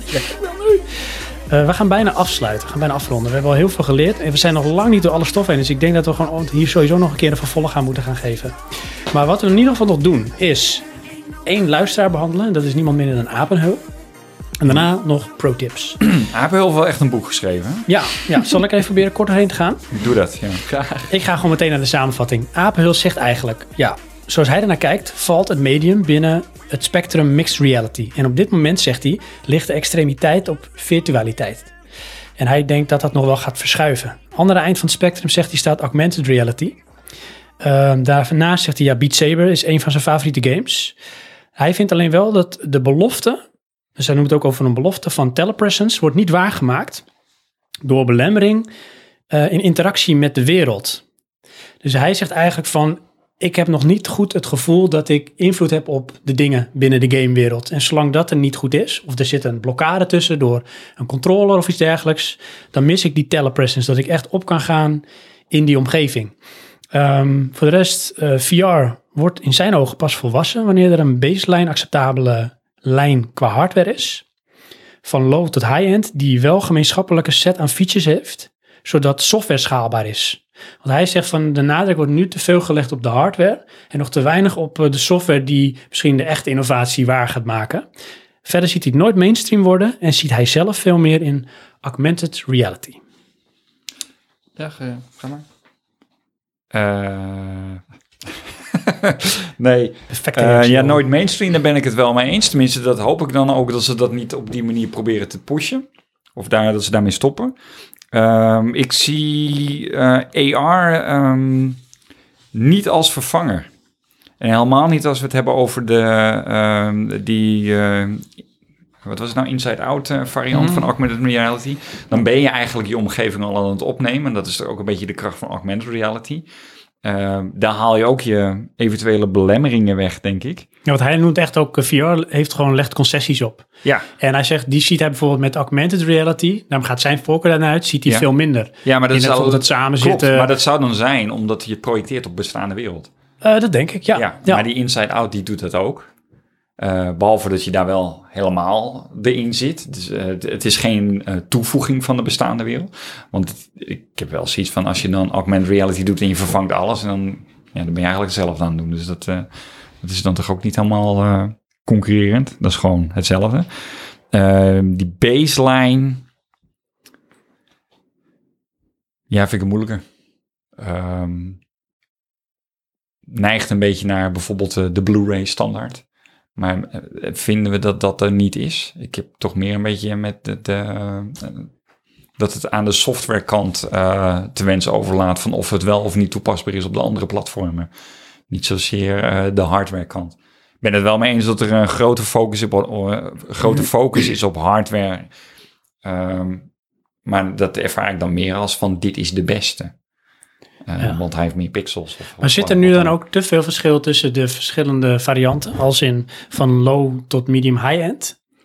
Ja, als je kijkt naar de echt goedkope dingen zoals een cardboard, dan kan je dat gewoon niet vergelijken. Eh, dat is drie graden van vrijheid. Het is, eh, weet je, de 3D is niet spectaculair. Het scherm, je ziet onwijs die screen door. Dus hè, alles wat we net hebben genoemd. we allemaal geleerd ja, hebben. We hebben allemaal geleerd. Dat is gewoon... mini-masterclass. Nee, dat is gewoon, eh, dat is, is het gewoon niet. En als je dan naar een duurdere headset kijkt, dan is dat wel een verbetering. Maar ik denk dat je met wat er nu aan hardware is, dat je best wel die game kan maken die, eh die Apple wil.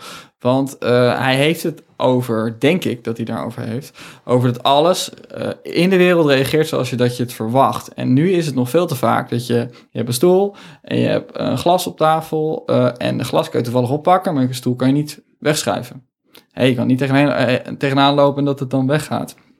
Dus je kan best wel met, met engines, kan je denken, eh, er is volgens mij Boneworks, dat is voor de, voor de, voor de PlayStation, of niet voor de PlayStation, voor de computer die uitkomt. En die heeft een hele goede eh, physics engine erin. En het wordt allemaal zo goed gesimuleerd. Het ziet er ook heel knap uit op de PC wel. Ehm, dat, dat, dat is echt al een hele goede basis voor, voor een game die Apple, denk ik, wil. Nou, hij heeft hier wel heel veel gespeeld, dus ik, hij heeft daar wel zicht op, denk ik. Maar toch, toch denk ik dat dat wel gaat komen, hoor. En eh, dat kan denk ik ook al op deze hardware. Eh, misschien qua graphics, oké, de PlayStation is niet zo heel erg sterk. Maar er kan al heel veel, denk ik. Ja, Dus ze kunnen er meer uithalen ja in de absoluut. verfijning, zeg maar, op basis van de hardware die nu eh, bestaat. Ja, ja, je kan het veel intuïtiever maken nog dan het is. ja. Eigenlijk zou je alles willen zoals bij Job Simulator, maar dan een hele wereld. Van dat je alles kan gebruiken en Ja. doen. eh, ja, dat zou het leukste zijn, zodat je niet... eh, de ene ding kan je wel, de ene deur kan je wel openmaken en kan je iets, met de deurklink iets doen. En de ander is gewoon, wat je ook doet, er gebeurt niks met de deur. Nee. En hij had het ook over bijvoorbeeld, eh nou ligt hier een knijper op tafel. Ja. Dan gaat hij met zijn virtuele hand er naartoe en dan woep, zit die knijper in zijn hand. Ja, En hij zegt van nee, ik pak ja maar dat, eh, dat inderdaad, die, die, die finesses, die, die, eh, die zijn bij sommige games wel aanwezig, andere niet. En eh, bijvoorbeeld bij een geporte game, zoals Skyrim VR, is dat niet. Mhm. Want het, het zou ook onhandig zijn, ook Ja. daar niet van. Want ja, het is enorm veel werk om alles op te pakken. En de PlayStation VR moet je helemaal zien, dus dat is ook niet heel erg handig. En dus je vraagt ook wel iets wat er niet is. Ja, Snap dat je? klopt. Ehm, ik bedoel, de, de- als we het vergelijken met gewone games, die hebben dat ook allemaal niet. Nee. Dus je gaat dan ineens zo'n schaal van realiteit vragen. Ja, die hardware is überhaupt niet. Nee, maar dat is misschien wel in zijn beleving de next step in telepresence. Ja, Opgaan in de wereld, dan moet het zich gedragen als de wereld. klopt. dan- Alleen, ja, ja, goed. Ja, eens. Dat is zo. Ja, dus oké, je zou het kunnen oplossen door niks in je wereld te plaatsen en het Dat is minima perfect. minimale te gebruiken. Of je hebt gewoon geen ledematen. Je hebt nou, misschien alleen een paar benen. of je bent, alleen een, je bent alleen een romp, dan kan je rollen. van die stompjes naast je. Ja, dat is de Dan oplossing. noem je het romp simulator. Apenhul, we hebben een game voor jou. Ja, je zit in een soort witte kamer en je bent zo vastgebonden. je kan helemaal niks. Oh mijn god. Ja.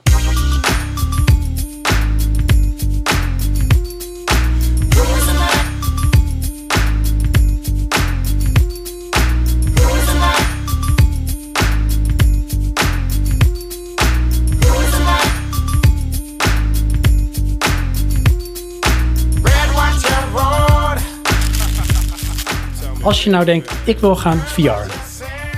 Hoe begin je? Hoeveel kost het? Wat zijn je beste games? Waar moet je op letten? Elaboreer. Neem ons mee. Ja, nee, tuurlijk. Ehm, nou, eh, allereerst zou ik willen zeggen, wil je beginnen met VR, ga dus eerst kijken bij mensen. Ga misschien dat een vriend of iemand in de buurt het heeft, of misschien dat eh, je lokale mediamarkt eh, iets heeft staan. Ga daar eerst checken, want misschien denk je van, nou, ik ben niet onder de indruk. Eh, het is, als je een eh, beetje kwaliteit wil, ben je wat geld kwijt. Want je kan wel zo'n eh, zo'n cardboard kopen en je telefoon erin in doen, maar dat is gewoon niet te vergelijken. Is dat ook zeg maar de verkeerde instap om te ervaren van, oh, maar dit is dus VR. Nou ja, eigenlijk wel. Eigenlijk word je daar denk ik door teleurgesteld omdat het er niet echt goed uitziet. En je hebt, je hebt nu Labo VR. Het schijnt wel oké te werken. En die reviews zijn best nog positief. En het is grappig als instapje omdat ze een klein stukje pakken. Een soort van gimmick van het, het schieten. En dat werkt dan wel goed. Dus da- dat zou dan nog een iets betere vergelijking zijn. Maar ook niet echt. Het eerste product wat ik zou willen aanbevelen als je nou maar zeggen erin stapt. Wat nog ook redelijk goedkoop is. Is, ehm, nou het ligt aan wat je wil. Als je films ervaring wil hebben, dan zou ik een Oculus Go nemen. Of eh, misschien een Oculus Quest, die kan dan wat meer. Maar een Oculus Go, die zal wel in prijs worden verlaagd. Eh, Die is nu rond de 200 euro. Als de Oculus Quest, de vervolger hiervan, zo meteen uitkomt, dan ga ik ervan uit dat Oculus Go eurotje voor 100 wordt of zo. En dat is perfect voor eh, films, eh, voor ervaringen als dat je in een schilderij kan stappen of je, eh, je kan je verplaatsen in een baarmoeder. eh, of je, het zijn hele grappige, gekke ervaringen die je kan meemaken. En er zijn er ja, heel veel van. Dus dat is leuk. Goede kwaliteit qua beeld. Maar dat is dus drie graden van vrijheid. Je kan niet naar voren, niet naar achter. Maar het is een leuk instapmodel. En eh, nou ja, video's zijn ook heel mooi op. Tweede wat ik denk van, nou, wil je iets meer en je hebt al een PlayStation? Ja, dan zou ik toch voor de PlayStation VR gaan. Ehm, met de Pro heb je dus nog iets betere grafische kracht in je games. Maar PlayStation is al, eh, ja, naar mijn idee, kan je daar al zoveel leuke dingen op. En is het niks voor je? Misschien dat je dan nog, eh, ja, dat er een ruilpolicy is of zo. Want na een weekje denk ik dat je al een beetje kan bepalen of het wat voor je is. Ga het niet maar één uur proberen eigenlijk, want het is eigenlijk nog net even te kort. Heb je een computer? Dan, eh, ja, dat is even afhankelijk van wat je wil. Als je, laat maar zeggen, niet te veel dingen wil opzetten, is de mixed reality, de tracking is iets minder. Maar bijvoorbeeld een Le- Lenovo Explorer of een eh, Samsung Odyssey, dat zijn apparaten die zijn redelijk, eh, de ene, De ene is wat duurder dan de ander, maar die zijn heel makkelijk op te zetten, omdat die, die hebben die mixed reality tracking. Dat is ook inside-out. Dus je hoeft niet allemaal kastjes op te gaan zetten en zo. Dat, dat wijzigt best wel voor zich. Dus dat is een voordeel. Maar wil je perfect getracked worden, zoek dan een, eh, een Vive of wat er gaat uitkomen, de, de, de Valve eh, Index. Hè? Dat is een nieuwe, een nieuw apparaat van Valve. Die heeft ook die, eh, die, ja, die doosjes die je neerzet om je perfect te tracken. Ehm, ja, wat nog gaat komen is de, Oculus Quest. Dat is, laat maar zeggen, die Go. Alleen dan, eh, dus die zet je makkelijk op je hoofd. Is mobiel, heeft geen computer nodig, heeft niks nodig, zet je op je hoofd. Je hebt ook controllers die helemaal alle kanten op worden getracked. Die is heel erg, eh, heel erg goed wat betreft eh, ja, dat er weinig frictie is om dat ding op je hoofd te zetten. Maar het is wel een apparaat wat in Amerika al 400 euro kost. Dus dat ga, ik ga ervan uit dat er minimaal 100 euro bij ons opkomt. Want dat is meestal zo. Waarschijnlijk kost het 500 euro of 450. Dus dat is wel een investering. Wil je het goedkoop houden, kun je dus voor de PlayStation VR gaan of voor die Oculus Go. Als je al een super PC hebt en je wil niet veel uitgeven, dan zijn er goedkope mixed reality eh, headsets. En anders ben je 400, 500 euro kwijt voor een, eh, voor een, eh, voor een Rift of voor een, een Vive. Perfect. Dat is de En samenvatting. voor ieder wat wils. Ja. En als je nou denkt van, ah, mijn bankrekening gaat nooit op. De cream of the crop, wat koop je dan? Dan wacht je. Ja, dan wacht je. Dan wacht je, denk ik, op de, de Valve eh, Index. Dat schijnt een hele goede te worden. Je hebt een Pimax. Die heeft die, die hele grote graden. Dat je sorry voor de P. dat is Explosives. explosive. Ja, die, is, die, die heeft dus een enorm field of view. Dus je kan echt eh, bijna normaal, zoals je normaal zou kunnen kijken, kan je met dat ding. Dat is echt een hele goede ook. Ehm, of wat er ook aan zit te komen is de HP Reverb. Heeft een hele goede, de beste resolutie tot nu toe. 2160 bij 2160 per, per oog. Dus dat is, eh, ja, bij elkaar staat 4K, maar ja, 2K per oog. En dat schijnt heel mooi te zijn. Dus dat is wel echt de cream of the crop, maar dat is er nog niet. Nee, dus daar moet je nog even op wachten Ja. dan. Ik vind goede pro-tips. Denk het Ik ga wel. naar de winkel rennen, denk ik. Ik eh, naar huis een ding opzetten. Ja, je denkt van, wat heb ik, waarom heb ik het zo genegeerd? We hebben het.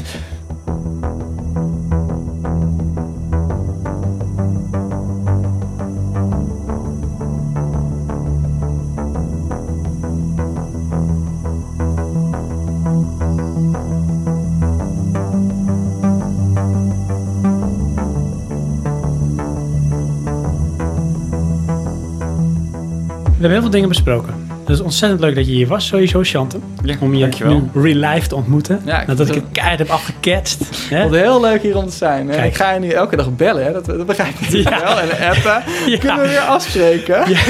Ben je toch een beste vriend geworden. En, ehm, maar we hebben nog zoveel dingen niet besproken. Dus ik denk dat we hier nog wel eens een keer een vervolg aan geven. We laten het nu even lekker landen. Kunnen mensen er echt wat van vinden. Ik zeg luisteraars, hopelijk hebben jullie eh, wat meer geleerd over VR. Zijn jullie enthousiast geworden? Of misschien juist niet. En verder zou ik willen zeggen, ja, wie zijn wij Johan?